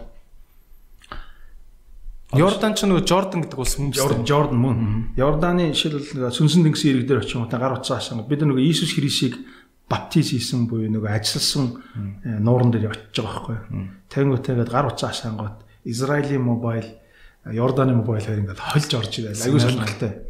Тэнгүүтээ ингээд хойд хил дээр ингээд яваад очингууд Сири ишигээ 70 км заяа. Сирийн нөгөө нийслэл 70 км те а ингээ 30 км яваад Бейрутын нийслэл гэдэг. Яа. Сонирхолтой байж. Тэгээ тэр хавийн улсууд нь болохоор сайхан цаг байж явах үед Ливан руу гарч хүнсний ногоо Сирл рүү гарч хүнс нөгөө ногоо цагаа Ливан руу гарч одоо жимс мимс авдаг байсан гэж. Хямдхан Йорданаас хямдхан. Хил гараад аваа. Йордан ороо бензин энэ төр. Тэгээ нэг тиймэрхүү талтай. Гэтэ Йордан ч юм байгалийн байдлыг юуч байхгүй шүү дээ. Тийм үү. Йордан байгалийн байдлыг юуч байхгүй. Нийт хүн 9 сая хүнтэй нийт хүн амынхан 49% нь буюу үндсэндээ 50% нь палестинчууд. Йорданы хатан хаан София гэдэг ч юм бол Палестин гаралтай бүсгүй байхгүй юу. Тэгээ энэ хүн бол ингээд нэг юм тэр хаан хатан хоёр Йордан хүн Палестин хүн хоёр улс хоёр ингээ хооронд ингээд эвтэй найртай байлгуулдаг. 4 сая палестинчууд амьдардаг. 2 сая Сирийн дөрвөгчтэй, 3 сая унган Йорданчууд юм уу? Унган Йорданчууд. Ямар сонир. Унган Йорданууд нь одоо боогоо өгчдөг юм уу? Нөө тэд нар чинь шүү дээ. Тийм өгөөмөр. Тийм үү. Маш гайхалтай. Тэгээд хойно хилээсээ урагшаага 100 км сүнсэн тэнгис хүртэл бүхүүд өтөн 3 4 муж дамжаад тэр илсэн зүйл шүү дээ. Илсэн зүйлд хүлэмжийн аж ахуй байгуулсан. 100-аад км урт хүлэмжийн аж ахуйгээ боддоо. 100 км зөв хүлэмжээ. Аа хүлэмжээ. Өгөрчиг хөмдөр нь хүлэмж юм уу? Өгөрчий помдэр бүх төрлийн нарийн ногоо, жимс мис зардаг, ургуулдаг. Тэгээ тэргээр яадаг гэхлээр Йордан улсыг тэр чигээр нь хүнсээр хангаж ин дээрээс нь плюс эргэн тойрныхоо улсуудад хүнсийн ногоо экспортлж чинь Израиль дээр л үгээд.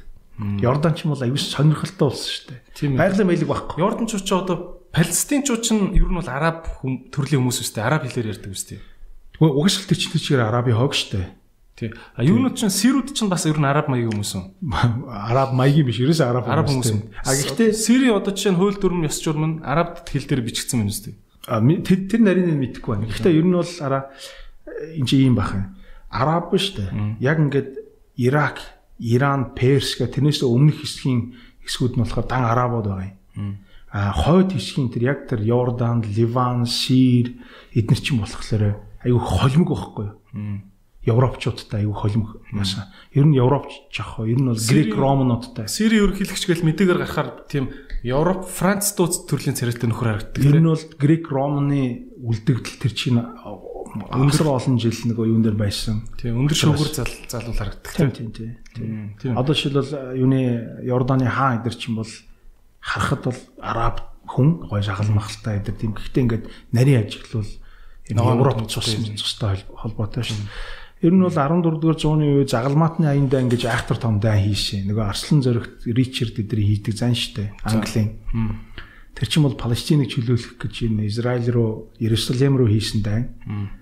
Тэгээд тэр Иерусалим чинь болохоор Иесус Христийн төрсөн одоо газар нутаг ариун газар. Тийм учраас тэр ариун газрыг хамгаалах гэж хариуд нь болохоор нэг сарачинууд буюу тухайн үеийн цөлийн нүүдэлчингүүдийн асар их хийсэн энэ хоёрын хоорондох дайнууд дайн штэ тэр чинь европчуудад фейлдсэн тий.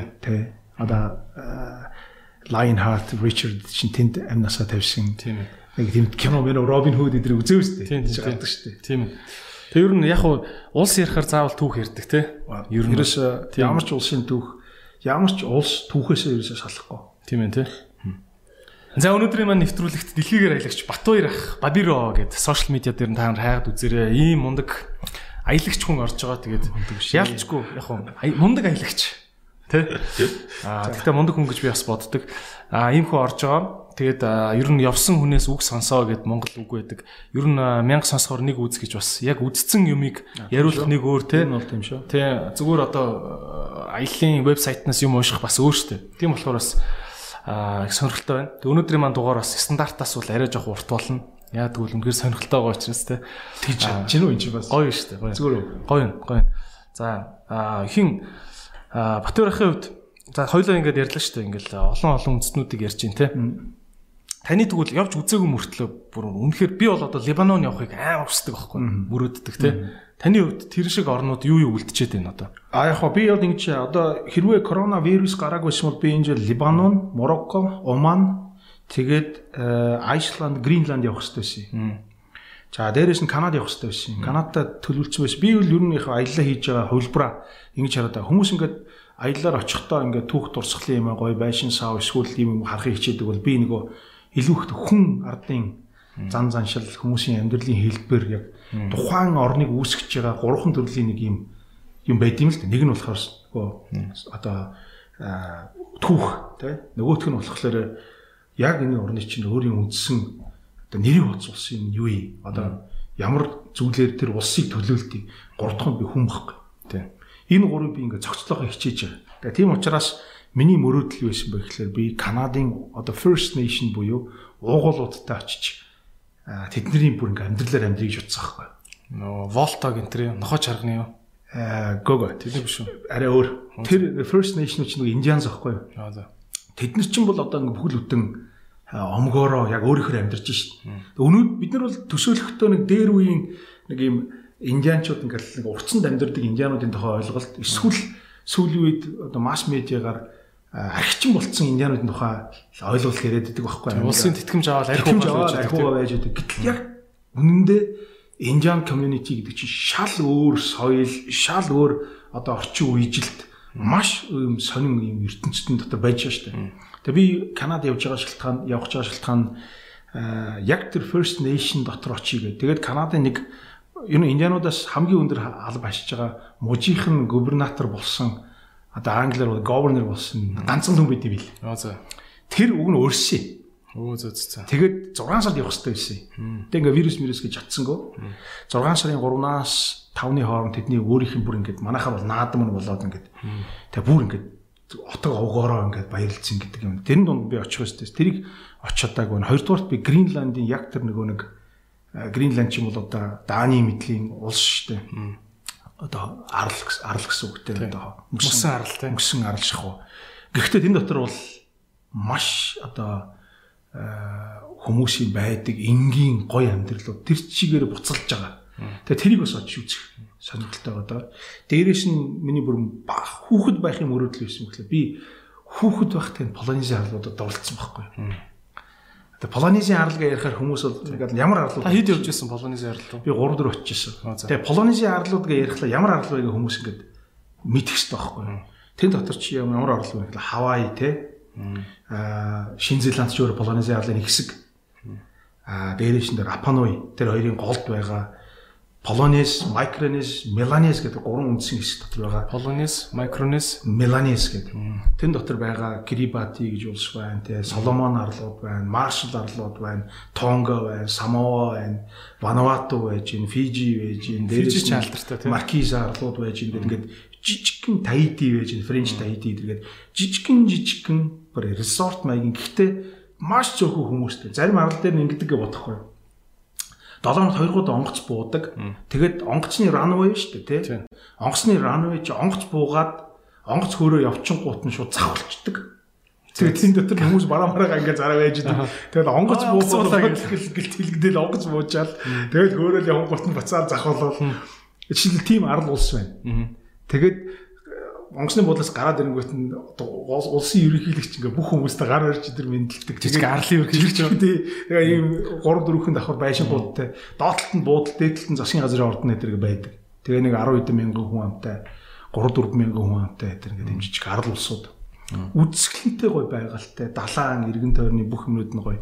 Тэгээ би тийм улсуудыг бүр явмаар байна. Яа. Миний мөрөөдөл бол үнэхээр дэлхийн уужим цаг хугацаа мөнгө хоёр үнэхээр ингээд хязгаарч байна тий.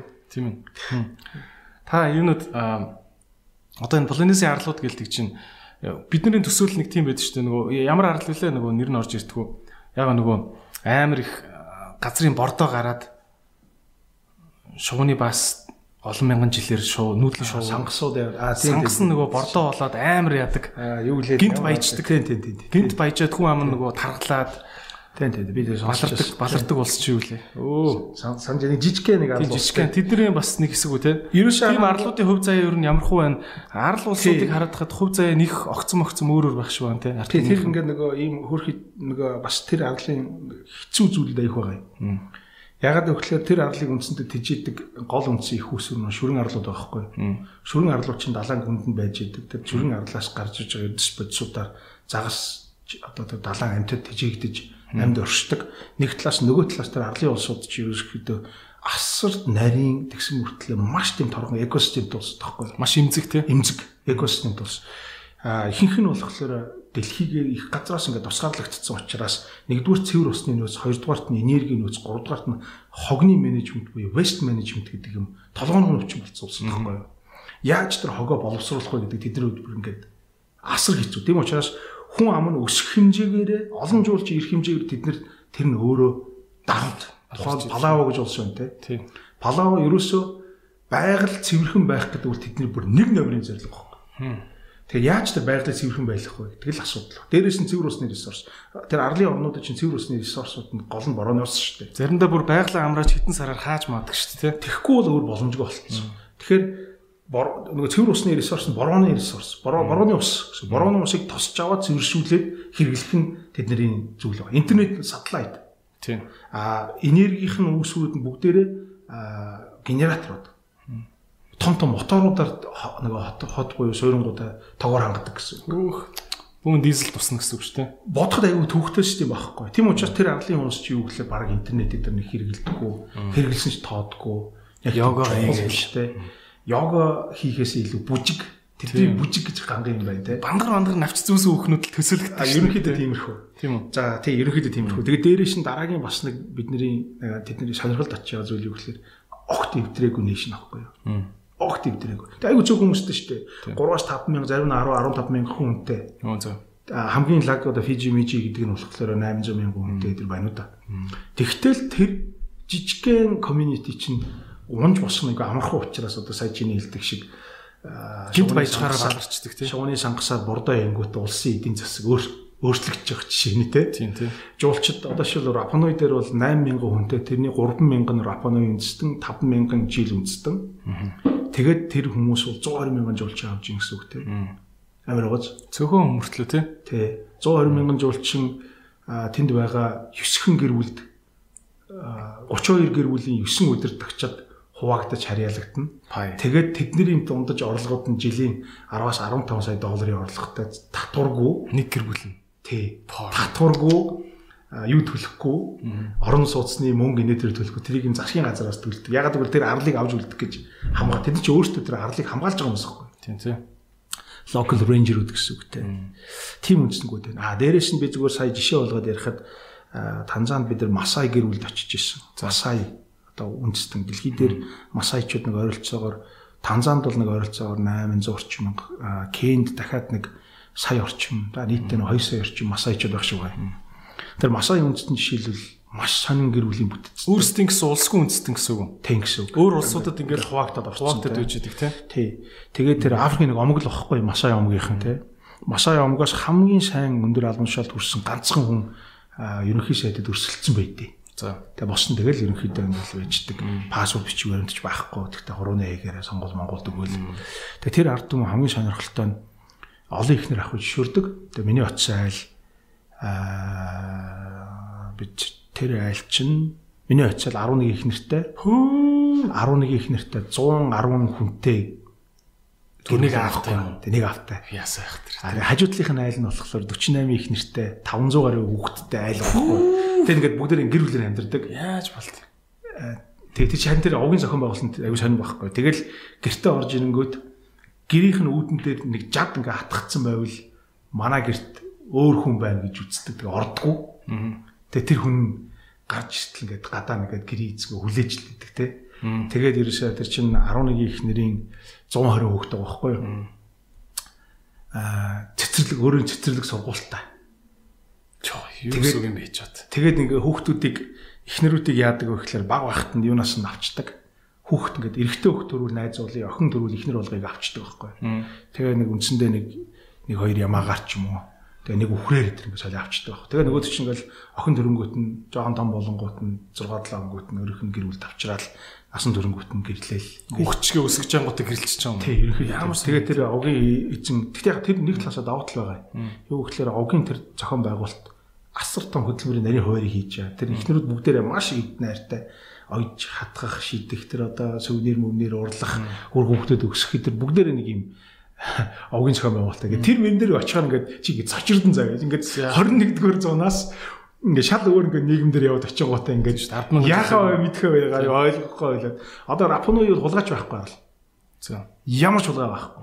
Рапоноид буюу Easter Island-д жилдээ нэгээс хоёр удаагийн гимт хэрэг гарна. Тэр нь юу вэ гэхээр хоёр нөхөр, эхнэр нөхөр хоёрын машин хоорондоо мөргөлдөх юм уу? Хоёр хүн хоорондоо мөргөлдөх л машин мөргөлдөх санаандгүй явж байгаа чи нэг хоёр нөхөр хоорондоо муудалцаа бие биенийгээ нэг түлхэх хитэр нь гимт хэрэг тооцогддог. Тэр нь арал даяараа бүгдээрээ мэддэг заа. А машиныхаа түлхүүрийг бүгдийн онгорхоо орхичихна. Машина онгорхоо орхиод түлхүүрийн дотор орхич. Ямар ч хүн машина орхитой дотор түлхүүрээ орхино. Цонхыг буулгаад ц- Ямар ч хулгай байхгүй. Хизээч хулгай харж байгаа. Тэгээд тэр нэг 4 5 night club буюу баартай. Тэр баарууд нь нэг нь 8-аас 10 цаг хүртэл аж, нөгөөх нь 10-аас 12 цаг, нөгөөх нь 12-оос 2 цаг. Тэнд баарнд орсон хүмүүс л Өрсөлдөхгүй. Одоо чи ихтэй баар ажилладаг байлаа гэж бодоход чиний баар 8-аас 10 хүртэл ажиллаад 10-аас минийх 12 хүртэл ажиллаад тэгэл чиний клиентууд манай дээр ирээ. Манай сумын төвд тэгчмэр юм шүү. Хөөхөн бар мартаа бол тий. Тий тэгээд хуулинд нь орлого оруулж байгаа байхгүй. Хуулиа happy заяа. Тийм ээ. Тэгээ чамд ч орлого тэдэм байсан хүмүүс аа энэ манай бар дууслаа одоо ийм боллоо. За одоо Болдогийн барлуу. тэрлүү одоо хин идрэгийн барлуу явцгаа гэх юм уу. Ээ бүгд идрэгийн явчихсан дээ. Yeah. Тэгэхээр би ингээ бараа хаагаад цэвэрлээл ингээл тэгэл өөрөө идрэгийн баанд очиж байгаа шууд идрээ тэрнээс өмнө манай баанд чи ирээ сууж явах хэрэгтэй байхгүй. Тийм ээ. Сонирхолтой байгааз. Тийм ээ. Тэгээд ингээд нэг юм тойрсон юм. community гэдэг нэг юм бас байгаад байгаа тийм. Хууль дүрмээр зогцохоос гадна зүгээр юм бүлэг хүмүүс хоорондоо бас нэг юм хуулиас гадуур юм ив ив олох асуудал бас их чухал байгаа тийм. бүр ингээ яв цав. Бүр ингээ яв цав хоорондоо ойлголцсон. Тэр гэр бүлийн тэр тэг годомж нь бүх хүмүүс бие биенээ тань, цагдаа бие биенээ тань. Гэхдээ яг ингээд дөрөм журмыг бас мөрдүүлнэ. За за. А чи машина буруу газар тэгээ шоудахаар ямар дөрөн бар аягүй сонин сонин мэдрэмж шүү дээ. Гурван барын дамжаалт гэсэн үл ядарч байгаа чи тэг очих яг бүх адилхан хүмүүстэй адилхан хөгжим ганцхан тэр араа уух юм адилхан заяа. Хөгжим нь адилхан хүмүүс нь адилхан байх чи сонин байгаа юм чи. Тэгэл за за гэл. Тэгэл чи бүгдээрээ ингээл гараад яваал яваал. Тэгэл өглөө дөрөв хүртэл ингээл дөрв там бараа дамжиж нэг 10-аад ресторан тойрч хоол идэл. Тэгэл бүгдээрээ сайхан инээлтэл ямар ч хоорондоо муудалцах чанга дуугаар ойрлох, хашгирах, бие биенийгээ хараах хэрэг юуч байгаа. Айгүй сонирч тийм жижигхэн isolated community. Тэг ер нь ингээ хараад хахад тэгээд сайхан амьдрал гэдэг бол хууль журам дээр нэмхэн зүр хүмүүс би нэг хүндэл сурах нь бас амар чухал юм шиг тий. а маш чухал. Маш чухал. Ерөөсөө энэ байхгүй бол мянган гоё деваж бүтээгээч нэмэр байхгүй. Тийм ээ тий. Тий. Тийм. Тэр за түрүүний тэр Танзан Танзаны тэр ямар арт түмглээ Масай, Масай. Масайчууд. Масай хамгийн өндөр өсөрдөг хүмүүс шүү дээ. Тийм үү. 2 м өндөр өсөрдөг гэдэг. Аа. Зогсоогоор ингэж өсөрдөг юм анчин улсууд шүү. Тийм үү. Өөх. Жадар арслан агнадаг. Зөө. Тэгэл амар турхаа сагсч чиг нөхрөл баг. Оо яг тийм. Ерөөсөө тэгээ нэг юм чи анзаарсан бол нэг юм Тэг бүр ингээ гений өвд бүр ингээ ялгарч харагдах уу? Ялгарч. Бусдуудаас. чүрийсэн бүр ингээд нэг ширхэг юм илүү өөх байхгүй заа яа. Ингээд нэг юм Шөрмөсөн. шөрмсөн биетэй. Тэгээ тэр нөхдөч юм байна шүү дээ. Алхна гэж амар шүү Хідэн 10 км алхахдаг. Гөрөөсийг бүр ингээд шингээ алдаад унтлан хатдаг юм мөн? Тэгэхгүй одоо нэг тиймэрхүүл төрлийн болсон. Тэгээ өндөр өрсөрн 18 хөрөнгөтэй арслангийн анд явцгаадаг. Тийм. Тэгээд ер нь бол хуучин тэгдэгс одоо болиулцсан. Тэгэхгүй бол эд чинь нэг арслан халаас алддаг. Тийм. Одоо болиулцсан. Тэг цусны хөрж арслангаа халаад. Манай чонд явдаг шиг л юм шүү дээ. Тий. Манайханд явд юм уу? Яа ах нар чинь чон монд гардаг шүү дээ. 18 өрхөөр юу? Гүү. Аа. Ер нь нэг онгод нь орж мороод. Аа тийм ээ. Тэг чинь бол жоохон ер нь бол балиар соёл л доо. Тийм бах тий. Одоо бол байж. Би тэгтээ ааманд явдаг шүү дээ. Тэр үед. Тэг одоо биш одоо камер үрдэг болсон. Тийм. Таныг би зүгээр нэг жоон философи юм ярихад та ингээл вино бол бас ингээл энэ бурхны гэж яадаг. Бурхнаас заяасан юм шиг юм юм байдаг гэл ингээл ийм бас юм Шашинлаг байна уу? явсан хүн бас юм надад зүр тэгж ажигладаг байхгүй. Олон газраар очоод олон юм үдсэн хүн улам юм шашинлагч юм шиг болоод идэг юм санагдаад байхгүй. Уул ус мусандаа амар ингэдэг болоо л те. Ээ гэл нэг юм шүтлэгтэй юм шиг болцсон байдаг байхгүй. Та өөрийгөө яг ингэж юм дэлхийн олон энэ соёл шашныг мэдэрсэн хүний хувьд та өөрийнхөө шаш одоо шашин шүтлгийг те хэр хэмжээнд ингэж солонгорсон ч юм уу гэж боддог вэ? Эсвэл таны хамгийн сүүлд өөртөө шингээж авсан нэг тийм э, сүсэг бишрэлийн чанартай өөрийг чинь өөрчилсөн зүйлс юу байсан бэ? Тэ? Яг уу нэгдүгürt би бол бүр бүр нарийн уг үндсээр бол шашингийн үзэлт юм шиг байна. Яг уу нөгөө эцэг өвгдөөс одоо манай бориод чинь бөөгийн шашинтай. Аа сүүлд бид нар чинь нэг юм буддын шашинд ингээд олон жил явцсан шүү дээ. Тэгэхээр ингээд яг нөгөө мөрөгдөг, барьдаг нэг юм зан заншил юмнууд бол ялчгүй байгаа юм те Монгол хүнийхээ хувьд бол. Аа гэхдээ би бол христэн шүн- сүмд орохороо аа Иесус Христ залбирчдаг. Аа исламын сүмд орохороо би ялгаагүй тэр Мухаммедэн залбирчдаг. Хаан ч утсан тэр тухайн шашинд нь ороо би бүр чин сэтгэлээсээ сүсгэлэл залбирчдаг байхгүй. Надаа одоо ягаад бол би шашныг маш олон оргил руу мацж байгаа юм аа олон төрлийн арга замл гэж ойлгодог болохоос биш надад бол тэрийг нь илүү энийг нь муу гэж яриад байх. Үнэндээ тийм мэдлэг юу ч алга. Одоо тэрийг шүүх эрх мэдэл ч алах надад тий.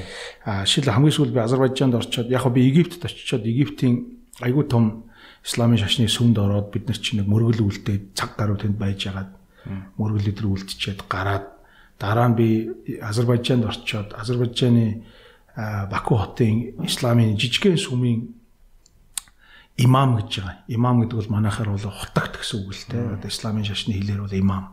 Тэгээд тэр имамтай найзлаад нөхөр намайг номондоо өрөөд би 3 цаг имамынх нь айлтгалд нь суусан шүү дээ. Хүү зөө. За нөгөө нөхөр чинь ингээ тайлбарлаа л ингээл сүнитийн шашинтай нөхөр шиит сүнит гэдэг исламын шашин дотор олон урсгалуудтай шүү. Тийм үлээ. Тэгээ нөгөөд чинь өөрийнхөө урсгалыг тайлбарлаад ийм байдаг, тийм байдаг гэж англиар, орсоор тайлбарлаад би нөгөөдгийг ойлгоо, сүулт нь мөргөж залбираал тэгээс хамт сууж байгаа л бид нар тэр нөгөө нэг утгатынхын төрсөн өдрийн цайлганд нь суугаад хоолны нэдэл Тэгэл гой санагддаг ш. тэгж гараал сая тэгээ Полонезд очих нөгөө чинь тэнгэр бурхан шүтдэг нөхөртэй уулан дээр нь гар тэнгэр бурханы шүтдэг.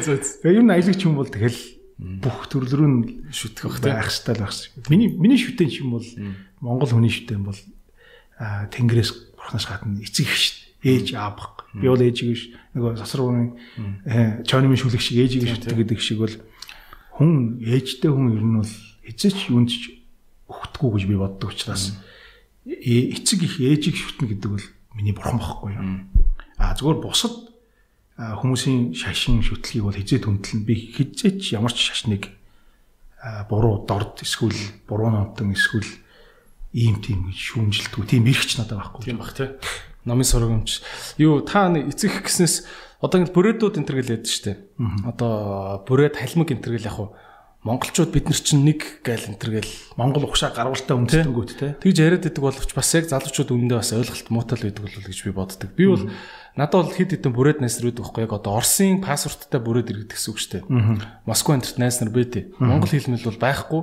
Тэгтээ бол нэр мөр нь бол сайхан монгол нэртэй. Баяр идэр гэдэг нэртэй юу те. Сайхан монгол нэрнүүд те. Аа тэгэд танаа одоо та чин би дээр тантай нэг ярьж явах танаа өвөө чинь баг Монголд хувьсгалын үеэр орж ирсэн ч илүү тэгж ярьдсан. Таны одоо ингээл хамаатнууд мамаатнууд Оросд нөхдүүд байна уу? Байлгүй байх. Одоо жишээлбэл бид нар чи юм байхгүй. Ганц одоо би өөрөөхд тухай ярьж байгаа юм шүү. Аа бурядууд заашгүй манай өвөг дээц гэсэн үг. Одоо буряд өвөг дээц гэсэн үг. Тэ ерөнхийдөө байгаль нуур аа тэр орчмоор нутагтаа одоо үндэстэн шүү дээ. Монгол үндэстэн. Цагийн ирэхээр Оросын цагаан хааны буюу Оросын эзэнт гүрний мэдлэлт хэсэг байжгаад сүүлд Оросд ховсгал гарангуудаа Монгол руу асар олноороо нүүж орж ирсэн. Ганц Монголд орж ирсэн юм биш.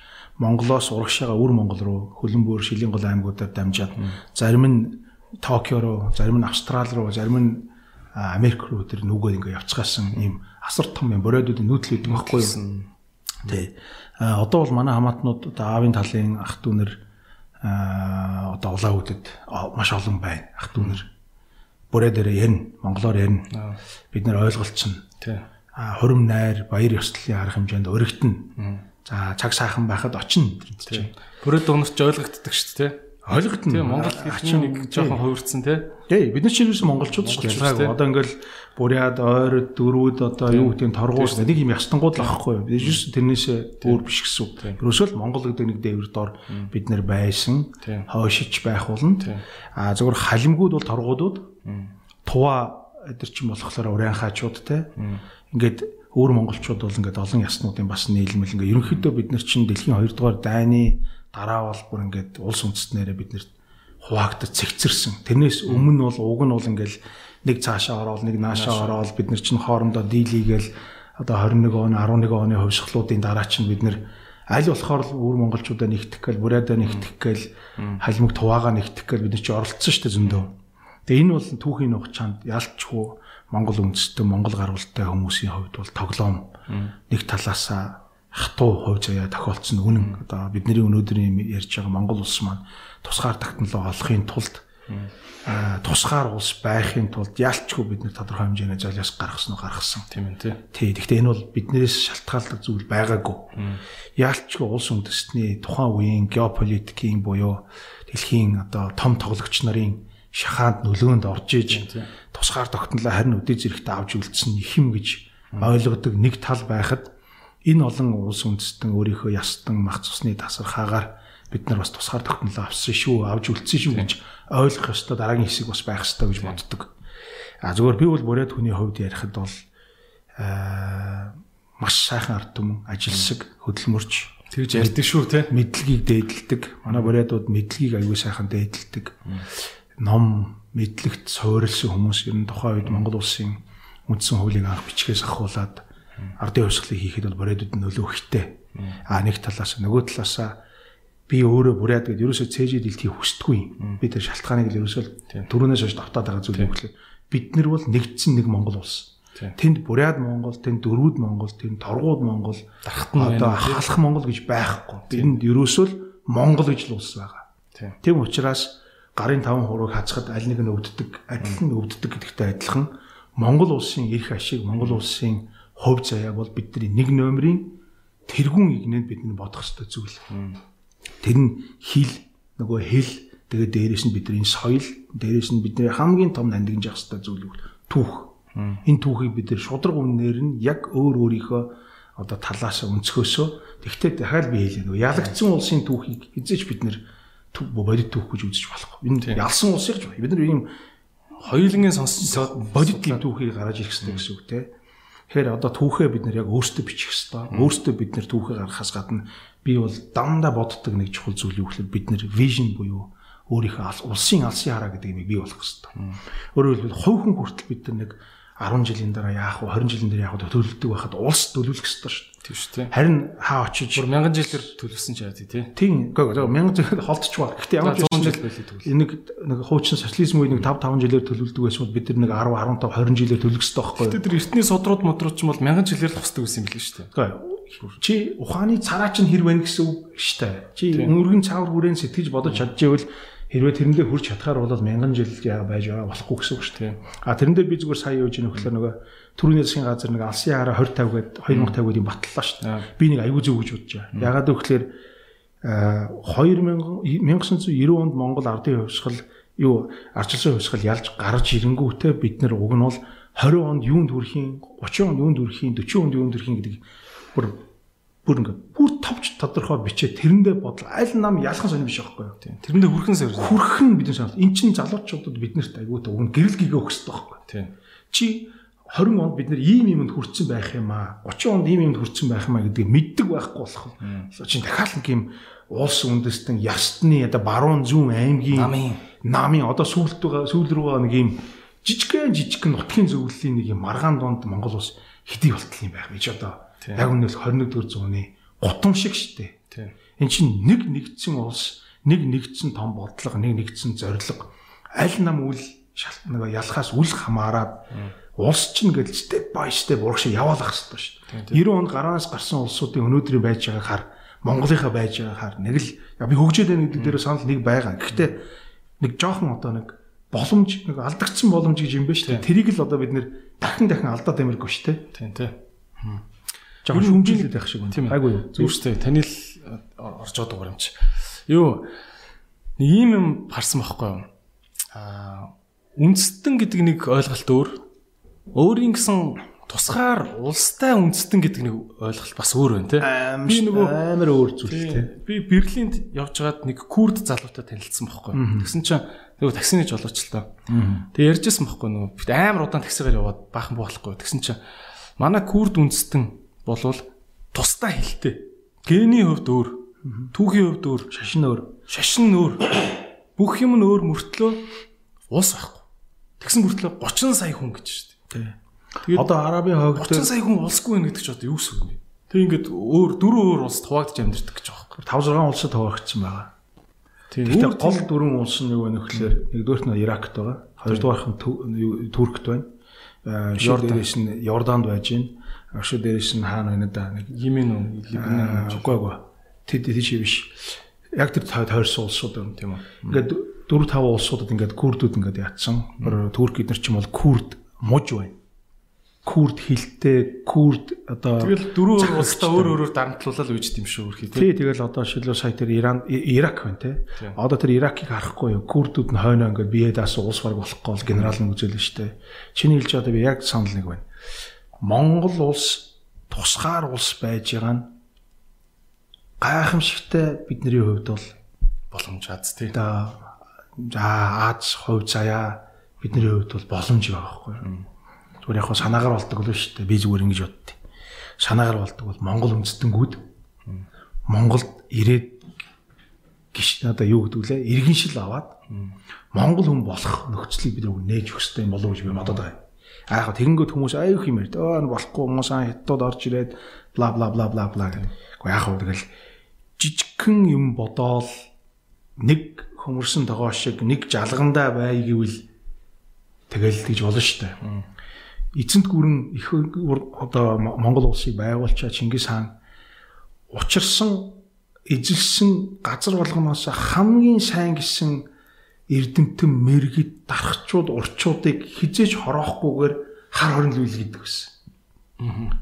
Өөрөөр хэлбэл эзэнт гүрний нийслэлд очиж тэр хөгжлийг бий болгодог байсан. Эзэнт гүрний нийслэлд очиод тэр дэвшлүүдийг с- хийх суурьуудыг тавьж исэн. Монголчууд одоо маш олон төрлийн одоо арьстай, рейжтэй, нүд одоо юу гэдэг байгаа чинь ер нь бол бид нар асар их цус холилдсны давуу талын нэг үр дүн гэж би боддог байхгүй юу? Ус зүгээр ганц үндэстэнгээр болон цус ойртол гэдэг чинь айхтар юм байна шүү дээ. Ганц гол жалгаараа байж болохгүй байхгүй юу? Зүгээр хамгийн наазахын жишээ өнөөдөр ингээл дархныг хамгийн царайлаг октоудтай гэж ярьдаг шүү дээ. Яагаад вэ? Тэр 70 60-аад оны үед Монгол улсын өнцөг булан бүрээс ирсэн илгээлтийн эцдүүдийн Бөөн залуучуудыг авчираад тэр залуучуудын үр удам шүү дээ. маш их сайн энерги цугларсан гэсэн үг те. Тэрнтэй адилхан бид нэр хэврээ шанаагаар болдог бол гаднаас Монгол гаралтай хүмүүсийг хамаагүй тэр хүн монгол хэл мэдэхгүй байж болно. Тэр хүний буруу биш шүү. Ягаад гэвэл өөр Монгол одоо юм хууль үйлчилж эхэлж зарим тас сууринуудаар монгол хэлээр заадаг хичээлүүдийг сургуулиудыг хааж эхэлж байна. Тэгээд тэр хүмүүсийн буруу биш. Тэгэхээр хэлээ сурч чадахгүй шүү дээ. Тэгэхээр тэр хойд зүгт нь Монгол гээд тусгаар улс байж байгаа тэр хүмүүс тэмүүлгэлтэй.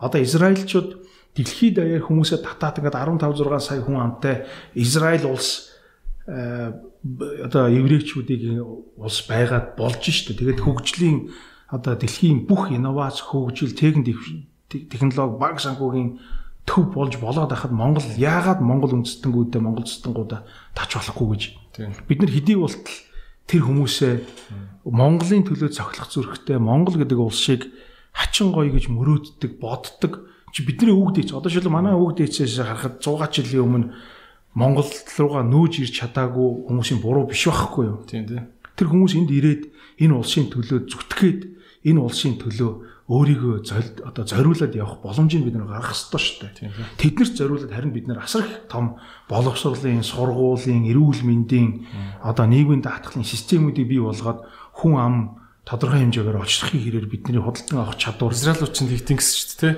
Тэгээ яг тийм л юм бий болох анх бий болж хахад би л буруу сонсог бол Оросоос баг 2 сая ч гэлүү маш олон еврейнэр еврейнэр Орос хэлтэй еврейнэр ирсэн л гэх юм бэл шүү дээ. Ерөөсөө инженер докторууд ирэл Дэлхийд даяар Израиль бол дэлхийд даяар еврей үндэстнүүдэд дуудсан. Тийм бах тий. Казахстан бас сая тэглээ тий. Яг сая тийм үйл хийлээ шүү. Монголын Монгол улсын Казах Казах гаралтай иргэд маань бас хоёр иргэншилтэй болж мусан уу? Юу болчихоо тэр? Би бол тэрийг буруутгахгүй. Ягаад гэвэл тэр Казахстан улс өөрсдийнхөө төрийн болон гадаад бодлого нь мундаг байна л гэж бодож байна. Тийм тий. Дээрээс нь Казахстаны иргэд тэрийг хүлээж авах сэтгэл зүйн болоод ухамсарын төвшин илүү хөгжилтэй байна гэж хэлдэг. Тэгэхээр муусаа юмнууд гээд дэвлэхэд байгаа. Тэгж байгаа хүмүүс байгаа л бах. Би тэрийг үүсэхгүй. Мэдээж 100% бүгдээрээ алгаад ашаад ухтаж аваагүй бахтай. Гэхдээ тодорхой хэмжээнд. Гэтэл дийлэнх нь л хүлээж авчлаа байхгүй. Тийм тийм. Тэгэхээр би бол тэгж боддتي. Би бол одоо Таваагаас, Буриадаас, Өвөр Монголоос, Халимгаас одоо бүр хамгийн наацх нь те. Үгүй бид хэдүүлээ би нэг юм ярил л да. Одоо хамгийн наацх нь бүр хүүхийн Америк төрсэн Монгол иргэншилтэй хүүхдүүдэд бид нэр иргэншил өгч чадахгүй л шүү дээ. Тийм шүү дээ. Хоёр хоёр улсын иргэншлүгүүд авчиж болохгүй л шүү дээ. Чин ямар улсын бид юм бэ? Ингэж болохгүй шүү дээ одоо.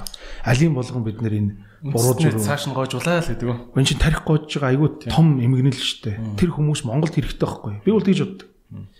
Гэхдээ бодлого байх хэвээр би ойлгож байна. Жижиг орны одоо хүн ам зүйтэй орны эмзэг сэдв мөн мөн. А гэхдээ бид нар шийдвэртэйгээр арга хэмжээ авах хэрэгтэй явах хэрэгтэй бодлого гарч гаргалааг нь олох хэрэгтэй. Тийм. Таны ингэж зүгээр аялаа явж байхад бас янз бүрийн улсууд биш. Үндэстэн ясны тийм хүмүүстэй тарж яхад хамгийн тийм одоо курдүүд гэдэг шиг те хамгийн тийм золгүй гэмээр хувь заяатай юунууд юу байсан бэ? Тийм үндэстнүүд. Би Туркийн одоо Ататүркийн онгоцны буудлын дээр за Истанбулоос шинэ онгоцны буудлын Истанбулын онгоцны буудлын дээртэй болсон. Тэн дээр би Афганистанаас гаралтай хазаараа нэг охин ээжтэйгээ хоёр дүүтэйгээ явж байхад нь таарч ирсэн. Тэд нар яасан бэ гэхээр Бэлг рүү ах нь хар ажлыг гараа явцсан. Тэг яг би бол ойлгохдоо тэр улсуудыг ерөнхийдөө бол цагаачлах буюу Афганистанаас одоо бидний ойлго ярьдгаар бол харлах гэж явж байгаа хүмүүс гэж ойлгосон. Туркуч гэж ойлгосон баг. Гэхдээ тэд нар бүгдээрээ Бэлгийн визатай.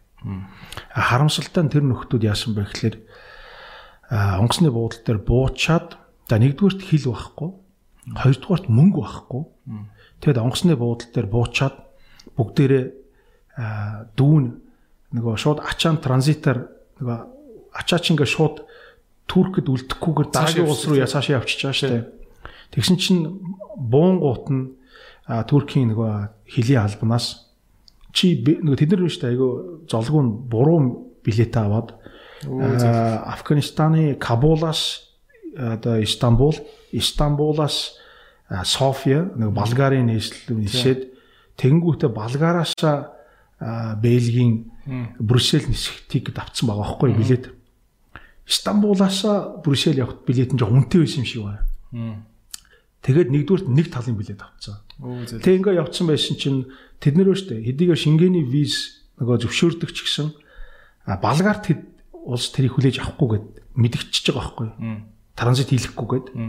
Тэгээ тэр нь ямар учраас болсон юм мэдэхгүй. Тэр бол тэр хүмүүсийн стори. Тэгээ би яг ингээ буучаад байжсэн чинь нэг хүүхэд ингээд 11 орчим настай хүүхэд өөлөөс усч ирсэн байхгүй. Тэгээ цагаан хата чи яасан юу юу болсон гэсэн чинь манай их чи ингээд цаашаа авцсан их чи ээж хоёроосоо төөрчлөө гэдэг. Тэгээ жоохон байжсэн чи ээж нь гээд нэг бүсгүй татаарсан ээж нь ингээд уучраа болохгүй ингээд уймарцсан ингээд зүүн гартаа ингээд нэг 20 30 долларыг ингээд үрчитэл ингээд барьцсан.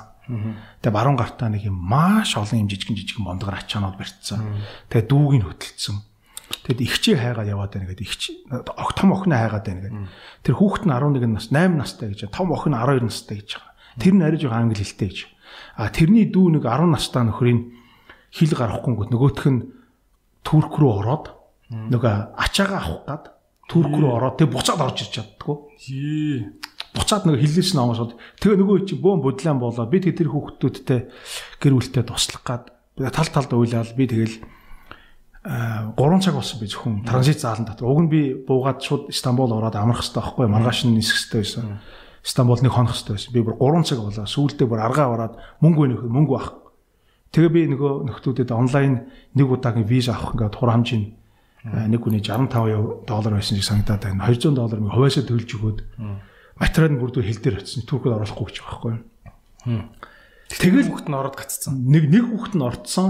Ээж охин хоёр нь орж чадахгүй.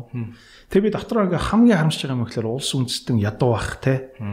Одоо засаг захиргаан докторгүй баахан одоо террористууд байнгын улс төрийн докторгүй байдал ямар хор хонолт гөнүүлтэй ямар азгүй улс үнтэй. Тэгээ би 3 4 цаг зарцуулсан. Тэгээ би аргагүй ирэхэд за би баяртай ах нь ингээд энэс илүү тусалж чадсангүй гэж хэлээд явхад би ингээд дотроо ингээд баг өөлж байгаа байхгүй.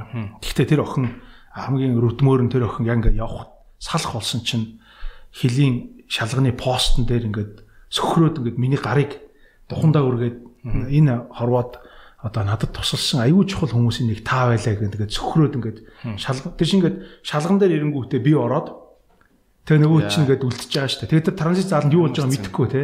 Тэнгүү тэр охин ингээд сөхрөөд миний гарнаас ингээд айдс аваад тэгээд энэ хорвоо дээр надад одоо ингээ аав шиг тусалсан танд би ингээ баярлалаа.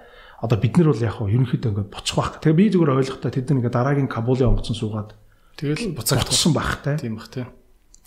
А ихтэй тэр айгүй харамсалтай. Тэгээ би дотроо очихоор нь юу ч хүлээж байгаа юм бэлээ. Бүм мэдхгүй тий. Тэгтээ асар их одоо нөгөө мөнгө төлж ингээд орж ирээд тэгээ явж чадахгүй. Тэгээ тэр улс үндэстнээсээ болоод тэгээ тэр чинь юу хасаараа гэд Афганистан гэд тоож байгаа хүн нэг ширхэж байна Яа. Төргүү засаггүй засаг ийм суул байх, иргэд ийм өөртөө мэдлэггүй байх, дээрэш нь ядуу тарчиг байх ямар айхтар улс үндэстэн бусад улсуудад дээрлэхүүлдэг гэдэг юм ингээд нүдэн дээр болж би тэгээд тэр оройжинга тайвшрахгүй байхгүй. Тэгээд би тэгээд чинь ингэсэн шүү дээ. Тэрнээс гараад таксинд суугаад Стамбулын төв ортой би паспортаа таксин дотор гээчж байгаа шүү дээ. Нөгөө шокноос гарахгүй. Би бүр ингээд бүр супер нервтсэн ш тэр өдөр. Шүү дээ. Тэгээд дотроо юу гэж бодчихсон бэ гэхээр яа Монгол бол үнэхээр бурхан ажилласан газар шүү. Бид нар бол энэ тусгаар тогтнол энэ байгаа зүйлээ үнэлэх ёстой шүү. Бидний амьдралын энэ хэлбэр би бол одоо олон газараар явлаа. Ер нь монголчууд бол амьдралын төвшин бидний байгаа байдал бол дунджаас дээгүр ихгүй юу? Доогуур дунджаас дээгүр шүү. Би дунджурч оруулахгүй байгаа шүү. Дунджаас дээгүр. Бид нэр штэ айхтар үн цэнтэй зүйл бид нэр их чөлөөтэй ард юм. Үгээ хэлж чаддаг. Ерөнхийлөгчөө дураар нь хэлж ямар нэгэн байдлаар үгээ хэлж чаддаг тийм ард юм. Өөрсдийнхөө дуртай зүйлүүдийг хийж чаддаг. Яг бид нэр аимшигтайгаар одоо жижиг зүйлийг дэвэргэж хитрхи ихээр том проблем юм шиг ярьдаг боловч үнэндээ бол Монгол шиг ийм зөвхөн Оростой харьцуул, Хятадтай харьцуул, бусад энэ Төв Азийн орнуудтай харьцуул заавал бид нэр Америк Японтой харьцуулаад байх албагүй байхгүй. Америкаас ч гэсэн бид нар ер нь баг асар олон зүйлээр илүү шүү. Тийм бах тий. Илүү. Тэгэхээр бид нар энэ исламын шашинтай энэ төв ойрхот орнуудын орнуудтай харьцуул өмнөд Америкийн орнуудтай харьцуул ямар safety хулгай байх. Одоо тэр Венесуэл энэ төр яаж юм те? Венесуэл бүр хэцүү шүү дээ. Одоо боллоо сая те. Хэцүү шүү дээ. Би одоо би Венесуэлд онгоцоор бууж буугаад ингээ харахад Венесуэлийн царайт гээл амар гоё хүүхэнтэй кино ч н одоо таныг бага залуу байхад шуугуулчихсан мэт. Шуугууч бид чинь нэг шар би юу шуугжсэн хүмүүс нэг шүү дээ. Та шуугжсэн үү? Би үзчихсэн. Тэгээд Каракас гэж хот гардаг те. Халтар цэрэг Халтар цэрэг өөрхөн хамт улаан үстэй хөрхөн Улаанбаатар кино байсан мэт. Тэр Улаанбаатар зочлуудад буучсан. София нэлээд ухаан орсон бүр сайн үзсэн 20 насны дүү сайн үзсэн. Тэгээд чинь Улаанбаатар зочлууд багцсан. Хажууд нь Ричард Гир бууцсан. Ричард Гир чинь бүр энэ энэ Софи хин блээ те тэр охин чинь энэ яг хаанхын ямар жүжигчин байна гэдэг нөгөө Холливуудын одыг тоодгоо бид нар тэр нэг алтар зэрэг чи ошуурд байдаг. Улаанбаатар зочдод бууцсан байсан шин. Тийм. Тэгэл тийм үе байсан. Тэргүй баян тансаг хаус маустай ингээл лаг амьдрал тэр кинонд гардаг штэ. Баячуудын амьдрал энэ тэгэл. Тэгэл одоо ингээл том болчоод яг жинхэнэ ингээл мэдэн дээр үзэхэд тэр бол улс баларцсан улс юм шүү те. Үгүй яг тэ тэгэл одоо эн чин одоо жишээлбэл энэ дэлхий дээр хамгийн их газрын тус нефттэй орно шүү дээ. Юу Сауд Араб. Сауд Араб биднээс хэд дахин том энэ дэлхийн хамгийн их газрын тус нефтийн баялагтай орн бол Венесуэл гэхгүй юу? Оо зөө зөө. Тим айхтар өгөгдөлтөө, тим айхтар одоо байгалийн баялагтай. Дээрээс нь Венесуэлчууд чинь одоо Симон Боливар гэдэг хүн бол Венесуэл хүн шүү дээ. Испанийн ховсглаас ховсг Испани улсаас тусгаар тогтнолыг эхлүүлсэн цэг Венесуэл улсаас эхэлж ирсэн. Колонд колон Каракас Каракас хотоос эхэлж исэн ардчлал хүний эрх чөлөө тусгаар улс гэдэг бүх хөдөлгөөн Каракасаас урагшаага Болив одоо Перу, Чил гэдэг урагшаага Аргентин гэж тархаж исэн. Тим айхтар одоо бүх юмны гал цаг болсон улс өнөөдөр ийм байна гэдэг бол ер нь засаглалтай холбоотой л. Тэгээ түрүүний миний хэлдэг зүйл дахиад үүсэхэд бол Монгол маш боломжтой, аюулгүй гоё эрх чөлөөтэй, маш өндөр хөгжлийн чиг замналтай, дээрээс нь байгаль мэл ер нь бол жоохон засахад бол сэв хийгээд нөгөө бих улс тий. Уу сэмбих улс байхгүй юу. Тэгэхээр би тийм нөхцлүүдийг монголчуудыгаа залуучуудаа юу жарж ийнө гэхлээр битгий өргөө голоорой. Бид нэр бол дэлхийн маш олон орнуудтай харьцуулахад дунджаас дээгүүр шүү. Бүр дээгүүр шүү. Тийм учраас одоо ганцхан бид нар өөрсдөө хичих хэрэгтэй байна. За буруу зүрүү ярьдаг, ухуулдаг, уриалдаг хүмүүс юм бити автаасаа гэж хэлдэг байна. Одоо сонгуулаар л ажиглагдчих. Тийм бах тийм. Чичрэл байгаа хүмүүсээс хол бол байх хэрэгтэй. Тийм хүмүүс айгүй аюултай. Зөв миний бодол шүү. Тийм ээ. Одоо юу вэ? За тэнтэй бүр бүтэн дэлхийг ингээ яриа сумаар юм. Цаг нэлээд өгч байгаа. За Та чин таны та чин бас би ойлгохдоо та чин их олон үхэртэй хөдөө аж ахуйн бизнестэй гэж би ойлгож байгаа тийм. За хөдөө аж ахуйн бизнес тийм. Аа бүр дээр тантай нэг таарлахад та нэг үхрийн мах зах айгу гоё юм гэлс. Би ер нь одоо яг энэ жилээс эхлээл энэ мах мах гэдэг юм чинь айгу гоё юм байна гэдгийг бас их сонирхоод байгаа л да. Энэ жилээс үү? Тэ. Яг хуучин бол тэгэл герт мах чандаг тэгэл тэрл бол мах л гэж би боддог байсан байхгүй юу? Аа зөв зөв. Тэг яг хөө ээж мэж бас гадаад мадад хамт явж байхад нэг гоё ресторанд орж ирж стейк мистек авч өгнө. Тэр нь бол тэгэл тухайн үедээ ээж их л гоё стейк шүү миний хөө гэл ингээл ойлгуулах гал те. Би бол тухайн үед юус ойлгоогүй юм билээ. Ээж ээж чинь би дагж явж нөгөө Стэнфордын их сургууль дээр чинь одоо хамт байж л шүү дээ. Ээж ээж чинь тэнд төгсөж хахад. Тэгэхэд тэр санаанаас гардаг байхгүй. Ээж чинь ер нь оюутан тэр чинь бас юу вэ те мөнгө төгрөг хэцүү шүү дээ. Тэгээ Стэнфордын их сургуульд сурах гал мөнгө зөнгө хүртэл босгож яваал те ингэжсэн. Тэгэд нэг удаа нэг ресторанд орлоо баг баг миний төрсөн өдөрч болж ил байла. Аа энэ хараа Америкт хамгийн үнэтэй ресторанууд нь дандаа хөгшин зөөгчтэй байдیں۔ Дандаа эрэхтэй хөгшин хүн зөөгч хийдэг. Чи рестораны зиндаг ороод зөөгчийг нь хараад мэдж бол. Дандаа ингээд насаараа зөөгч хийсэн тэрийг бүр тасарсан хийдэг. Ингээд 60 гаруй насны ингээд амар юм гоё өвөнөр байгаа байхгүй. Одоо монголоор бол тэндээ залуу дээ. Дэгжин. Дэгжин тийм класстай өвөнөр. Тэгээ ингээд гоё стейк нэрс. Европч тийм шүү дээ. Тэгээ наа чин ингээд би үнийн буруу санааг бол бараг 60 долларын стейк ч үлээ. Аа тий яг ч дундаж л байна л да. Яг хөө тэгэл чинь оюутан хүнд тухайн үед тий. Тэгээ за тэгэл би тэр үед нэг ингээл дараа нэг л өөр энэ стейк идж авч явж байгаа л нэг ойлгохгүй байсан. Энэ жилээс эхлээл энэ пүү энэ мах гэдэг чинь зүгээр малын мах бол бахараа л мах биш үү тийм байх гэдгийг ойлгоод байхгүй юу. Тэгээ та бас нэг дээр ингээд стейк мистек ярьдсан шүү дээ. Тэг яг ер нь бол миний ойлгож байгаа одоо бидний махыг нэг шинээр ойлгомоор байна л да. Тийгөө мах гэж ярихаас ойлоо нөгөө том зургаар нь харъя тхөө.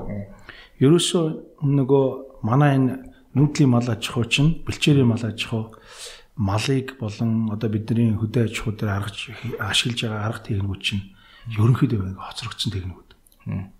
Дээрээс нь үржил шимгэд буюу малаас гарах ашиг шимийг хамгийн одоо ер нь шулуухан хэлэхэд баг төвшөнд барихыг одоо бүр хичээсэн юм шиг аж баг. А тодорхой хугацаанд ялангуяа шинжилгээ ухаан технологи хөгжихөөс өмнө 18 19 дугаар зууны хүртэл үнэхээр монголчуудын аврал байсныг үгүйсэхгүй.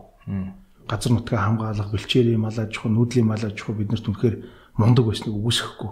А гэхдээ технологи хөгжиж гараад ирэхлээр ерөөсөө малаас гарах энэ хөдөө аж ахуйн бүтээгдэхүүний ашиг шим гэдэг зүйл бол бидний төсөөлтөд шал өөр болсон байна. Би сонирхолтой жишээ хэлэхэд Израиль улс манго жимсээрээ дэлхийд одоо нэг нэмэр шүү дээ. Үйлдвэрлэл дээр ургуул дараа яаж вэ? Цүл дээр ерөөшөө цүл дээр байдаг бас. Жишээлбэл Монгол улстай шүү дээ, тэ. Хөдөө аж ахуйн одоо ми хэрвээ андуураагүй бол Монгол улсын чихшил жилдээ 200 мл. А Израиль бол 100 манаагаас 2 дахин бага. А гэхдээ илүү хуурай улс. Илүү хуурай цөлийн улс. Гэхдээ гаагаас 6 тонн буюу 60 центнер А Монголын ч юм бол хамгийн сайн авдаг нь 30 40 30 40 центнер буюу 3 4 тонныг л авдаг гаагаас. Тэгэхээр Израилс хэд дахин баг гэсэн үг? Үндсэндээ 2 буюу зарим зарим тохиолдолдууд за дунд би дунджаар нь ярих юм бол центнер гэдэг ингээд толгой 2 дахин баг байна гэсэн үг. 2-оос 3 дахин баг байна гэсэн үг. Тэгэхээр энэ юу вэ гэхээр бид нар айгүй баг талбайд их талбай дээр баг үржин шинтэйгээр тариа тариалан буюу эсвэл мал бэлчээрийн мал аж ахуй мянган мянган сая сая толгой малтай ирнэ маш үржил шин багтай махны болон сүүний чиглэлийн өхөр үржүүлж ийна гэсэн үг. Тэгээд бэлчээр будаа болгож байгаа шүү. Тэгээд дээрэс нь нөгөөдөл чинь бэлчээрийн даац хитрэн малын хөл чинь өөрөө бас хорон хэмжээ хязгаараасаа хэтрүүлэн чи хэмжээндээ байл гоё л доо. Гэхдээ хэмжээ хэтрээс хэтрүүлэн чи өөрөө аюулахгүй сүлжилтийн бас нэг суур болно гэсэн хүлэмжийн хийгих хэсэг нь те. Тэгэхээр биднэрт хамгийн зөв юм яах вэ? Ер нь бол фермийн аж ахуй аж ахуйг хөгжүүлэх хэрэгтэй. Ашиг одоо үеийн коэффициент нь өндөр байх хэрэгтэй бол таарч ашиг шимийн өндөр байлаа гэсэн. А Япон эдэр бол одоо алдартай энэ Бразил одоо Австрали үхрийн махад яагаад сайн байна вэ гэхээр ерөөсөө тэр чинь тодорхой системтэйгээр тижээж бордоод махныхын махных үхрийнх бол үхрийн чиглэлээр үйлдвэрүүдийг гаргаж аваад тэрийгээрээ бид нар тэдэнд чинь хөгжүүлээд а тэгээд дээрээс нь бас нэг чухал зүйл юу гэхээр эрүүл ах уу халдваргүйжүүлэлт ямар нэгэн өвчин юм тусахгүй байх бүх нөхцөлийг хангаад тэгээд үндсэндээ эн чинь бол шинжлэх ухаан болоо хөгжсөн баг. Тийм. Тэгэхээр энэ рүү орохгүй бол бид нэр хөгжиж чадахгүй гэсэн үг. Сая жишээлбэл стейк авч идсэн гэж ярьж штэ тийм. Дунджаар рейнж стейкүүдийн рейнж байж байгаа. Жишээлбэл одоо чи нэг Америкт стейк идсэн бол ойролцоогоор 150-аас 200 орчим грамм стейкийг чи 60-аас 60 орчим доллар идсэн байх гэсэн үг штэ. Тийм баг. Ингээ бодохоор энэ бол дундаж төвшингийн буюу дунджаас жоохон дээш нь төвшингийн мах гэсэн үг. А гэтэл сайн чанарын 100 г мах ч л өөрөө Япон өдөрт бол баг 200 100 100-аас 100 г нь Тий 100-аас 200 долларын үнэтэй байж байгаа шүү дээ. Тэр чинь шараа тоглохоор бүр үнэтэй болчихно. Тий нөгөө хүний жишээлбэл хүчин зүйл одоо value added орох юм бол тий. Тэгэхээр ингээд бид нар яах ёстой вэ гэхээр нэг өхрийн махыг тэр өндөр үнэтэй мах өхрийн махын хэмжээнд авчрахгүй бол асар үр дүнгүйгээр бэлчээр сүтгээд тэгээд баахан хүний хөдөлмөр шингээгээд тэнгуүтээ өөрөө ямар ч одоо бенефит авахгүй байна гэсэн. Би сонгодог жишээ хэлье. Одоо Булган аймгийн хотог өндөр шугам Жереми гэдэг нэг Канад нөхөр байж. За. Тэр нөхөр ба шүү дээ. Яаж ийм нөхлөөр ердөө яг л адилхан Монгол нөхөр тийм үү? Яг л адилхан орчин нөхцөлд ганцхан махны үржил шимийг нь гаргаад дээрээс нь тэр махыг катн гэж яаж байгаа юм те. Чи аль хэсгийн огтлж авч аль хэсгээр нь одоо стейк бэлддэг вэ гэдэг эн чинь өөрөө техник шүү дээ. Одоо butchers-ийн өөрийнх нь одоо насаараа butchers буюу одоо нэг юу манахаар юу гэдэг махнад юу гэдэг лээ мах идэх чинь тийм ажил шүү дээ. Тэр хүмүүсийн мэрэгжлийн зүйл байхгүй. Тэгэхээр тэр чинь өөрөө Монголын ресторануудын стейкүүдийг бэлдэж чинь гэсэн үг тийм. Зөв стейк бэлдэхгүй бол бид нар ядаж буруу огтлоход хатуу болно тийм. Буруу шарахад хатуу болно. Дээрээс нь асар үнэтэй тэр малыг одоо хөгж одоо юу үржүүлж тэжээж бий болгочоод зүгээр хэн ч идэхгүй хог үйлдвэрлэж болохгүй байхгүй тийм. Нэг сайн анзаараадсан чинь би сая ингээд аа одоо орон нутгаар их аялж ин л та. Одоо маргааш бас гоё явах чинь. Зааж орон нутгийн кампуудаар аялж ин. А мэдээж одоо нөгөө шин ногоо бол байхгүй байна. Хөдөөгийн кампуудаар. Тийм үү, тийм байхгүй нэ тийм. Яг байна. Гэхдээ цөөхөн. Аа цөөхөн. А гэхдээ ер нь манай Монгол хоол ярахаар ерөөсөл махаар бөмбөгдсөн хоол байдаг шүү дээ. Гэхдээ яг үндэ ингээд ийм том тавхтай махтай хоолыг идэхэд ингээд зажлаад зажлаад хайсан маха харахаар баг энэ стаканы ингээд талаар дүүрмээр их юм хальс бүх бүл бүл хальс хальс идэр нь болж байгаа юм. ингээд айгу тийм малынхаа махыг бид нар ингээд яа ямар учиртай ингээд бүтэн килограмм мах авч байгаа мөртлөө яг ингээд яг ходоодонд ороод шингэх хэмжээний гой зөөлхөн маха бодохоор тэрнийх нь баг 60% байгаа юм яа. Тэг яг хоо эн чинь бас нэг нас насны онцлог штэ. Тэр ягаад вэ? Дээр үед бол бид нар тийм бүлэгтэй зажлууртай махан дуртай байсан юм шиг байна манайхан те. Одоо бол яг тэ тэгээ нөгөө ялгаагүй төрөний хэлдэг штэ. Маха яг зөв ангилж одоо одоо катан буюу зүс зүсэхгүй байна гэхгүй гэсэн үг те. Хоёрдугаар тогоос зүсэхгүйдээ байна уу эсвэл малыг өсөхдөө хитрхийх тэгж юм бас юм шүрмстэй бүс бүлэгтэй болгож өсгөх тэрч бас байгаа. Тэрч бас байгаа. Байгаа. Ер нь бол малын чинь мах хизээ хамгийн зөвлөхөн байх гэхэлэр залуу малын мах л хамгийн зөвлөх шүү дээ. Хөгшрөөл ах тусам булчин шүрмсэн ингээл явсаар агаал сүултээ даагтахаа байлна гэсэн үг шүү дээ. Тийм учраас хүмүүс идэж явахдаа залуу малын мах авнаа гэдэг үстэй. Хизээч хөгшин малын мах авнаа гэж хэлдэг шүү дээ. Ер нь бол дэлхийд даяар бол хамгийн сайн мах бэлтэн гэхэл дандаа тодорхой насан дээр залуу насан дээр нь махыг л авч байгаа шүү дээ. Япон өдр бол бүр газар гიშгүүлэхгүй шүү дээ. Өлөгчдөг байхгүй юу? Тэгэл ингээл пив уулгаал, массаж хийлгээл хөгжим сонсгоол стресс төлөхгүй тэгж дээ маш зөөлхөн баг. Тэгээд дээрэс нь махныхын тэр өөхийг нь маханд нь шингээж ээж Манайхан бол мах яваад өөх байдаг шүү дээ. Аа тэр Япон өдрийн алдартай ийм зузаан мах яваад ийм зузаан шар өөх байдаг тий. Тий. Тэр алдартай махнууд ч юм болохоор ингээд өөх нь ингээд махандаа шингэцсэн алгалцсан байдаг байхгүй. Яг өөх бил. Тэр маш бага. Тэрийг ингээд тариад авчиж байгаа. Тэгээд мах ингээд цагаан улаан ингээд алгалсан гантик чулуу шиг харагддаг тий. Тэрийг нь шарж итгэхэд ямар гоё юм те. Кобе өөхөр байна, баги өөхөр гэдэг. Одоо Монголд бас монгийн өөхөр гэд би сая ийм артаас авч идсэн. Гэтэ яг үнэтэй л юм бэлээ л дээ. Килограмм. Үнэтэй үнэтэй. Килограмм нь баг жири жирийн үхрийн махнаас баг 2 дахин үнэтэй. 2 3 дахин үнэтэй. 2 баг 3 дахин руу байна. Ягаад үгээр өштэй түүний миний тасарсан. Харин тийм байхгүй. Тэгэхээр миний түрүүний хэлдгээр хэрхэн яаж бид нэр тэр ашиг шин буюу тэр нэг value add гэж юмыг бий болгох вэ гэдэг зөвлөлд тооцоолох хэрэгтэй. Ер нь бол мянган үхэртэй байх чухал уу 100 үхэртэй хэрнээ мянган үхрийн хэмжээний ашиг шим одоо авч чадж гин үү гэдэг чинь чухал уу гэдгийг л шийдэл гаргах цаг болцсон байхгүй юу. Тэгж чадвал бид нар энэ бэлчээрээ байглаа хайрлж үрдэн гэсэн. Тэгж чадахгүй бол хэсэг хугацааны дараа эн чинь өөрөө биднэрт аюул болно гэсэн үг шүү дээ. Тийм. Надад зүгээр нэг ийм юм санагдаад байдаг байхгүй юу. Монголчууд тэгэл нөгөө одоо юу ч үгүй тийм хоолн дотор ялаа орж ивэл зүгээрээ хэрээ ол сайхан гэл махан дотор нь илс явж ивэл зүгээрээ сайхан наадах чинь гадаа төмпөнд яатсан Монгол хүн хамаагүй хээгүүн дээр гэл ингээл нэг юм өөрсдийнхөө юмыг төгс хийж чадахгүй байгаагаа нэг юм хээгүү сайхан энтер гэдэг үгээр айгүй хатгалдаг. Тэ? Гүндүгүү юу? Гүндүгүү энтер гэдэг үгээр айгүй хатгал. Яг хуу тэр зангууд нь гой цана л та. Тэгтээ зүгээр тэрүүгээр айгүй хат халахалж өөрсдийнхөө яг энэ мал аж ахуй хоол хүнсээ ингэж гой хөгжүүлэхгүй те. За юм сүртэй эр хүн байж чи тэгэл бүлэх мүлэх залгич нь л үзгээл баг ингэж ханддаг те. Яг үндэ тэр чинь тэгэл үнэхээр гадны жуулчд ирээс сор идэхгүй л байгаа байхгүй. Тийм ээ. Тэр өөрөө чи ялгаал ингээл тавгны гадаа хийж хөгжил байх хэвээр хөгжүүлэх хэвээр л да. Түрүүний миний перу хэлдэг 4800 төрлийн хоолны менюг ягаад төвлөржүүлээд гоё хоол игээд хүмүүс тэр хоолыг үнэлээд байгаатай адилхан Монгол хоол хөгжих хэвээр байхгүй юу? Тийм.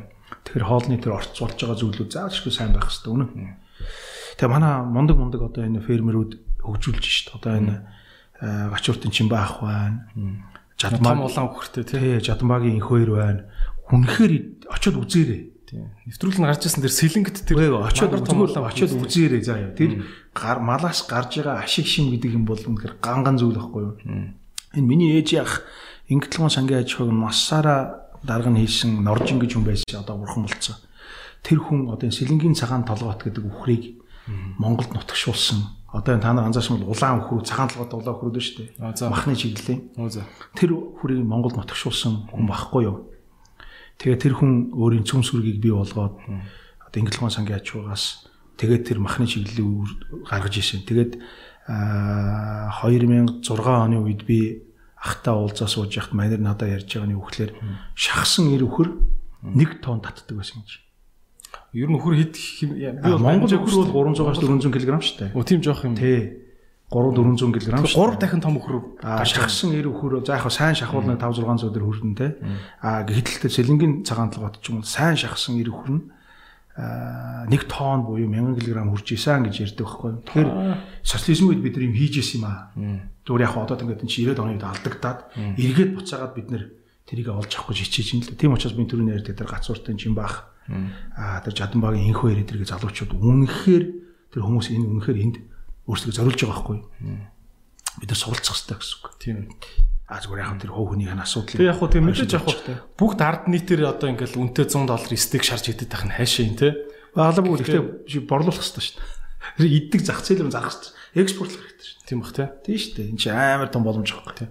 А бүх бүх Монголынхаа өхрийг экспортлох жоохын оронд би ойлгох ингэж болгоод байна л да. Айхтар өндөр ашиг шимтэй өхрүүдийг цөөн тоогоор ингээд үнтэй зарж чаддаг л тийм л баймар байна тий. Одоо хэдүүлээ зүгээр нэг жишээ аваад харъя л да. Одоо манай Монголын гайгүй ресторанд Австрали өхрийн мах гээд Монгол өхрийн махаас хэд их үнэтэй стейк байж байгаа үстэй. Тэгдэг.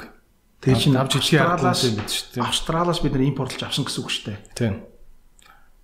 Яагаад тий? Яагаад? Тий. Тэгэхээр бид нар энд Монголд тэрнтэй өрсөлдөх хэмжээний өхрийн махыг боловсруулж чадахгүй байгаа бол манайс өөртөө л өөрөө өөрөөсөө л яагаад вэ гэдэг асуултыг л хайх хэрэгтэй. Таны өсгөж байгаа өхрүүд хэр ашиг шимтэй байна? би бол одоо дөнгөж эхэлж байгаа болоогүй. Болоогүй. Болоогүй. Ер нь таны зорж байгаа хугацаа ирэх. зорж байгаа ашиг шим чи юу вэ? За тэдэн килограмм татдаг. Цэвэр тим хэдэн килограмм стейкний мах гарчдаг. Хойло 5 жилийн дараа муу тодорхой хугацааны дараа энэ асуудлаар хойло бүр жижиг нөгөө махан дээр юутай яри заяа. Нөгөө юм бодит зүйлд. Одоо бол нөгөө э, юу ч хийж үзээгүй хүн уул үзээгүй одоо ботлаа шуу гэдэг шиг би яг энэ мундаг хүмүүс энийг хийгээд ингэсэн байхад би хажууд нь олон долоо Ер нь нэг махны зочин оруулъя. Тэ. Надад энэ махны сэдв маш сонирхолтой санагдаад байгаа байхгүй. Нэрэл би ингээд биш хөдөө аж ахуй Монголын бас асар том юм шүү. тий тэгэд нүү хоолны хаягдл гэдэг ч өөр айгүй чухал байхгүй. Одоо зүгээр бодоод байна л та. Та хэллээ шүү дээ.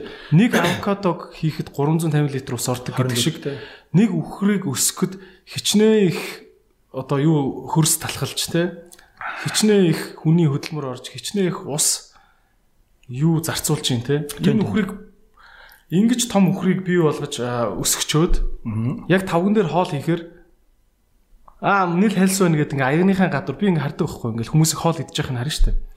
Уг нь бол ингээл гэр бүлийн хүмүүжил бол хоолоо дуустал идэх хүмүүжлтэй. Гэхдээ ингээл ингээл бөөнөр явж байхад харахад ингээл хараал харахад хүмүүс дандаа ингээл махаа зажлаад тавгныхаа хажууд овоолдог байхгүй. Ялангуяа гадныхан бол махаа зүр зажлагч үлдэн шүү дээ. Тэгээ би бодож байгаа байхгүй. зүсч үзэл үлдээч байгаа шүү дээ. Тийм би бодож байгаа байхгүй.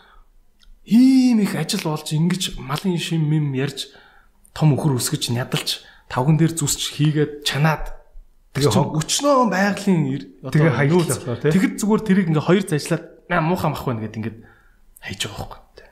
Тийм тэгээд анхаарах хэрэгтэй зүйл. тэгэхээр хайж байгаа хүнийг чи юу маягтай ид гихэн ч одоо хайшин.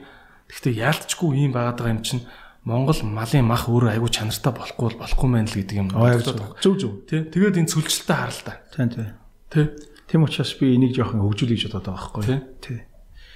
Яа бүр нэрвчлээ. Сүртэй шүү дээ. За аль нэг Ямар ямар юмд нэрвтэй чинь нэрвтэх байхгүй байх. Хөгжөөл шүү дээ. нэрвт юм биш үү те энэ цодоос. Та нар нэрвтэл одоо бид нар яах юм болж байна. Нэрт юм шүү. За тэгээ Витори ярьцлага нэлээд өндөрлөх тал руугаа хандж чинь тэгээд аялагч Батбаяр ах тий. Батбаярын бас хувийн нэг хобби би бас таныг авчирч гэж гуйсан. Таны сигар байгаа тий. А сигар сигар яг хөө мэдээж битээр арх тамхи сурчлах гайгүй энэ ч одоо арх биш гэдгээ одоо өчнөө их ялаа шүү дээ тийм учир начин нэрлээ тий. А мэдээж залуучуудыг тамхинд өрөөлж байгаа юм биш шүү. Би тэгтээ бас хувийнхаа нэг юунаас тий туршлаас энэ талаар ер нь мэдлэгтэй байх нь зүгээр юм байна гэж бодсон байхгүй би нэг а, солонгос а, одоо нөгөө түрүүн би Стэнфорд их сургуульд ээждэг амт явсан ярьжсэн шүү дээ би сураагүй л дээ зөв дагаж явсан дээ тэгэхэд а тэнд найзлан найз маань бүр сүулт ингээд том том болцооч ш тойлоо. Тэг чин би 10 жилийн хүүхэд байгаа шүү дээ. Дагаж явж исэн тий. Тэгээ бүр сүл том болчоод уулзахгүй. Манай хүн Кореnerт ажилладаг гэд. Аа за. Тэгээд би бас солонгосоор нэг хоёр өдөр дайрж яваад уулзахгүй. Тэгсэн чинь намайг за найсан чамайг айгүй хүндэтгэлтэй ингээд найзгаа дайлдаг стилээрээ дайлъя гэд. Гой солонгос өхрийн мах шарж өгөөд амар гой мах. Тэгээд нөө солонгосууд чинь тийм мод илэрсэн юм байна. Өхрийн махаа ингээд шарангуудаа хажуу талд нь чиз ингээ хайлуулсан байдаг. Дүрээ чизтэй ингэж ороож махаа иддэг. Тийм юм тийм үү? Үзэж шít. Та үзсэн тий? Тий. Тийм юм идлээ. Гоё шít. Тий. Амар гоё мөлий. Тэгээд аа юу руу орлоо? Cigar House гэдэг юм руу орлоо. Орсон чинь ингээд Cigar Club. клуб. Орсон зөвхөн membershipтэй. Тийм ээ. Зөвхөн танил талаараа ордог. Тэгэд орохдоо хувцсны кодтой. Гоё юм юутай орох хэвээр. Гоё сороочг морочгтой, цэвэрхэн хувцтай. Пүүз хүмүүстэй орохгүй. Тэгээд орлоо. Орсон чинь ингээд амар гоо ярьсан юм. Dress code-тай байна лээ. Тий. Тэгээд ингээд номын тавиуруудаар ингээд хашигдсан. Яг хоёр хоёроор ингээд суудаг юм гоё. Private орчинтой. Lounge маяг. Lounge маяг. Тэгээд виски мискиг шилээр нь авт юм. Тэгээд тэрийгээ дахиад нөгөө ингээд шилээр нь дуустал уухгүй. Шилээр нь авчаад ингээд нэг нэгийг л хоёр хоёрыг л Нэрээ бичээд ингээ хадгалуулчихдаг. тийм тийм шиг лээ. Окей. Тэр шилтэй тим аудер гэл нэг шилээр нь авчих. Тэгээд дуу- дуусна ерөөсөө талд нь ч оролдог юм байл шүү дээ. Тэгээд наа цигар гэдэг юм чинь татлаа. Тэгээд би бол тухайн үед ойлголтгүй байгаа шүү дээ. Тэгээд энэ их юм залуучуудын бас мэдүүл хэрэгтэй юм байна л гэж бодсон юм л та. Тэгээд таны талаар таны талаар ярьж өгч. Тэ яг хуу шигаар гэдэг зүйл бол өөрөө маш нарийн түүхтэй зүйл. Яг хуу шигарыг хийхэд бол цэвэр табако буюу шигарын навчаар хийдэг. А ердийн янжирууч бол нэг химик химийн юунуудаар э, нэмэлтүүд байгаа шүү дээ. А шигарт бол тийм байдгүй байхгүй юу? Нэг талаас нөгөө талаас шигарын а, одоо гол брендийг бол Koiba гэдэг брэнд байгаа юм. Кубин. Түрүүн би ярьсан шүү дээ ингээд нөгөө өргөрөг байна. Вино ургадаг, кофе ургадаг, э, усан үзэм ургадаг, кофе ургадаг. Энэ өргөрөг чинь шигаар ургадаг өргөрөг бас байна. Өө за. Зөвхөн тэндээ л орно. Тэ тэр бол одоо шилбэл ер нь бол Төв Америкийн бүс байхгүй юу? Тийм учраас аа, Куб хамгийн сайн шигаар ургана. Дараа нь Dominican Republic. За тэгээд Nicaragua. Тэгээд тэр хавийн жижигхэн аа, Колумби дэргээд улсууд байгаа. Тэр ерөнхийдөө бол ус үзэм сайн ургадаг газар, кофе сайн ургадаг газар, шигаар сайн урганаг ойлгочд болно. А энэ ингэж явсаар хагаад Индонезийн Суматра эдэр дээр сигараас ургана гэхдээ маш муу сортын навчтай. А Кубын арал дээр анх улаан ажиллагч нарыг буюу Испанийн колоничлогч нарыг буухад Тайно гэж индиан индианууд байсан юм. Тайно индиан хэлээр табако гэдэг үг чинь коиба гэж үг. Аа за. Тийм учраас коиба гэдэг нэр гарсан байхгүй юу? А ягаад гэвэл сигар өөрөө дотроо маш олон брэндүүдтэй. Тэрний хамгийн төгс сайн брэнд нь бол коиба. А Cuban Tobacco Corporation гэдэг үгийн үндсэндээ бол илэрхийлэл бол коиба. За Фидел Кастро өөрөө энийч баг амбассадор нөхгүй? Аа за. Тэгээ яг маш олон сигарууд бий. За сигар бол сүүлд нь Европт очсон. Очсон хойно маш дүү- дүгэн дэлгэрсэн. Дүгэн дэлгэрхтээ голдуу язгууртнуудын хооронд дүгэн дэлгэрсэн. Аа хүмүүс сигар татах гэхээс илүү ерөнхийдөө бол энэ бол бизнес харилцааны гол зүйл юм байна. Тийм учраас язгуур Гой уур амьсгалыг бүр- бүрдүүлж чинь тий. дундаж сигар нэг ойролцоогоор 40 минут. За цаашдаа бол нэг цаг 30 минут. За том сигарууд бол 3 цаг татдаг. Тэгэхээр хүн за 40 минут нэг хүнтэй сигар татна гэх юм л юу их вэ? Тухтай юм аярна гэсэн үг тий. дуртай юм яг ингээ нээлттэй ярьж чадна гэсэн үг. Тийм учраас сигар бол өөрөө тийм соёл болсон. Тэгээ сигарыг зөв татах хэрэгтэй. А хамаагүй зүгээр яагаад татаад байх. Сигар сигарч нэг сонь уушгилтгүй учраас зүгээр ингээ амандаа игээд гаргадаг те. За яг винотой адилхан сигар яг ингээд нөгөө жавжаараач ингээд амт мэдэрч болно. Сигар өөрөө дотроо гурван төрөл одоо би жишээлбэл чамд энэ хоёр төрлийн сигар авчирсан. За энийг бол сигар контейнер гэж байгаа. Сигарын сав гэж байгаа те. За. Тэгээ ингээ онгойлгонгууд дотроос ингээ сигар гарч иж байгаа тийм. За энэ сигар ч юм бол өөрөө нэг зүүн сая явж. Ийм мүлгэр үт юм тий. Тийм үгүй. Энэ хэсэг ингээ сигарч дотроо гурван хэсэгтэй. Би нөгөө кинон дээр оруулж ирсэн. Яаж исэн бэ гэхээр сигарын үндсэн боди буюу дотор нь ингээ би хэсэг нь үйж байгаа. За.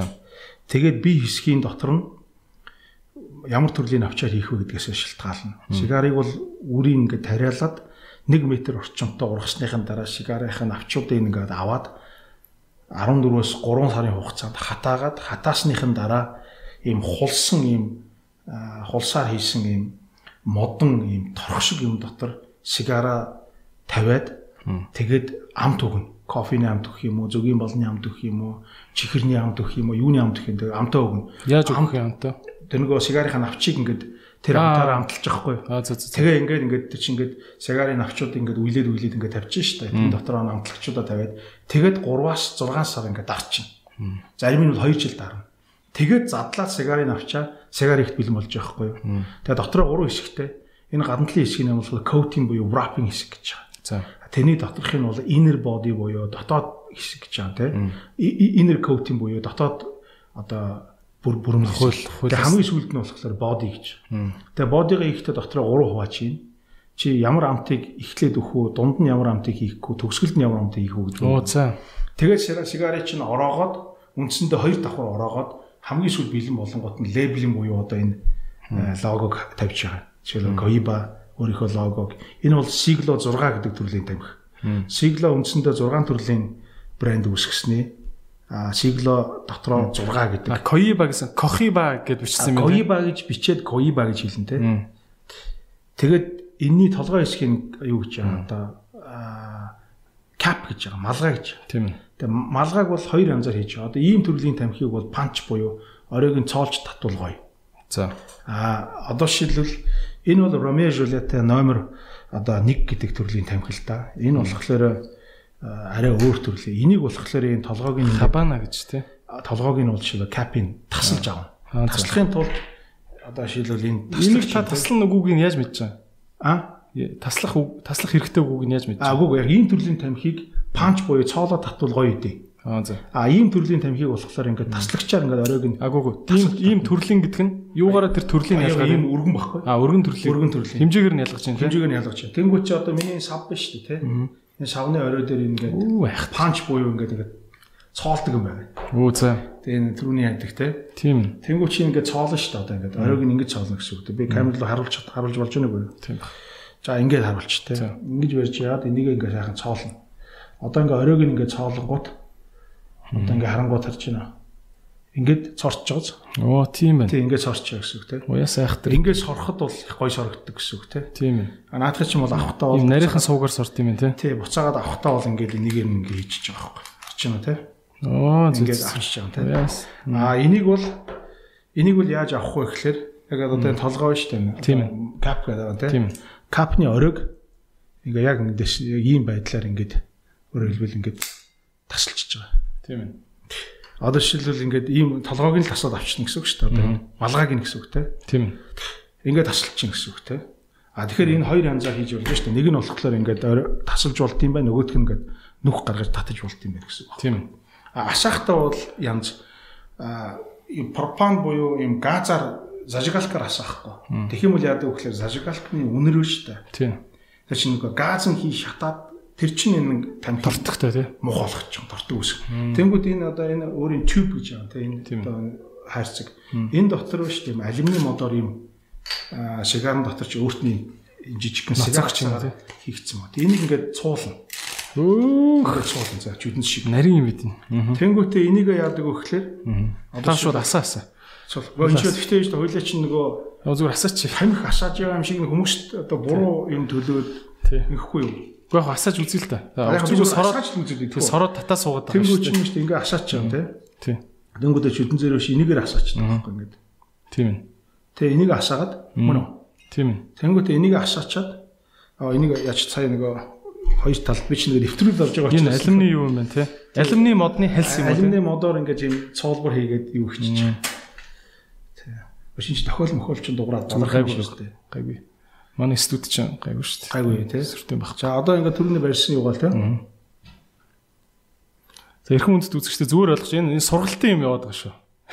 Тамхи татсан гэд хэрэгт орох вэ. Аа ингэж нилээ ноцоод юм тий. Төрүүлж. Нөө Жо Рогны шоун дээр Элон Маск нэг тамхи татсан шиг юм болж байна. За ингээд асаач байгаа тийм. Тэ ингээд сигараа татч болно. Тэ яг хуу ерөнхийдөө сигарыг зөв асаа гэвэл ингээд агаарт ингээд сэгсрэх хэрэгтэй. Тэгэх юм бол ингээд яг ингээд бүтэн тойрог асан. Тэгээ эн чинь гоё ингээд жиг тасах хэрэгтэй тийм ээ. Ингээд сигарыг ингээд асаагаа тавьчихад унтардгүй гэсэн үнэн? Унтарна. Өөрөө унтахгүй тий. Тэгээ ерөнхийдөө унтарсан. За тэгээд дахиад уучлахгүй би сигар ерөөсөө сурчлаагүй хэрвээ намайг эндээс болоод зөрчлөө хөл мөлөөр торгож байгаа хүмүүсээ үл эртхэн шиг идрийг торгоорой. Би яагаад ч би хариуцлага үлээ. Би яагаад ч биш. Дээрээс нь би залуучуудад сигар сурчлаагүй шүү. Би ерөөсөө сигарын тухай энийг би зүгээр юу хэлж ийн гэхлээр түрүүн ярьсан. Тий. Винол соёл Тийм. Кофе ч соёл. Кофе ч гэсэн соёл. Кофег жишээлбэл арай би Колумбид явж байгаад кофе хэрхэн яаж нэрдэг вэ гэдэг талаар би үзүүлж ирсэн те. Тийм. Вьеноны хондонд кофег ууж уух хэрэгтэй юм бол сайн кофег уух. Тийм байлээ. Тэр дугаарыг чи үзсэн. Үзсэн үү те. Яг тэнтэй адилхан нэг залуу үзүүлдэг те. Тий. Сигар бол өөрөө соёл. Тэгэхээр хүн энийг сигарыг заавал ингээд татах гээд ахта биш. Энэ соёлыг мэддэг байх хэрэгтэй байхгүй юу? Тийм. Яг энэ сигарны соёл маш ингээд дэлгэрсэн те. Яг бизнес улсууд нь заавал сигартаа явдаг тийм улсууд ер нь юу вэ? За яг хоо ерөнхийдөө бол зөвхөн зөвхөн улс гэж хэлэхээс илүү том бизнес хийж байгаа ихэнх хүмүүс бүгдээрээ сигарт татдаг. Тийм бах тий. Энэ нь бүгдээрээ сигарт татдаг. Яг л үгээр тэр хүмүүс чинь ингэдэг байхгүй юу? Сигарт татах гэж татаад байгаа юм биш. Тий. Аа арх уух гэж ерөөсөө виски уух гэж суугаад байгаа юм чи сая хэллээ шүү дээ. Тий. Энэ яаж юм гэхэл хүмүүс хоорондоо ийм bonding буюу conversation хийх шалтгаан энэ байгаад байгаа юм. Тий. Тийм учраас хүмүүс сигарт хүний өөр жишээлбэл ингээд алдартай бизнесмэнүүд голдуу байдаг бол хоёулаа гольф тоглоё гэдэгтэй. Тий. Гольф тоглонгоо асуудал юм ярьдаг. Шигаар татангаа бизнесээ ярьдаг. Аа гой виски юм уу. Тэгээ виски Хилцлийг өөрийг нь зөөлж яадаг те. өөрөөр хэлбэл нэг сонирхол ижил энэ төвшин дээр юм ярих гэж оролж ийн гэсэн үг шүү Тийм тий. Тэгэхээр яг бизнес дээр бол энэ байдаг зайлшгүй зүйл гэсэн. Тэгэхээр энийг тэр зүйлийн хэсэг гэж ойлгол болно. Тэрнээс биш арх таних гэдэг утгаараа харах юм бол тэгэл туйлшил бол авчиж байгаа. Тий. Тэгэхээр би залуучуудыг буюу хүмүүсийн зүгээр ийм соёл байдаг энийг мэдээсээр гэж хүсэж байгаа. За баярлалаа тэгээд Бабир бах маань тэгээд одоо тий сигар асаж үзүүлсэн Юу шүү дээ. юу ч яг ч юм да сая. Одоо баг Хоёлоо хамгийн өргөн сэдвээр ярьсан дугаар боллоо. Миний бодлоор тий. Камерны ард Тийм. сигар татсан эргээр хэрэгт орчоо залуучууд үнэхээр намайг уучлаарай. Би одоо дахин дахин уучлахгүй. Намайг нандид байт юм байна тий. Ямар гоё хийц мэдтэй тийм ээ. Яг өрг Кохиба юуных юм Ко- Коиба гэж унших юм уу тий. Коибагийн 50 жилийн яваар хийшин таслагч. Тэгээ би чи хараа хөрх энэ минь аяга хайртай нь ягаад гэхээр энэ миний дээр ингээд скотч наацсан байгаа юм шүү дээ. Халцарч малцарсан. Ягаад ланс Халцраагүй нь халцраад ахаар нь скотчсон юм Айгу уу? удаан жил хэрэгжилж байна. Би үү, баг 5 6 жил хэрэгжилж байгаа хаа. Тийм бах. За 9 доо олон соёлоодыг мэдж авлаа. Тэгээд өнөөдрийн нэвтрүүлгээ одоо ингээд энэ хүрээд өндөрлөе. Баярлалаа чам. Эрх мөндөд үзэгчтэй. Тэгээд өнөөдрийн нэвтрүүлгийн спонсор Ecos Ecos ус байлаа. Тэгээд маш зөөлөн гоё амттай шүлтлэг ус байгаа. Тэгээд таныг бас ийм олон соёлыг бид бүхэнд бас танилцуулж үдсэн харсан зүйлээсээ харамгүй хуваалцсанд маш их баярлалаа. Тэгээд цааш цаашдаа олон улсаар аялаарай. Тэгээд аяллахаа одоо таны одоо аялсан улс дахиад нэг 50-аар нэмэгдсэний дараа дахин ярилцахыг хүсэж байна. Маш их баярлалаа. За чам ч гэсэн баярлалаа. Тэгээд альва нэгэн зүйл одоо юу гэдэг нь цензургүйгээр яг ингээд өөрийнхөө байгаад залуучуудад дуу хоолой болоод ялангуяа та нар шиг энэ инфлюенсеруудын үнэхээр энэ их оронд хэрэгтэй байгаа нэг чухал зүйл юу гэхээр сайн бүгдийг хөрөөлж явах, сайныг түгээж явах гоё гэрэл гээтэй зүйл байдаг. Тэгээ би хүмүүсээс чиний тухай аягүй сайн репутац авдаг. Аа англи хэл сурах тухай хүмүүсийн өөдрөг байх тус тухай өөрөө өөртөө хариуцлагатай байх тухай гэдэг аягүй олон зүйлүүдийг чи залуучуудад уриалдаг. Тэгээ би чамайг keep going гэж хэлээ да. За хичээе. хичээгээрээ те. Хичээе. Ах нарыгаа бас дундуур нь бас жоохон тоожоор бити хамаагүй гэж зөхөд байгаа. Баннер гэдэг. Тийм. Окей. Амжилт хүсье. За баярлалаа. За.